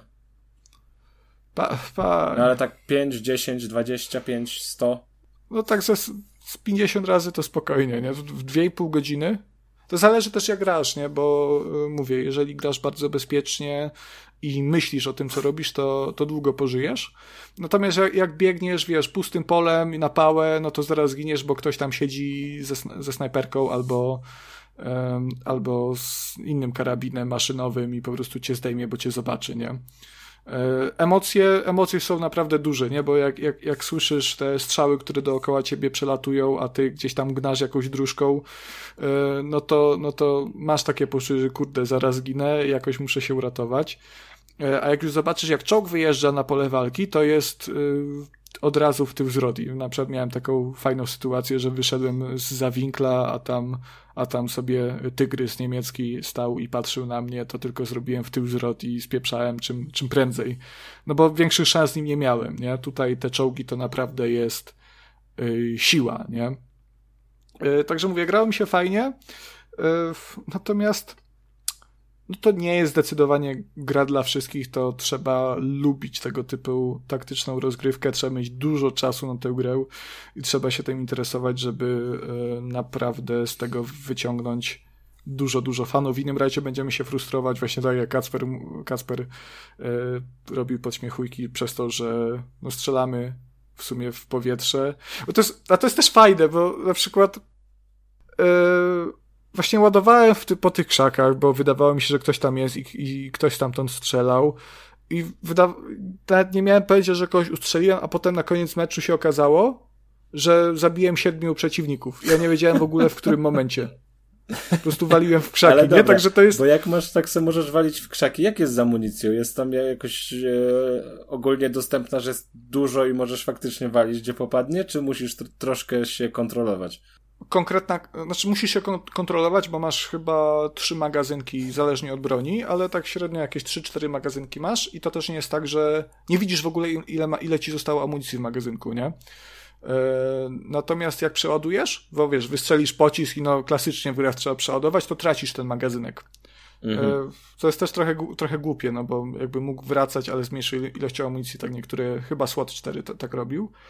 E, a uzupełniać można w konkretnych miejscach, e, przy konkretnych takich budyneczkach, które, czy budyneczkach, skrzyniach z amunicją, które dostawiają zaopatrzeniowcy.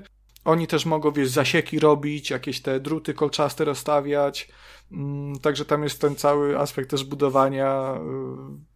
Y, I wiesz, jak się w to wkręcisz i masz fajną ekipę, to w to się gra super, bo to jest doświadczenie, no, no nie wiem, no nie chcę mówić, że jakbyś faktycznie brał udział w wojnie, ale zdecydowanie jest to bliższe doświadczenie wojenne, bardziej autentyczne niż na przykład Battlefield czy Call of Duty.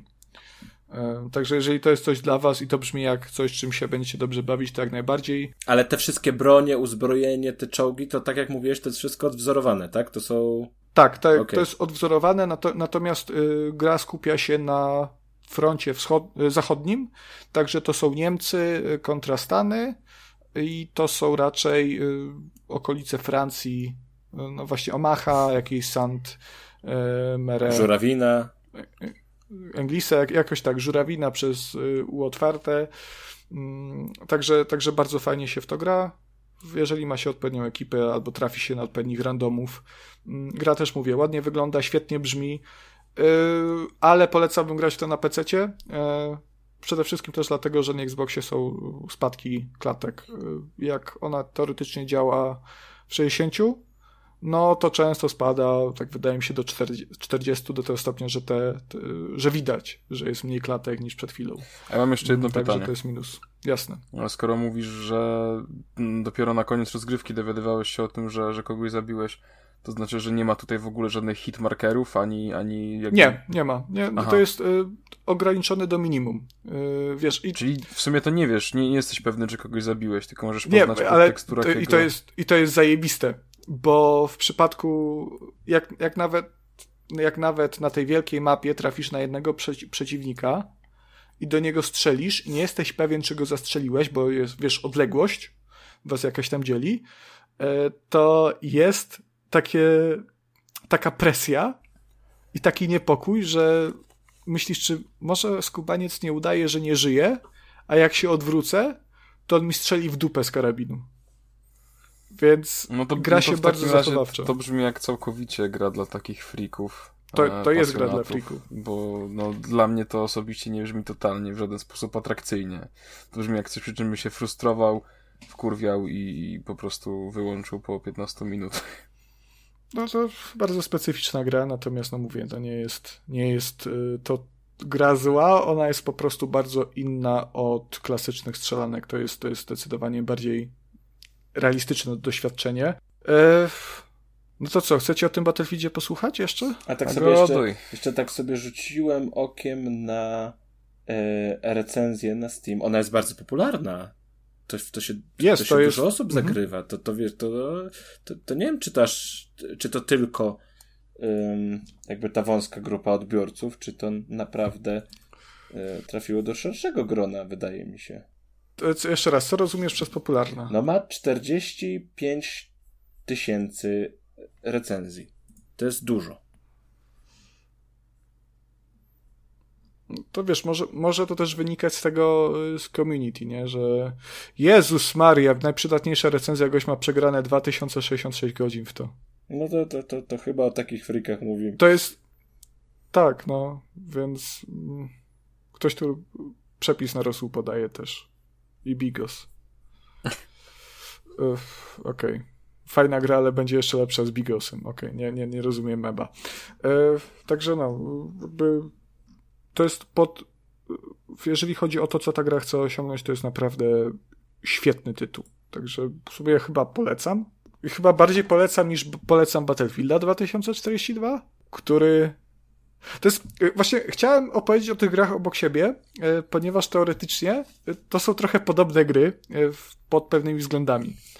Znaczy jasne, Battlefield 2042 to jest, to jest arcade taki chamski, mimo że teoretycznie w takim zawsze się utarło się to od wielu lat myślenie, że Call of Duty to jest arcade, Battlefield to jest ten taki bardziej realistyczny, natomiast w tym przypadku no to jakby to się kompletnie zmienia i Battlefield jest strasznie arcade'owy, e, bo jest, ale, ale też Battlefield 2042 e, miał być tym Battlefieldem, który wprowadza te olbrzymie mapy e, i 128 graczach, ło, nie, w ogóle coś niesamowitego. No i po zagraniu w Hell Let Loose jeszcze raz i, i w tym samym momencie grałem w Battlefielda 2042 i dalej gram, no to ten Battlefield, to, te mapy, to one sprawiają wrażenie po prostu jakichś komicznie małych, nie? E, natomiast sama gra,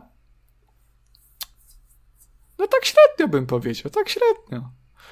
No, no nie jest zła, to nie jest zła gra, to jest takie, w sumie to, to jest takie 6 na 10. E, widać bardzo duży downgrade pod względem każdym praktycznie, między innymi też graficznym, e, względem Battlefielda 5 czy, czy 1. No tamte gry po prostu wyglądały niesamowicie. Ten jest ok, on wygląda ładnie, ale, ale to dupy nie urywa, nawet na nowych konsolach.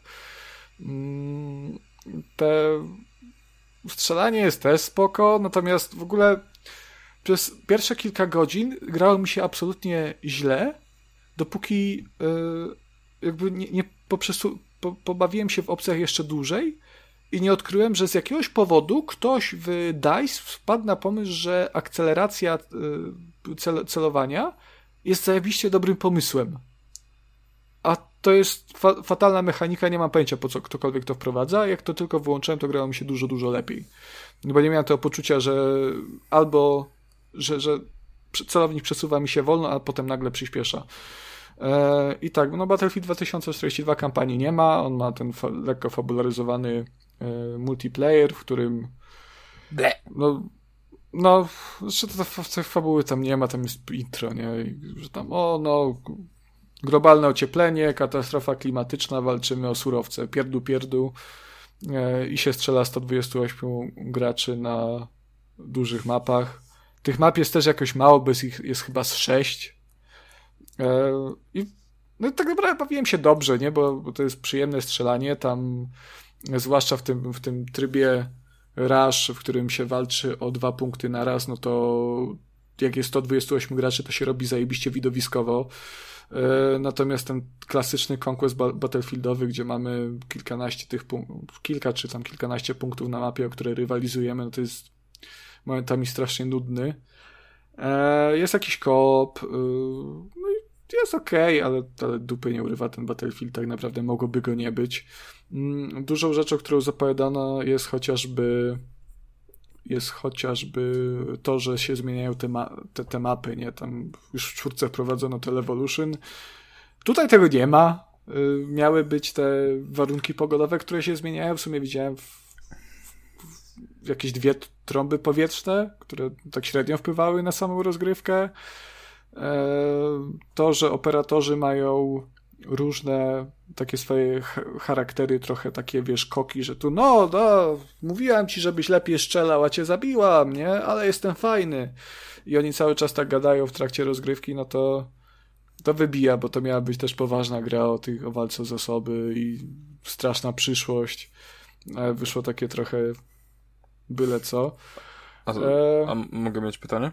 Proszę, jak no, najbardziej. Są te ogromne wieżowce, które się zawalają, tak jak na filmikach, czy... No nie, właśnie nie ma wieżowców, które się zawalają. Są wieżowce, ale one się nie zawalają. Jest trąba powietrzna, która obok nich przechodzi i, i tam wiesz, spada coś czasami, nie? Z tej trąby jakaś tam, nie wiem, kawałek samolotu, ale to jest raczej... Za ile kupiłeś nie, tę grę? 95 zł. 95? Tak. Czy kupiłbyś drugi raz tę grę za tyle pieniędzy?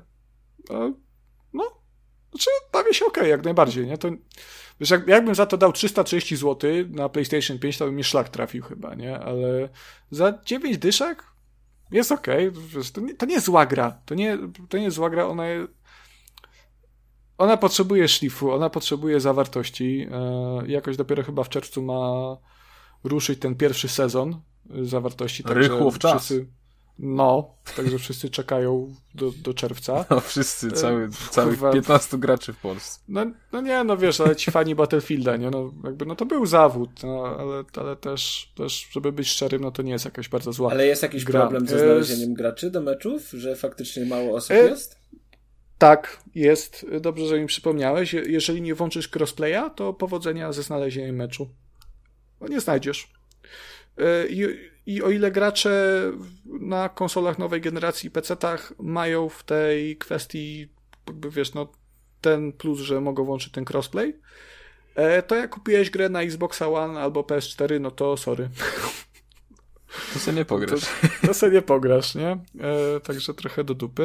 E, coś, co, rzecz, która mi się bardzo w tym Battlefieldzie podoba, to jest e, między innymi, znaczy przede wszystkim Battlefield Portal i e, tryb tych e, map Legacy. To jest tam zestaw map ze starszych Battlefieldów e, z remakeowanych. To jest z trójki, z Bad Company 2 i te 1942 tego pierwszego. I kurde, i jak się zajebiście czułem, tak, mnie, tak mi nostalgią dało po żeberkach, jak na El Alamein znowu wróciłem po chyba 20 latach od premiery oryginału i mogłem tam sobie pojeździć tym, tym po tych piaskach czy, pustyni czy, czołgiem. Czy motyw jako, przewodni był ten sam, muzyczny? E, nie, nie było motywu nie. niestety przewodniego, tego kapitalnego. E, tylko wiesz, to jest super, ten powrót na te stare mapy jest mega, natomiast to trochę świadczy o tym nowym Battlefieldzie, bo to tak uświadamia, że kurde, wolałbym grać jednak w grę sprzed 20 lat, niż tę, którą kupiłem teraz. Także, mm, no szkoda, to jest bardzo przykre, co się z Battlefieldem podziało. E, bo po premierze 2042 e, Battlefield 5, który był bardzo kontrowersyjny i źle odbierany przez społeczność, wydaje się super kurde grą. A tak jeszcze odpowiadając na jakby twoje zarzuty co do Battlefielda tego nowego z momentu zapowiedzi, no to to, że on nie ma y, kampanii singlowej, y, to nie jest problem tej gry. Y, problemem tej gry jest to, że ona jest po prostu bardzo mocno średnią grą. No. Tak, nie wiem, mam jakieś takie odnoszę wrażenie, że mówisz, że jest taką, taką średnią grą, ale tak naprawdę jest kiepską grą. Tak jakoś. To, znaczy- to, twoje, to twoje średnio bardziej ciągnie tę grę do dołu niż do góry. To... No, też tak odczuwam. Jakbyś czuł gdzieś wewnętrzną potrzebę takiego troszeczkę wyblatowania tej gry. Znaczy, Troszkę czuję, bo mówię, w Battlefielda jedynkę trochę grałem i, i, bardzo mi się ta gra podobała, byłem w niej zakochany. E, no i właśnie takiego smaka czułem strasznego na, na Battlefielda, kupiłem to 2042 wbrew swojemu instynktowi. I mówię, no to jest gra na 5, 6, na 10, to dla wielu to jest zła gra, nie? Właśnie, natomiast no ona daje fan, fajnie się strzela y, i bawię się na zaskakująco dobrze w niej, nie? Mm, gdzieś tam jeżdżąc, natomiast ona ma dużo problemów, których się nie da przeoczyć nie? i o których trzeba powiedzieć. No a przez to, że e, w większości się o tych, mówi się o tych problemach, to no to brzmi jakby ta gra była bardzo, bardzo słaba, a, a, a taka nie jest, no. Czekaj, czy ja... Czy ona jest warta 9... Czy ja dobrze no? kojarzę, że tam nie ma tablicy wyników? Co gdzieś słyszałem? Że, e, nie ma. Że nie, nie ma. Że nie możesz zobaczyć, że byłeś dobrym albo złym graczem, żebyś nie poczuł się gorzej? Mm, no. Okej, okay. czyli, jest... czyli dobrze pamięta. Tak, no to jest e, bardzo dużo rzeczy tu nie ma i bardzo dużo trzeba wprowadzić, ale przede wszystkim jakość. Chyba o, rozmawianie o tej grze to jest i opowiadanie o niej to jest strasznie ciężka sprawa. Trochę ta recenzja jest, jest taka ad hoc, więc no nie jestem aż tak dobrze przygotowany do niej, więc może chaotycznie mówię. Natomiast no, no no cóż, no, no taką grę nam dali i, i w sumie w sumie Jak taką dali, jestem to taką trzeba bo... było kupić i Konrad kupił, no. Co miał zrobić, no? Ale nie, kup... ale nie kupiłem za pełną cenę. No wiesz, to nie jest tak, że poleciałem do sklepu i wydałem 200 a, a, max, a max ile byś był w stanie dać? 95 zł. to jest nie autentycznie, to już była taka cena, że tak stwierdziłem, okej, okay, jestem, jestem w stanie zaryzykować. Wiem, że. No czekajcie, a dużo nie, gra, nie tak miała przechodzić jakoś na free to play? Były tylko nie, plotki. To plotki aha, były. Aha, okay. No ale no nie wiadomo, czy to się tak nie skończy. Zobaczymy, jak będzie, jak ten sezon pierwszy wystartuje. No niemniej jednak y, tam przygotowywałem trochę materiałów o tym, no to, to ten Battlefield naprawdę przeprawia sporo dużego bólu głowy i w EA i w DICE. Tam się spory zrobił smród przez tę grę. No, no to przez, je, przez jej odbiór bardziej niż, niż przez samą grę. E, no, no chociaż, bo... chociaż pani z jej twierdzi, że tak naprawdę gra wcale nie jest zła, tylko to Halo Infinite im zepsuło wszystko. To, to jest z dupy, bo Halo to jest w ogóle jakby skierowane do innego typu gracza, nie? Ale, ale no, okej. Okay. Nie, nie znasz się, bo pani z jej mówi inaczej. No, no wiem, już ja wiem, że gówno, gówno się znamy, no ja wiem. Nie, jakby, mm, szkoda. Mam, nadzie- znaczy, mam nadzieję, że ten czerwiec pokaże, że ten Battlefield jest do odratowania, bo przecież takie historie się zdarzały. E, Rainbow Six Siege przecież też miał dosyć taki sobie debiut. Oby nie, bo jak nie, to będzie za darmo. I se zagram. nie płacąc. za konsolę zapłaciłem, to wystarczy. Co tam będę więcej? Także to był, to był mój take na Battlefieldzie 2042.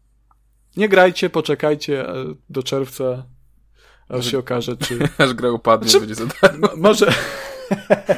Czy możecie zagrać jak, jak, jak chcecie, no ale wydaje mi się, że lepiej wrócić do BFA 1 i w sumie będziecie się lepiej bawić chyba niż, niż w tym. Jak się kupicie, też się nic nie stanie, no, no będzie spoko, nie? Ale żeby akurat po, za, po to lecieć do sklepu, to, to też nie. No. To co, to chyba Dobrze, no to co? do końca.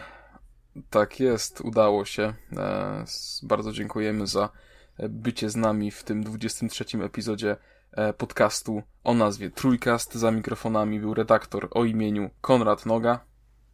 Jo, jestem redaktor umieniu. O umieniu, dobra. E, dziękuję za uwagę. Cześć i dobranoc i do widzenia. Redaktor o imieniu Kuba Smolak. Dziękuję bardzo za uwagę i za to, że dotrwaliście do końca. Do usłyszenia, dobranoc.